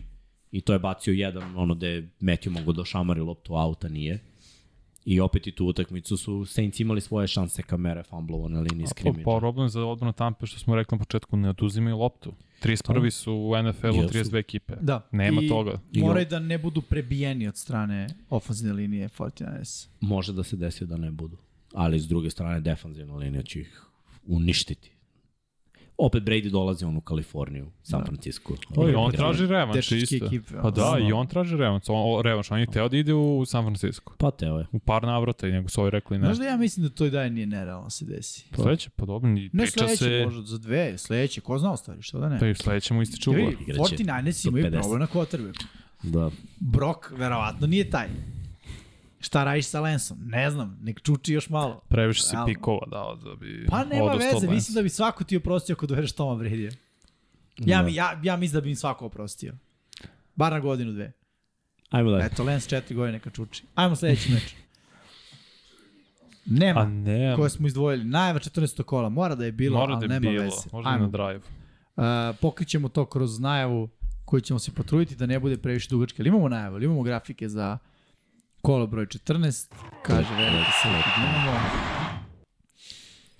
Ajmo Raiders i Ramsi, to je već odigrano 17-16 za Ramse, dotakli smo se tog meča, bilo je na Sport klubu 1, sinoć. Uh, nedelja 19 časova na Sport klubu HD, Jetsi protiv Billsa, to smo već pokrili. U istom terminu Brownsi protiv Bengalsa, igra se u Cincinnati. Mislim da su Bengalsi ovde favoriti, ali ovaj, ono, i dalje ne znam, mislim, delo je zarađao uh, Watson svakako, međutim ova odbrana Clevelanda igra dobro, Cleveland u diviziji ono, grize. Znaš, može ovo da bude jako dobar meč. Čab. Od, čan, smrti. Čan. Čab, sad je već čab. Sad je čab. Nije više čab. Ne, pa napokon odbrana. Clevelanda igra do, na nivou svog potencijala. Toliko pikova u prvoj rundi su Da. imali na sve pozicije, mora to nekada se iskristališe. Vidjet ćemo. Uh, u istom terminu Texans idu u Dallas po još jedan poraz. E, je, lagan. Cowboysi će biti, ja mislim ovde je ono 60, bit će sipa i pun. Nema, mislim da neće. Misliš? Kontroliši se. Pa videli su prošle godine kad su sipali svi na kraju i onda su... Sad oni su dali ta ekipa. 54. Oni su ta ekipa, oni se baš lože na to. Jesu Da. ložani. Da. Da sipaju pun. Verujem, to su bonusi. Bro. Pritom, sad se jure bonusi. Pritom, to je bila deseta pobjeda u sezoni. A re, pričamo o tome da je broj 10, ono, broj za playoff, realno. Da, da. Ma bre, uništit će ih. Ajmo dalje. Nakon ovog seka. E, takođe isti termin, nedelja 19 časova, Vikingsi protiv Lionsa u Detroitu. Ovo će Ovo- biti zanimljivo. Uopšte nije ono, Ne. toliko na strani Ja Vikingsa. mislim da sam pikao, vidjet Yes. posle Jes, ja. plavce. Ovaj, ovo će biti moguće. super meč. Da, da. Super meč. Nema Atraktivan. playoff implikacije za Kako Lionse. nema? Za Lionse. Kako ne? Pa dobro, ima, da, bravo, ima čovjek. Lions koji. 10. Pa, ok, long shot, ali ok, ima, Dobro. ima, ima, ima. Za Minnesota, ako Ima. pobeduje, uzeli su diviziju. Da. Je Minnesota, to. ako izgubi, ostaje broj 2. Uz pobedu Philadelphia Eaglesu nema, mislim, Da. više govora o tome da dođu do... No, brate, klinčovanje divizije, ono. Jeste, jeste. bi- Cilj, prvi cilj u, Jeste. se, u sezoni, ja mislim da je osvojiti Kad su diviziju. poslednji put uzeli? Kad je Rodgers bio povređen, ono, Da. pre Da četiri godine. Da. Ali Detroit meni ovde ima, ima uh, šanse iz, iz više ovaj, uh, stvari. Ali, Brate, koliko ja je taj zapravo u Minnesota sad. Četiri. Više. Nije. Ovo mu je A peta zašto ili je sad šesta ključno pitanje? godina. Ko je bacao pre njega? Uh, Minneapolis Miracle, Trevor Simija. 2018, Bože, gospod. 19, Trevor Simeon je 20, bio Minnesota. brate. Da, deluje da je mnogo duže Kazin Delo kao zapravo. da je zauvek. to je realno. Biće možda za ovaj Kada je Kazin. bacao Randy Moss u jednu vreme. Tennessee. Titans i zauvek trče protiv Jaguarsa. i- O da, i Hen- Henry će doći Henry po to svojih voli. 100 plus yardi. Mada Pedersen zna da zaustavi trčanje. Pa da. Vidjet ćemo. Vidjet ćemo, mislim neće biti Pritom ovako Titansi- lako za Tennessee, Da. iskreno. Nisam znao da će se obući shoulder pad i na Da zaustavi, ja. Brate, nikad neće zaboraviti, imali su šest probolera i ovo istrčao 99 yardi na Da, jedan ona- pokušaj. Ono. Era. 2019. Eagles i Giants to je na Sport klubu 2 od 19. Dobro, ovo je derbi i vrlo važan za Giants. Giants ovde ako izgube idu na 7-5-1, onda je već... No, Veće frkice Da. jer ne mogu braniti trčanje. 26 su po tome su preko 140 yardi dozvoljavaju, a Fila ono, zna, Da, ja evo mislim istina. da, da Fila ima ovde A ima i da je kako, i. mislim da će sad na meč da se vrate više igri trčanja nego u prethodnom protiv Tennessee. Opet Giantsi sa 7-5-1 imaju isti skor kao Commandersi. Tako da je onda njihov duel sledeće nedelje Odlučić. taj koji odlučuje ko je igra, broj 3. pa igra su u Njorku. Je sad bio Washington domaćin. Ne znam. Ne mogu se setiti. Mislim da je bio u Njurku, ali možda grešim. Pogledać. Dajde kad budem išli dalje svakako. Još jedan divizijski Ravens i derbi. Steelers i ta takođe od 19 časova derbi, ali ovaj put severa AFC-a. Biće zanimljivo.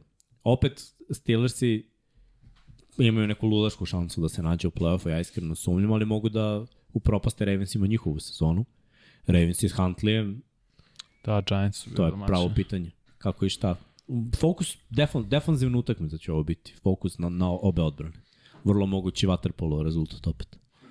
Pa možemo dalje. Oh, ovo će biti... Chiefs i Broncosi, easy money. Easy, baš easy, Baš da. Uh, Buccaneers i 49ers i Sport Klub 2 22-25 u nedelju. To smo pričali. da. Najavljivali. Uh, Panthers i Seahawksi u istom terminu. Uh, Sport Klub HD. Seattle je domaćin. Neće biti lako odmah, da se razumemo. Znači, ovo super prilika Seattle da dođe do te osme pobedi i korak bliže play-offu, da se odalje malo i od Giantsa i od uh, Washingtona. ali neće biti lako. Možda čak i Karolina iznenadi.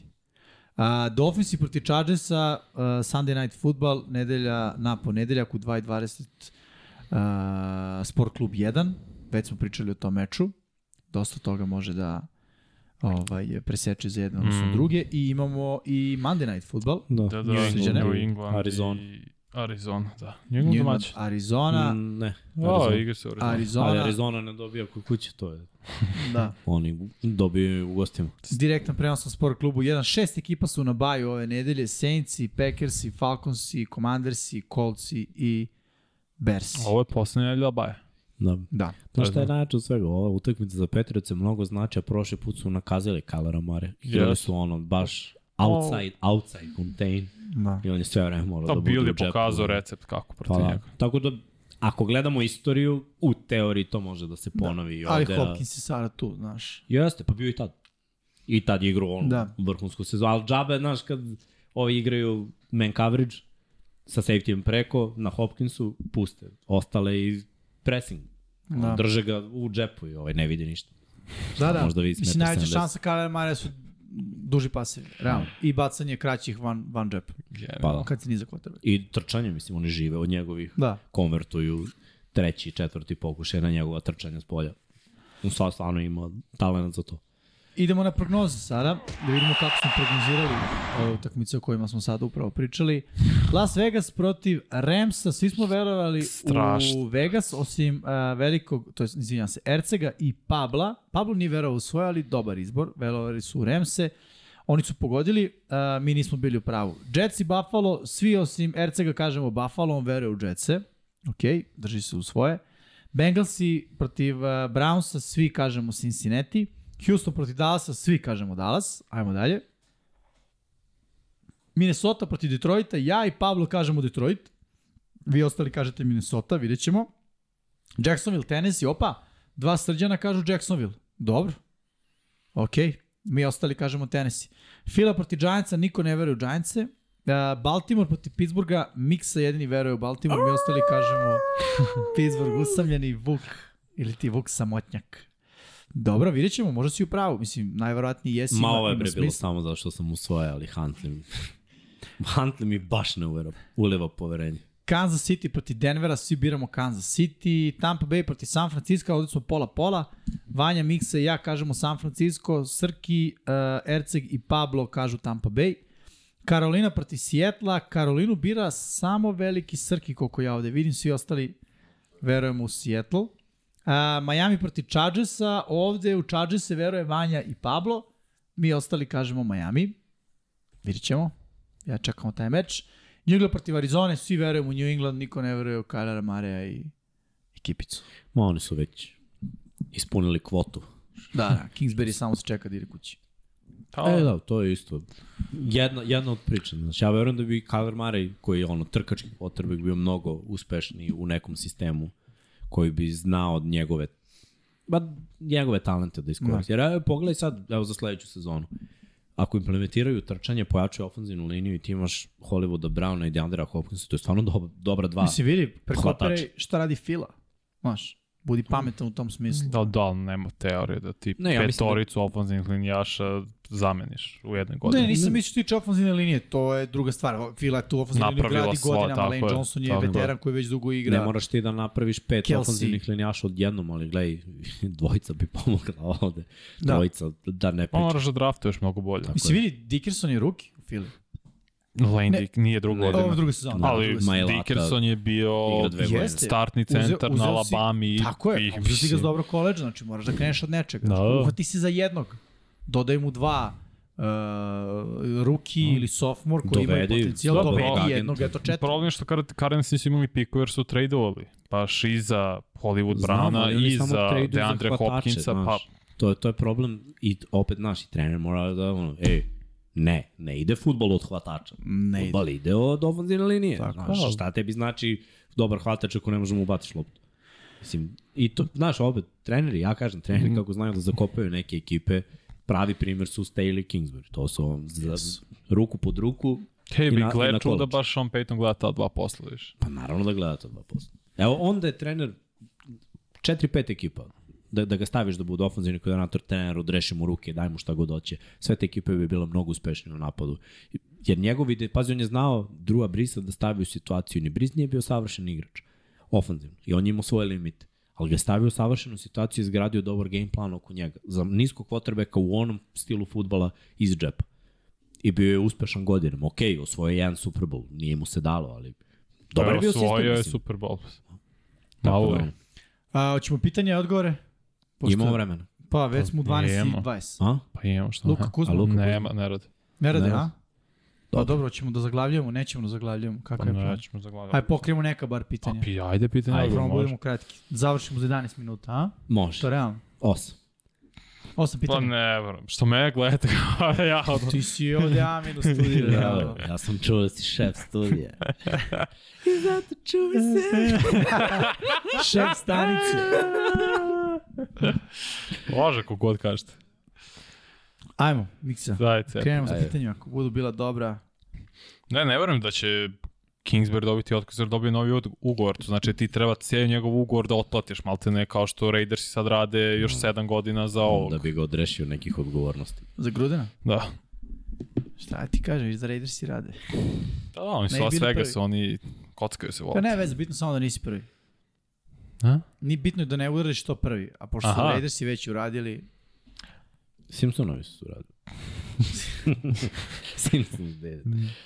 Uh, čekaj reklame da prođu. A dobro, uđi Ajde. live chat, to može i sa reklamom. Pa, ne mogu. Evo sad mogu. Zašto 49 nisu uzeli Bakera?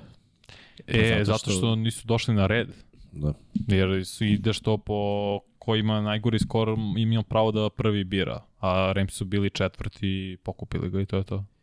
Zašto se ne priča o Brianu Burnsu, čovek je cela odbrana Karolina ove sezone. Pa kida ono, mislim, ja pričamo o Karolini. Nije cela i JC Horn igra mnogo Imaju bolje. dobri i igrača. Chin isto i ovaj D- Brown, defensivni tackle. Ne idu u playoff, neće ništa raditi, šta njemu znači što je dobar igrač u krš ekipi.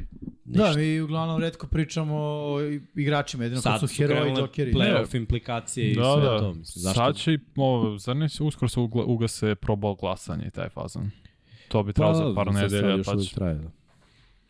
Da li pratite statistiku za timove i igrače na nivou cele sezone i ako pratite šta vam je do sada najveće iznenađenje? Ja pratim, volim to da, da pogledam kada god ovaj, nešto radim čisto da vidim ko je gde. Najveće iznenađenje za sada pa ajde ovako po pozicijama. Prvo Jacobs mi je najveće iznenađenje, prevodi NFL trčanjem, očekivao sam da to bude Henry pa Chubb. Umesto toga Jacobs im drži časove kako igra, ali stvarno ima nekoliko monstruoznih utakmica Da, ove tu su, godine. ali tu, tu su i Čabi Henry. Tu su, tu su odmah iza, ali znaš šta, od njih sam baš očekivao, a od Jacobsa nisam. Očekivao sam da bude broj 10 jer u predsezoni mi je igrao ok, ali ovako me baš iznenadio. Što se tiče quarterbackova, najprijatnije iznenađenje što se tiče jardaže mi je zapravo Tom, jer stvarno ima jarde, a ekipa igra katastrofa. Pa gledaj celokupnu statisku, ja bih morao staviti Gina. Celokupno. Pa dobro, da. Gino jedan, Gino i Tua, quarterbackovi, to je ono, nisam očekivao ni od jednog, ni od, Gina baš nisam, a od Tua nadao sam se da može, od hvatača Tyreek Hill i Waddle, jer sam mislio da će pasti malo pro, produktivnost, pre svega Tyreeka Hilla bez Mahomesa. Nije se desilo, što se tiče ostalih hvatača. Mislim sad da li tražim neko ko je ono, nisam ga baš vidio ni na mapi. Saint Gledaj- Brown. igra. Amon Ra. Da, da. Pa dobro, Definitivno. pokazuje potencijal, da, ali Da. ni, ni, Ali znaš šta, nismo ga videli. ja sam očekivao AJ Brown da ima dobru sezonu, očekivao sam da Devonta Adams ima dobru Znaš sezonu. ko je meni- I oni imaju dobre sezone, iako su u drugim timovima, u drugim sistemima. Da, znaš koje je meni iznenađenje, ali da kažem u negativnom smislu? Devonta Smith. Očekivao sam da će da prati AJ Browna, ne Da. u stopu, ali da će biti tu, ali nije. Ali ekipa pobeđuje i Jeste, slažem je, se. gubi se, znaš, gubi Slažem se, se. u timskim pobedama jer ne juri se Slažem jardaža. se. Ali vidi, koliko se on gubi, toliko AJ Brown potpuno je ono, znaš, u prvom je planu, što se svega tiče. da. Da. da. Hrc je broj jedan, što se tiče svega i trči i baca logično, ali AJ Brown je baš onako opcija broj jedan. Jared Goff isto igra mnogo bolje i mnogo bolju statistiku, igra u skoro Ajde, Jamal kategoriji Williams. top 10. Jamal da, Williams je Jamal pokidao. Williams, najviše postignutih touchdowna mm. trčanja. Da. Ko je to mogao da vidi? Čovjek Judon- broj 2 running back Da. u Detroitu. Judon me je iznenadio što je predvodio do prošle nedelje po broju sekova. Mislim, on je meni uvek tu oko 10, ali da bude ono ispred. Kako ima sad 13? Ej, Da, znaš za koga mogu da kažem isto? Tariq Hill, iskreno, nisam očekivao Da. ove brojke. Rekao pa naravno, da. Ja sam rekao da očekujem da ima preko hiljadu, ali ne, Ali ne ovako brzo. Da, i, i zato mi je i Tua iznenađenje, Da. da. znaš, jer opet i on i Vadl su na, na dobrim brojem. Ne mogu, znaš, ne mogu kažem Kazan, JJ, Stefan, o, to je očekivano, mislim, Jest. oni su tu, već imaju konekciju. Evo šta mi je neočekivano, uh, Josh Allen broj izgubljenih lopti. Da, To je baš neočekivano. preveliko. Počeo kao Daniel Jones, svaki meč barem jednom. mislim. Da, to je, to je loše. Eto, pa, I Saquon Barkley, ne znam da smo njega rekli. Come, comeback. Da, da. Saquon Barkley, realno. Odlična sezona. Šta ima dalje? čekaj da vidim, čekaj da vidim. Dobro. Ljudi, ako niste dokle Miksa čeka, udarite like, da. bacite subscribe ako niste se uh, subscribe-ovali na naš Prešli smo 21.000. kanal, 21.000, hvala ljudi, uh, vi ste veliki deo toga, mislim, to, to, to jesu, da kažem, subscribe-ovi vaši. Ko je Ali- po vama bolji front, San Francisco ili Jets? Front 7. San Francisco. Bolje San linebacker imaju. Francisco. Isto. San Francisco. I, druga stvar, duži igri zajedno. Taj, ono, srž je Mm. duže tu. Ma malo pohvalim Quinn and Williams. Kida, napokon igra Kida, kida. ono kako su i zamišljali da može da igra na de, poslije defensivnog tekla. Baš igra dobro. Šta je realno za New Orleans u smislu sledeće sezone? Da li da gađu što bolji pik ili da ipak dovedu nekog jakog igrača? Nemaju, ako nemaju Njihov pika prve runde, pik. tako je, Tako da, 2023. ali rebuild. Moraš, nemaš quarterbacka realno. Ako koga krećeš rebuild? Definitivno nekako kamere, ja bih rekao. Rebuild krećeš od uh, linije. Mora kreneš od linije. Slažem se. Zato što si ubao par skill igrača na obe strane. Pazi, Imaš ovo, da li ostaje. Dalton? Realno Što ostaje. da ne, može da razvije i dalje. Mislim, još Mislim, po Ola, meni još- Olave mi je isto iznenađenje. Mm. Kida mali. Po, po mali meni, Kida, najbolji je ruki hvatač. po meni za Saintsi mogu da zadrže isto u ono quarterback sobu sledeće godine, možda James da ode jer nije Da. to to, da dođe neko drugi koji je bio konkurent, ali da se naginje ka Daltonu da bude opcija broj 1. No, neka Ali- razvija još malo. Ofenzivna linija definitivno. I defanzivno. Zašto su stari. Da, to jest. To Tako, jest. tako treba Da, razmišljati. to je jedini novi Davenport koji je trebao da preuzme od Kema, tako koji je. ono već je decline. Već je decline ove godine. Jeste. I opet uh, linebackeri isto razmišljati, jer Mario Davis je veteran isto. Jest. Pa da, da traduješ te veterane. Kao što je slučaj bio Denver Broncos sa Von Millerom. Traduj Ali Cam znaš Jordana. koji ja mislim da je, da je problem uh, sa tim igračima? Što oni nisu kao Roquan koji je rekao hoću da idem. Znaš, ja mislim da Demari Davis voli što je u Saintsima. Mislim da Cam Jordan ne želi da ide. Pa I da. onda je problem da traduješ takve veterane. ne znam se da li je hteo Von Miller da ide. Iskreno. Iz Remsa? Pa ne, ne, dobro, ne, ne, ne, iz iz Denvera. Denvera. Iz Denvera? Ne znam da li je hteo baš da ide. Nekad, Pa su da, nekad jednostavno ne treba biti sentimentalan u biznis odluka. Ne, ne, jeste, znaš, ali Jer ti nama je to imaš lako da jednog pričamo igrača sada. koji je dobar još godinu, dve i on kad se penzioniš ili kad ga katuješ nemaš ništa. Ako ga sada dok još vredi utopiš imaš dva igrača od njega koje možeš da, da Jeste, iskoristiš. ali znaš šta tu i uvijek ima? Mislim da je stvar koju često zaboravljamo. A, a to je veterani i stvar koju oni imaju koje a, mladi igrači uglavnom nemaju. To je porodica.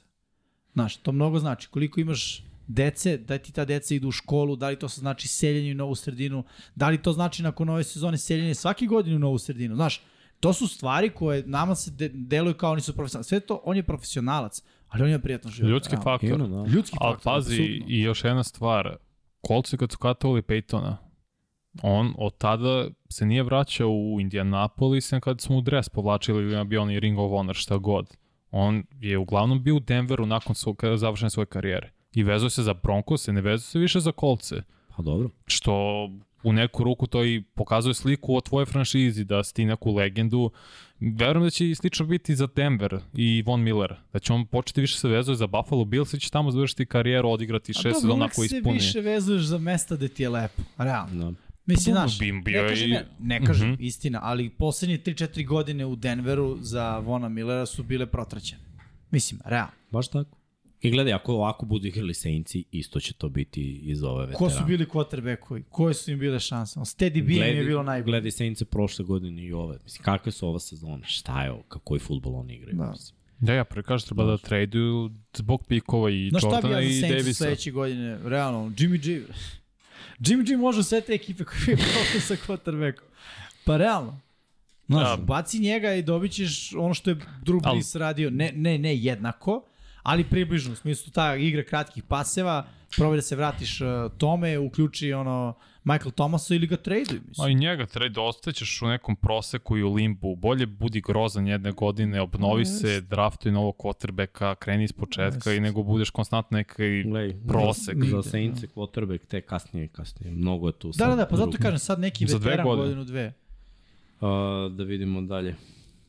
Evo kaže McVay da očekuje da će Mayfield ostati Da. starter do kraja godine. Koji je igrač pod vama najviše podbacio? Russell Wilson Ubedljivo. i Matt Ryan. Onako nekako sistem. Ali Russell Wilson baš. Za kometa Ryan nije bio toliki hype, znaš. Svi znamo da je on tu došao da Penzija. zatvori vrata. Hmm. A ovaj, Russell Wilson, definitivno, da.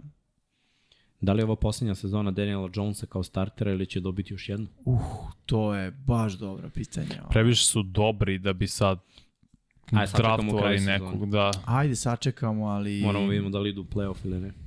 Ako ne uđu u playoff, Ali ako ostaneš jednu godinu, koliko drugih šansi za Pa njega? dobro, mu je četvrta godina. Ali ali bolje, nisu je, uzeli opciju. Nisu, se, jel da? Da, nisu. ali bolje je nego što je bio. Ne, jeste Da. bolje. Ako uđu u playoff, ostaje ne. Mislim, Tako vidi, razmišljam. Znaš kako ja razmišljam? Ne znam, koja bi ekipa želela Daniela Jonesa? Ma Pa- nije to, ne, ne, Ne, ne, zašto pitanje? Zašto ne potpišeš, ne uzmeš petu opciju, on bude slobodan će. potpišeš ga na godinu dana. Naći će. Za manje pare. Da. Ko bi, ko bi mu drugi dao? Daće mu neko, ima gorih potrebe. Koji, Ko? potrebe koje. Mislim, ko je toliko u situaciji? Mislim, okej, sad ti Saintsi kao, možda i oni Pa mogu da ti, priča. Atlanta, Carolina, Saintsi. Da ne verujem, počnemo. Atlanta je draftovala, znaš. Atlanta će i opet da Šta, draftuje. znaš, dovedeš njega koji se bori za poziciju, koji je mlad, koji nije čak neki veteran, koje će on iskustvo da prenese? On će biti kao Mariota backup. Da, ali on će biti više sa Trevor borbom- Simian scenario. Sa borbom na pitaš. trening kampu da osvoji eventualno prvo mesto. Dobro. Ne znam, ja iskreno, ako ne uđu u playoff, nemam pojma šta će se desiti njima. Da. Nije on neki nivo igrački. Da noćima ne ja spavam mislim da bi- o Danny Dimes. Dable hteo svog quarterbacka da gradi kako on želi i da ga, da kažem, oblikuje. Mislim da Vidjet će. to on želi. Koliko će godina Ramsey da vraćaju kredit Superbola kako se radi rebuild plaćeničke ekipe bez pikova? Pa Miksa predviđa sledeće godine Super Bowl, tako i Super Bowl, ništa, Super Bowl, ništa. Da. Nije nemoguće. Ne, ne, pa nije, nije, nije, to kažem. par- Mislim, Super Bowl se dođe Oni ako pogode, njima je potrebno da pogode ono, 4-5 pikova koji imaju u kasnim rundama ili da dovedu još nekog i to je to. Moraju da obnove ofenzivnu liniju. Pa da, Sad ste ja pre kažem. A to je to. da gađaju, realno. Jer gledaj, T-line, pošto Donald nije igrao sad nekoliko utakmica, ali ako pogledaš i dalje tu ekipa tu, Bobby Wagner je tu, secondary, ok, i tu ima prostora malo, ali on, napad, ako su svi zdravi i ako su svi iskorišćeni, Mislim, da reše ko je trkač broj 1, to je, da reše, da. Uh, da pojačaju ofenzivnu liniju i sa ovim quarterback, sa ovom quarterback sobom Stafford, Baker ukoliko ostane, Super priča. ima, ima potencijala. Tako da ono, nije to Mislim, pogledaj NFC, evo sad uzmi taj roster i stavi da su svi zdravi da igraju u ovom NFC-u, što da ne. Jeste. Ako mogu Commanders i Giants i Mogu i ako ovi, da. mogu svi, što ne bi mogli Ramsey. Da. E, imaš neka pitanja ili da zatvaramo radnju? Zatvaramo radnju, čekaj da vidimo ko je po vama bolji corner, Surtain ili Sos. Brate, tolika Uh. količina defanzivnih holdinga se dešava ove sezone koja se ne svira ovim momcima da, ono, ne znam, rekao bi Surtain jer manje sam vidio njegovih prekrša, Sos drži svaki play. Posle da. 10 yardi. Ne posle 5, posle 10 yardi. Da, da. Količina kontakta njegovih, da, koja nije svirana ove godine, je meni ono impresivno. Ne znam, da li je to ono sudija ga gotive lobiraju da cornerbackovi ono, opet hajpuju ono, cornerbackove koji dolaze s koleđa, da li je ono ta priča u NFL-u ili ne znam. A nekima se sudi ono sve za holding i, ili PI, nekome se ne A sudi ovo je ništa. bolje ocenjeno od Sortejna. Znam, zato što, zato što je prekršen, nije prekršen. On znaš koliko puta drži hvatača do momenta kad je lopte piju odbranjen pas. Brate, nije, nego je ono... dobro, Pa još jedna da. stvar. Uh, ono, psihološka stvar, brate, igraš u ekipi koja ima 7-4, ekipi koja gubi 10-9. 7-5, da. Znaš, ti kad ideš na obranu, ti imaš ono motivaciju, početak meča posle toga. Meow. Sos ili Vulen. Sos, Volen ga topi, ima više glasova od njega, ali prebiješ... uh, Vulen baš igra to. Igra super, da, baš igra dobro. Baš me zanima ovaj, kako će njega Koliko ima da, pre, da pet presečenih Volen? Mm, mislim da ima pet. Dugo je imao četiri. Da, Dobro. To, to. I evo samo još jedno pitanje i zatvaramo. Da li vidite Shona Paytona na klupi Saintsa? ne. Eto. Neće da on to tu završi. rebuild priču, on će nešto polu završen projekat da ode, da bi on kompletirao. Verovatno. I to mu je jako pametno. Dobro, to bi bilo to. Malo smo ga odužili u ovom prvom segmentu, ali smo... Ovaj, Yes. Čekali smo grafike, to je bilo čekali smo taktički. grafike koje, koje nisu došle, ali smo dobro. Došao je većina. Došli su većina. Da, da. Došao je većina, da, da. Pa neke, neke nisu, ali neke jesu. Sve u svemu, ono što je najbitnije što smo imali, što ste tražili, jeste playoff slika. Playoff sliku smo mogli da vidimo u nekoliko navrata i zanimljivo je i dalje se u principu neke stvari znaju, neke stvari se uopšte ne znaju. Treba reći da, da imamo bar tri ekipe koje i dalje imaju šansu da, da se nađu u, wild cardu, znači u top 7 ekipa. I iz, ono što je dobro, iz nedelju u nedelju sve te ekipe će se sastajati manje više međusobno, tako da će nam biti onako zanimljivo i da pratimo i da gledamo. Vi sva pitanja koje niste mogli da napišete, pišite ovako pa ćemo mi odgovarati. Takođe, naručite naše majice, slobodno imate na shopu, možete da dođete i ovde u Ranju, možete da nas podržite na YouTube-u, lajkujte, subscribeujte se ako niste ili preko Patreona ako to niste i do sledećeg petka. Veliki pozdrav iz Infinity Lighthouse studija.